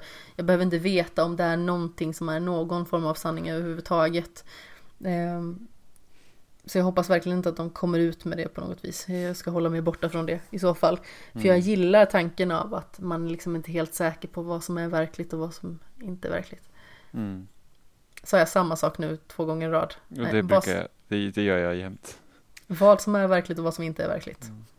Jag brukar ofta börja, jag börjar med en mening och sen så pausar jag och sen så säger jag exakt samma sak igen och sen kommer jag till min poäng. Det gör jag väldigt ofta. Men eh, ja, Jag brukar oftast kolla bort mig själv på vägen. det händer mig också. Ibland man, man liksom pratar så bara, åh men här, okej nu säger nu, det här är min poäng och sen så kommer jag på, oj just det, den här sidoberättelsen kan jag berätta också, och just det, den där sidoberättelsen är också en sidoberättelse, och just det, Vad vad var jag min nu då? poäng? Ja men precis, sen så bara, nu, har jag, nu, är- nu, nu är jag så långt ifrån målet så att jag vet inte ens vilket håll jag ska gå för att komma dit. Så då är man bara så här, ja, okej, Jag är klar. ja i princip. Ehm, så ja, jag, jag kommer ju se den här filmen igen. Eh, eftersom jag, jag, inte, jag missade så mycket, Ja, du var lite slumrig. lite slumrig, jag visste inte att jag hade sovit så mycket. Det är liksom så här, när vi, hade, när vi gick ut från bio så jag försökte liksom, jag, jag, så här, jag kunde inte se en, alltså jag kunde inte se en röd tråd i filmen för att jag hade missat så mycket. Eh, vilket är lite synd, men jag har ju liksom läst eh, efterhand liksom så Mm. Jag var ju också lite små smulig i ögat. Men eh, jag eh, kände ändå att jag fick hyfsat eh, grepp om filmen och sen så har jag försökt att ta ikapp några trådar så här i efterhand. Mm. Jag, vet, jag vet att den har fått lite kritik om att filmen inte säger särskilt mycket om någonting. Men Eh, behöver den det? Oklart, jag, jag, jag, kan, jag kan inte svara på den frågan. Eh, men, det är det, jag, jag vet inte. Och sen så såg jag ganska intressant inlägg också om hur den behandlar psykisk ohälsa, liksom det, hur man porträtterar det och det visar liksom att, så här, att åh, han äter så mycket mediciner, han måste därför vara galen typ. Liksom att det, det finns så mycket som pekar på att har du psykisk ohälsa så är du bara liksom en liten putt från att vara knäpp. Liksom. Eh, vilket så här är, jag ska nästan likställa med det hur man ofta eh, använder eh, mentala sjukhus i skräck. Att bara för att en bara för att du har någon psykisk sjukdom, vad den är, så är du liksom instabil och farlig. Eh, vilket inte st- Stämmer. stämmer många gånger. Det är ändå ett fåtal personer med psykisk ohälsa som är fara för allmänheten. Ja, Och att man ändå liksom all, all, alla sjukdomar som är kopplade till den mentala hälsa är automatiskt liksom obehagliga. ja det blir väldigt fel. Mm, så det är Men frågan, sen- hade, man kanske inte hade behövt trycka på det på det, alltså det är någonting kanske man inte behövt vara övertydlig på det sättet. Åh, han äter mycket mediciner så nu måste han vara knäpp, till exempel. Mm. Ja, kanske inte. Samtidigt så känner jag ändå att visst, han är psykiskt instabil så att det bara sjunger om det. Men den här karaktären har ändå en bakgrund. Alltså nu menar jag liksom inte en, en, sådan så att man vet var han kommer ifrån. Men han har ändå porträtterats så otroligt många gånger. Mm. Så på något vis känner jag att jag vet inte, jag, jag kanske bara köper hur han är av Mm. bara farten. Mm, Så, jag, Eh. alltså, jag har alldeles för liten koll på olika Joker-berättelser för att jag, jag har faktiskt inte läst någon av de här klassiska Batman-historierna. Jag tror jag aldrig har läst en Batman-serietidning faktiskt. Eh, vilket är lite Ja, synd. jag. Vilket jag tror jag ska vara, så att det jag liksom känner av Jokern det är ju liksom, jag har en väldigt ytlig eh, kunskap om, om, om Batman-universumet överlag. Det är liksom så här, ja men filmerna, de bra och de dåliga. Eh, det är spelen i princip. Och sen något Jag vill tecknade nog tycka filmer. att jag har hyfsat koll. Eller, ja. Du har, du har nog hyfsad koll. Eller nog, du har hyfsad koll. Det hör jag ju när du pratar. Men jag, jag, har, jag har liksom inte den relationen till Batman på det sättet. Jag, jag vet ju om vissa saker men det är inte som att jag liksom kan, åh, Jokern i den här versionen, den här versionen, den här versionen liksom i serietidningsformat. Alltså Batman är ju min favorit superhjälte och Jokern är min favoritskurk i stort sett. Mm. Jag tycker Ja. att deras relation är väldigt spännande. Jo, men det är den. Det tycker jag också i de instanser jag sett den i. Min favorithjälte by the way är Spiderman, men jag har inte läst så mycket Spiderman heller. Men det är... Det, det ska bli intressant att se filmen igen. Mm. Om vi tar alla ehm, ska man säga reinkarnationer av Jokern. Hur, eh, Tänker du, alltså, i allmänhet, vilken tycker du liksom om bäst? och jag tycker nog om Heath Ledgers Joker bäst, men det är Mm. också för att jag, eh, det är hela den, hela det Batman-universumet tycker jag om just för att den är satt i, mer i verkligheten. Eh, vilket gör att man tar vissa kreativa val som inte nödvändigtvis begränsar karaktärerna men liksom sätter dem på ett annat plan som gör att de inte blir så, vad ska man säga, fantastiska på det sättet. Att Det känns Det- ju realistiskt på något det, vis. det, ja, men liksom bara det att du kan ha en människa som spes, kallas Batman, ser ut som han gör och köpa det totalt. Liksom som att det Ja. skulle faktiskt vara någon som finns i vår verklighet. Ja, men det känns som att vi skulle kunna existera i den faktiska världen, liksom i Gotham idag. Utan att det skulle vara några konstigheter. Ja, och därför tycker jag också om hur den, hur Heath Ledger har porträtterat den Jokern. För att det liksom, det, det blir aldrig liksom, det blir aldrig för mycket. Mm. Det, det, utan hålls väldigt jordnära. Eh, och sen är det ju Mark Hamills Joker förstås. Efter det. Mm. Både i ett animated series och, Ja, och eh. Arkham-spelen. jag har ju deklarerat tidigare vilken jag tycker var bäst. Men jag skulle nog faktiskt, alltså rent joker prestationsmässigt, hålla eh, Joaquin Phoenix ännu högre än Heath Ledger. Okej. Ja men det är någonting med hur den här liksom realistiska tonen möter den totala galenskapen. Alltså som man är van vid det här skrattet till Mm. exempel. Eh, hur han beter sig, hur han för sig och rör sig till exempel. Mm. Om du har tänkt på eh, till exempel i Arkham-spelen så är ju Jokern, han är ju en väldigt så här gänglig filur. Han, Som han, rör sig på ett väldigt typ- specifikt han- vis. han ser typ ut som Valuigi. Ja men lite grann faktiskt. De har eh, samma skräddare. ja. Men som sagt, han rör sig väldigt gängligt. Och det finns någonting, vad ska man säga? Nu får jag inte fram rätt ord naturligtvis. Det finns något lite tafatt över rörelsemönstret men de är ändå ganska så självklara i att de är sådana. Ja, sen, sen tror jag, sen är det en ganska stor skillnad också mellan Joaquin Phoenix Joker och Heath Ledgers Joker. Är det att Joaquin Phoenix Joker är sig själv i en film. Det han är fokuset. Ja, Det är inte säkert att den här Jokern hade fungerat lika bra i en Batman-film. Om du förstår vad jag nej, menar. kanske inte. Och, och det säger jag Å liksom andra inte så här, sidan, Jag säger inte det för att knocka det. nej utan- nej nej, det men jag förstår. Men, men det blir en väldig skillnad. Samtidigt så vet man inte, hade man sett Heath Ledgers Joker i en Joker-film, hade Det var exakt det jag funkat? skulle säga. Jag tror inte att det hade funkat för att grejen med Heath Ledgers Joker är att du inte vet någonting om honom. Du kommer inte den Joker när han bara dök upp. Du har ingen aning om vad det är för typ av person. Och, Han dök upp lika fort som han sedan försvann. Precis, så Av hade, förklarliga skäl. ja, så det hade ju liksom inte alls funkat att, att ha en hel film med honom. Jag tror inte att det hade liksom blivit lika intressant heller för att en stor del av det som gör Heath Ledgers Joker så bra också är att se alla andra karaktärer reagera på honom. Ja, Och, och det får du ju inte riktigt i Joaquin Phoenix Joker eftersom han är fokuset.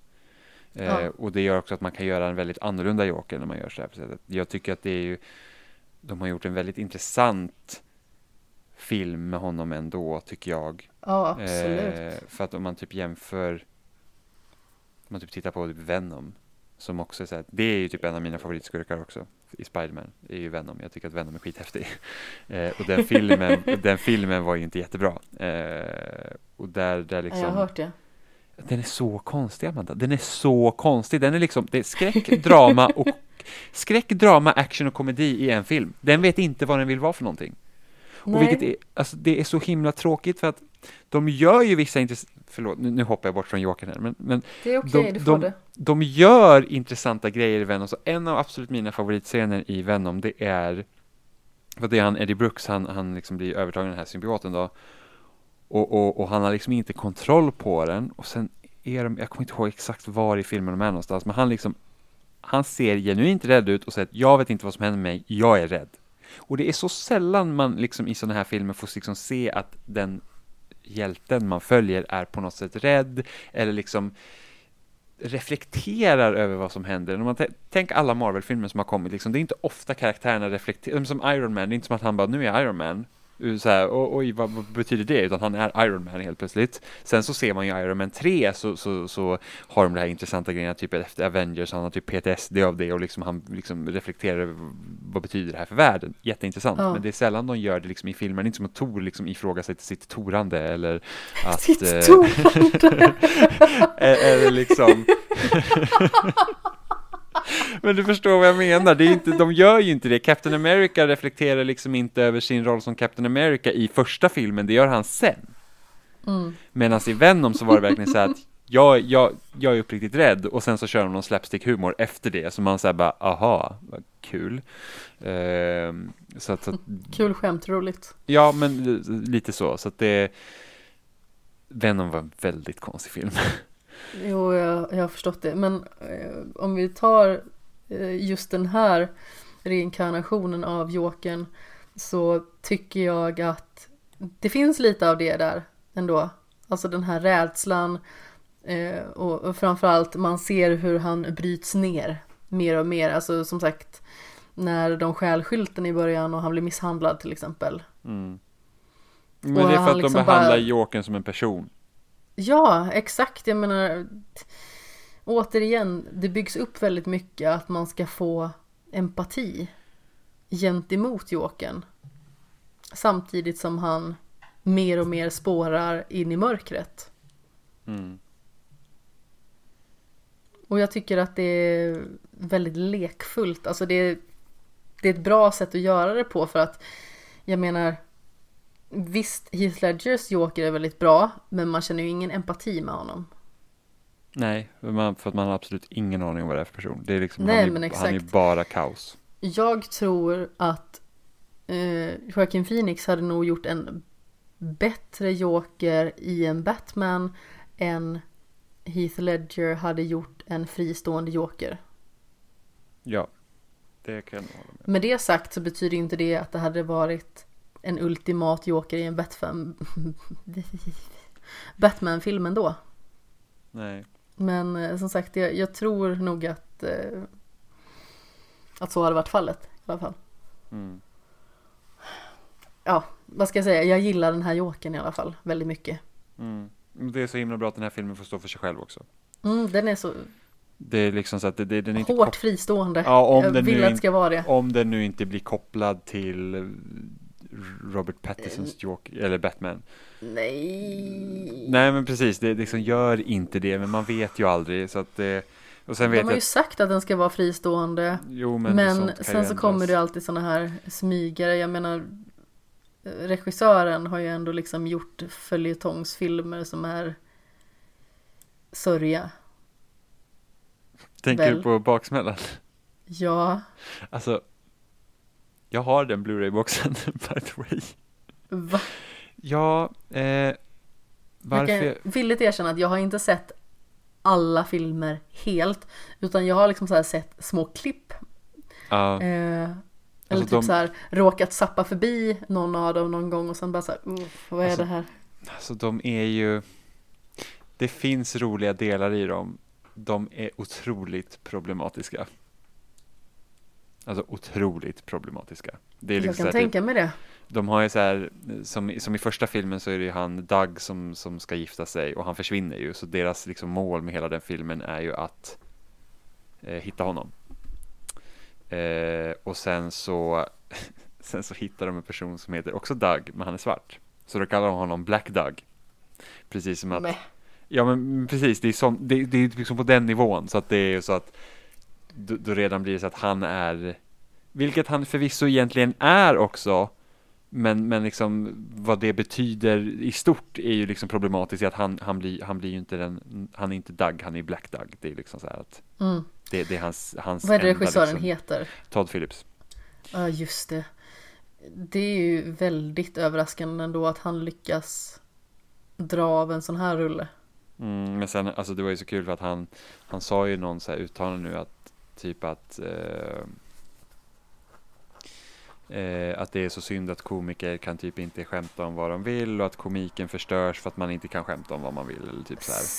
Och det handlar ju då, och, och tittar man då på liksom, ja men tittar man då på hangover-filmerna som gärna sparkar neråt och allt som inte är typ normativt så, så är det så här att okej, eh, sure, liksom det finns hur många komiker som helst som är asroliga som inte behöver nedvärdera folk för att vara roliga.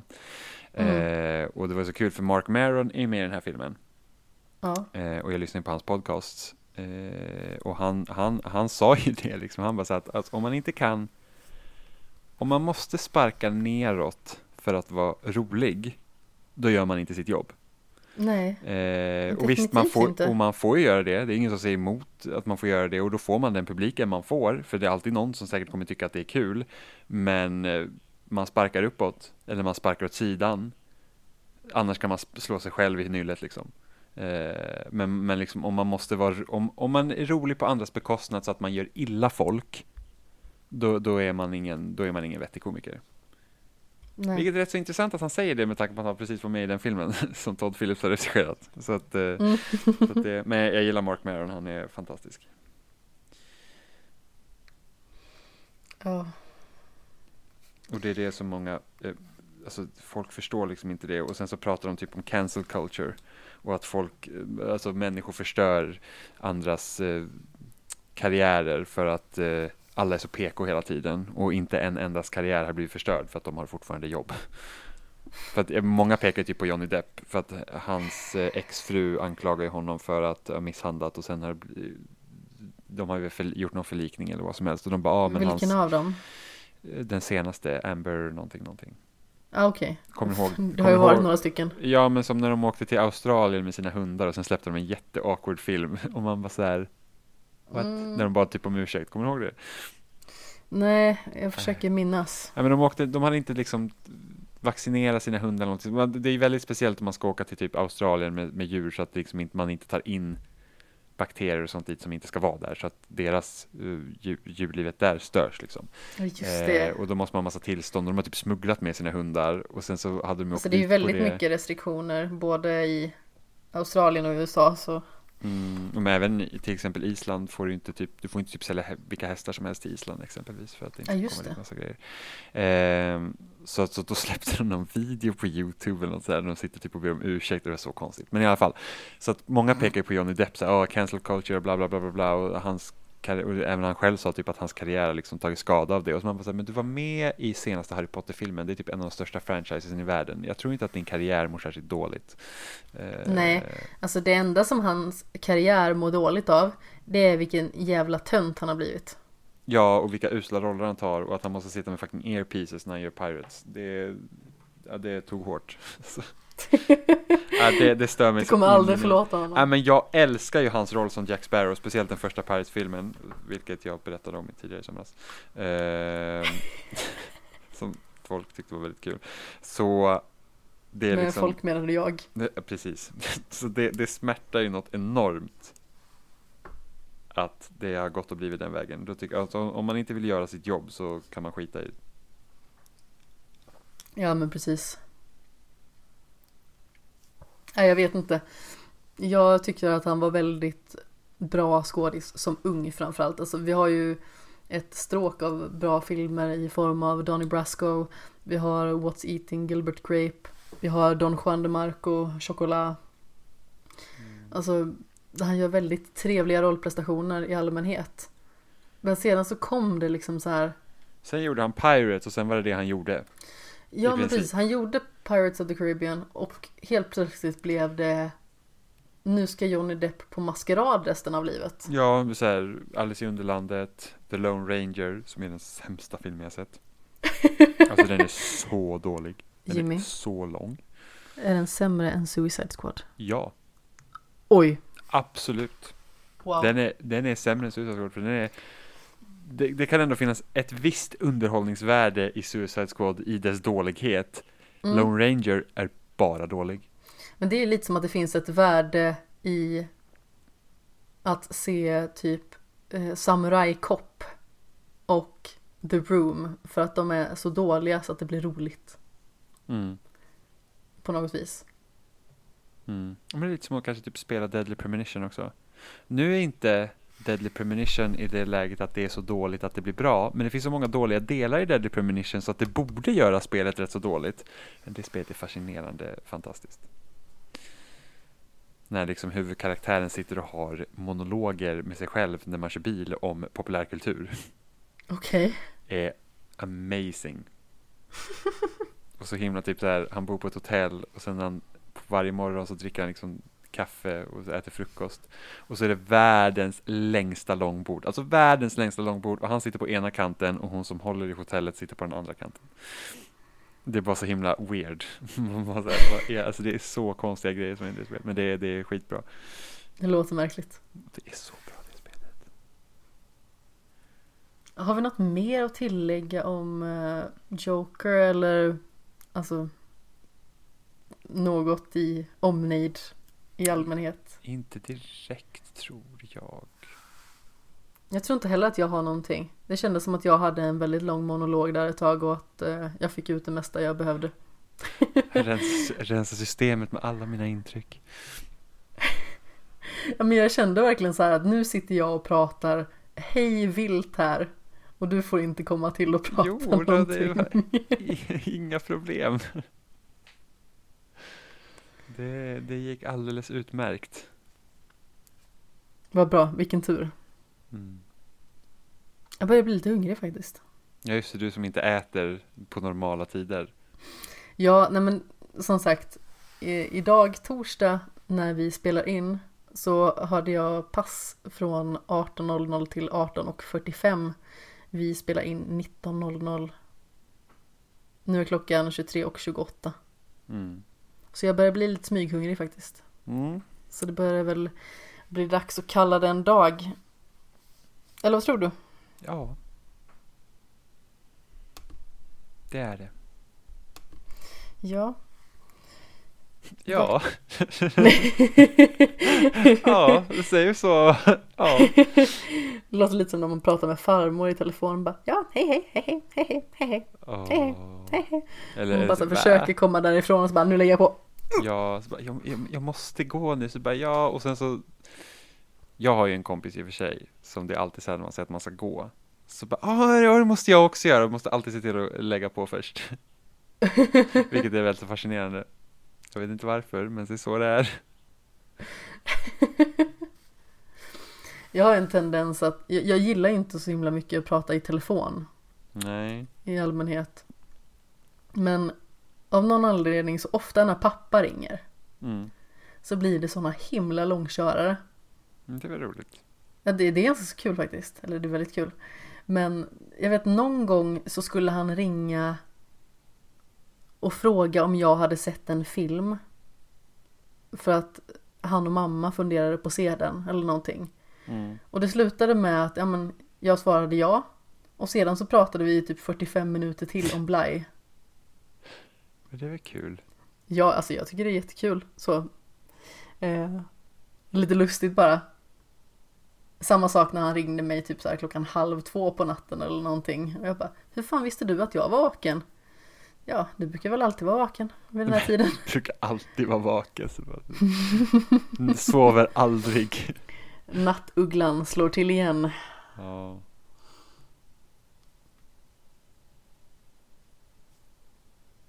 Vad tyst det blev. Ja, eh, hur som haver. vart hittar man dig för någonstans? Uh, nu ska vi se, vart hittar man mig? Jag poddar om spel i spelsnack. Uh, och jag skriver om spel på loading. Och jag twittrar sporadiskt på Seppala13. Mm. Och uh, ja, jag håller ju också till både på spelsnack och på loading. Så där får man gärna kika in. Antingen om man eh, vill lämna någon kommentar angående de avsnitten naturligtvis eller om man vill kolla på recensioner som vi har skrivit och dylikt. Det är alltid kul. Mm. Men eh, skämshögen finns naturligtvis på sociala medier i form av Twitter och Instagram där eh, namnet är snabla skamshogen. Sedan så finns eh, skämshögen naturligtvis på Facebook, Wordpress där poddar i allmänhet finns och jag håller till på sociala medier i form av Kapten Sten. Sten med två E. Det har blivit en sån här grej som folk verkar tycka är väldigt rolig. Vadå Kapten Sten med två E? Om att jag säger sten med två E.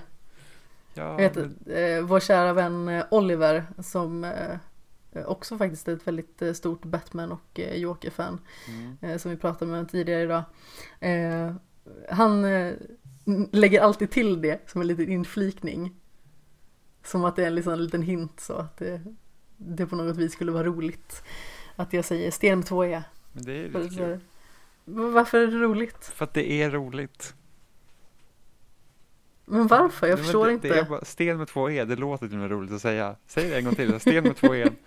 För att det är liksom, man säger Amanda Sten, så det kan ju lika bra vara med ett E. Ja, men jag heter ju Sten med två E. Precis, så då måste du säga det, du måste, annars blir det fel. Så det blir Kapten Sten, nej, Amanda, Sten med två en. Jag är också väldigt trött just nu. Ehm, så att det är ju skoj. Ja, äh, det kanske det är. Det är inte roligt. ka- kapten med två E är det i alla fall inte. Utan det, Ja, där är det kapten. ett E. Kapten med, med, kapten med två ben. ja, ja, mitt efternamn är ju så konstigt The att säga. P att, eh, silent. det, alltså, jag har sett så många konstiga stavningar på mitt efternamn. Det kan jag tänka mig. och sen- Till och med jag har fått konstiga stavningar på mitt efternamn. Så... Ja, som ett E. Du, du, du. Det har hänt, eller hur? Det har det definitivt. Sedan så har ju accenten suttit lite var som helst. Plus att någon har liksom någon gång satt in en apostrof istället. Så att det har liksom varit typ mellan E och N. Ah. Ja, och som, som sagt Stene har jag fått heta några gånger. Sten, om det är två en. Ja, Och sista E är tyst. ja men verkligen. Ja, nej. Jag slog vad med mina klasskompisar när vi fick en ny svenska lärare om att svenska läraren skulle skriva mitt efternamn fel första gången. Så var hon finsk. Typiskt. Yes! Nora Snäll hette hon, så att eh, det var inte snällt, jag förlorade 50 spänn. Oflyt. Mm. Men jag kan ju tänka mig också att du har fått höra många versioner av ditt namn. Ja, jag blev kallad, när jag bytte skola till, eh, när jag började fyran så bytte jag skola och då kallade folk mig Äpplet för de kunde inte säga Seppele. Eh, Jag förstår inte riktigt problematiken. Jag tycker, alltså nu vet inte jag om jag uttalar ditt eh, namn med så här finsk precision direkt om man säger så. Men inte, Men- jag, inte jag uttalar mitt efternamn så som det ska uttalas när jag säger Jimmy Seppele. Egentligen Men- ska man säga Seppele. Ja, jo, men du förstår vad jag menar. Det är ju liksom inte så besvärligt att säga, tycker inte jag i alla fall. Nej. Sen så är inte jag finsk, så jag kör ju liksom kanske inte hela så här betoningsracet så att det låter helt autentiskt. Nej, det bästa med finska är att det ska uttalas exakt som det är skrivet. Mm, Så att det är liksom, är det två K, då får du ta det längre tid på K helt enkelt. Och är det ett Ä så är det Ä. mm, jo men det är det som är ganska intressant, vad ska man säga, eh, ton i, i finskan. Att det är liksom väldigt hård betoning på Mm. bokstäverna. Men som sagt, jag uttalar ju inte mitt namn rätt heller. Så hur ska man uttala ditt namn korrekt då? Stein, Stein. Amanda Stein. Mm. mm, det är belgiskt. Så, Mm. eller ja, flamländskt till och med. Så. Mina förfäder till pommes frites-ätare hade väl ett och annat att säga till om om jag skulle säga sten. Jag är ju ursprungligen en McDonald. Mm, jo, du har sagt vilket det. alltid är lite- Älskar Skottland, supertrevligt. Ja, verkligen. Det, så det, det, det är spännande. Så att ett lagligt sätt så hade jag kunnat byta mitt efternamn till McDonald. Mm, Eh, ja, då måste man ju först visa massa papper och det är en lång process. Jag tror att det var mamma som kollade det förut för hon tyckte det var så himla kul att se hur, hur, vad som skulle krävas. Men jag kan lagligt byta till McDonald om jag kan bevisa att jag kommer därifrån, vilket jag kan. Jimmy McDonald. alltså du har ju bara fått höra den här Old MacDonald had a farm-låten. Ja, Ja, ja, jo, det, det kan man få höra. Jag tänker ju mer på McDonalds. Ja, just det. gått bakom mig och bara, I'm loving it. Jag Bara, yes. yes. Ja, Jag tycker Seppele är bättre. det, jag jag, jag är väldigt förtjust i mitt efternamn faktiskt. Jag är förtjust i mitt efternamn också. Alltså Mm. även att mitt är väldigt simpelt. Mm. Men eh, det är nästan lite så här eh, militäriskt namn. Alltså om vi tar Sten som ett svenskt namn så är det ett typiskt militärnamn. Mm. Alltså Sten med ett D. Ja. Inte att förglömma. Nej men exakt. Jag, jag uppskattar att bli kallad för Sten. Mm. Även att det låter...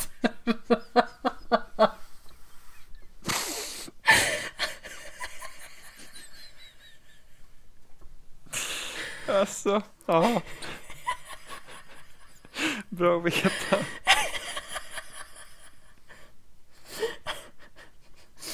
Åh herregud, jag ska klippa det här efteråt, var trevligt.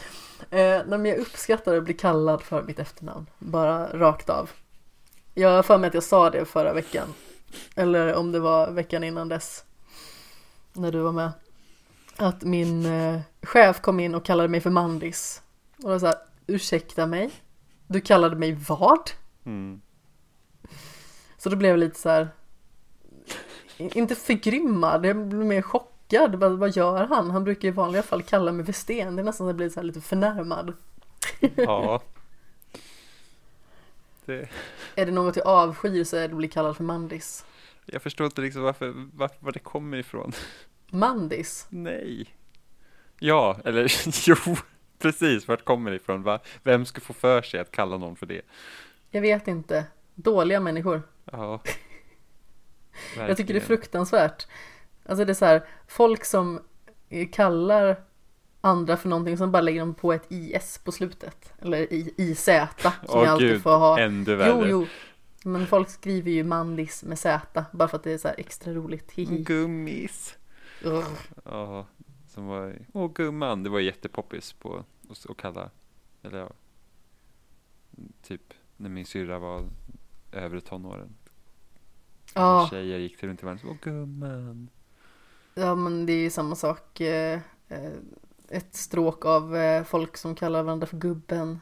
Också så här. Nej. Jo, har du inte hört det? Jag har inte blivit kallad för gubben. Ja, det, är, det är väldigt många sådana här ty, typiska eh, snubbvänner.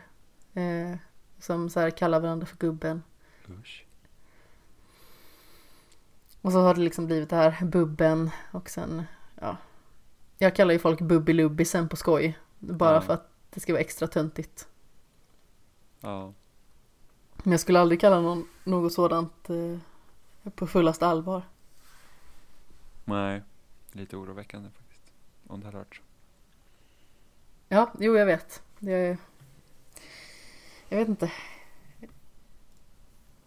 Jag har bättre koll på livet än så. Mm, det är bra. det är bra. Sade hon och lät fullkomligt galen. Ja, lite så faktiskt. Jag funderade på fullaste allvar nu i en mikrosekund på att göra liksom, någon joker-imitation skratt här. Men jag bara såhär, nej. Jag tycker vi håller där för idag. Ja. Vi tar en sång istället. Sen så, ska, du, ska du sjunga Amanda? Nej, nej men, ah, förlåt. Oj, Den referensen kanske var så här. nu backade man fort. Inte flög. Nej, Ga- nej. Galenskapande referens. Jaha, nej men jag har inte sett så att det var inte Nej, konstigt. förlåt. Mm. förlåt mig. Det var jag som inte kände in rummet tillräckligt väl. Nej, jag känner det. Det var ju lite synd. Det var lite beklagligt av mig. Mm. D- d- lite så faktiskt. Det var ju olyckligt. Olycklig. Vad är olycklig? Vad jobbig. Oerhört. Jättejobbig. Ja, oerhört. Nej, Jimmy Seppele. Mhm. Är det, dags, är det dags att säga hej då? Ja, jag vet inte. Har vi passerat fyra timmar? Eh, kanske. Kära lyssnare, vi har förmodligen passerat fyra timmar. Har vi inte gjort det nu så är det jättepinsamt. Men eh, Då, då kommer de aldrig höra det här för det kommer klippas bort. Säger jag Ja. som inte klipper. ja. Nej, vad säger du? I ljumsken. ja, någonting sånt.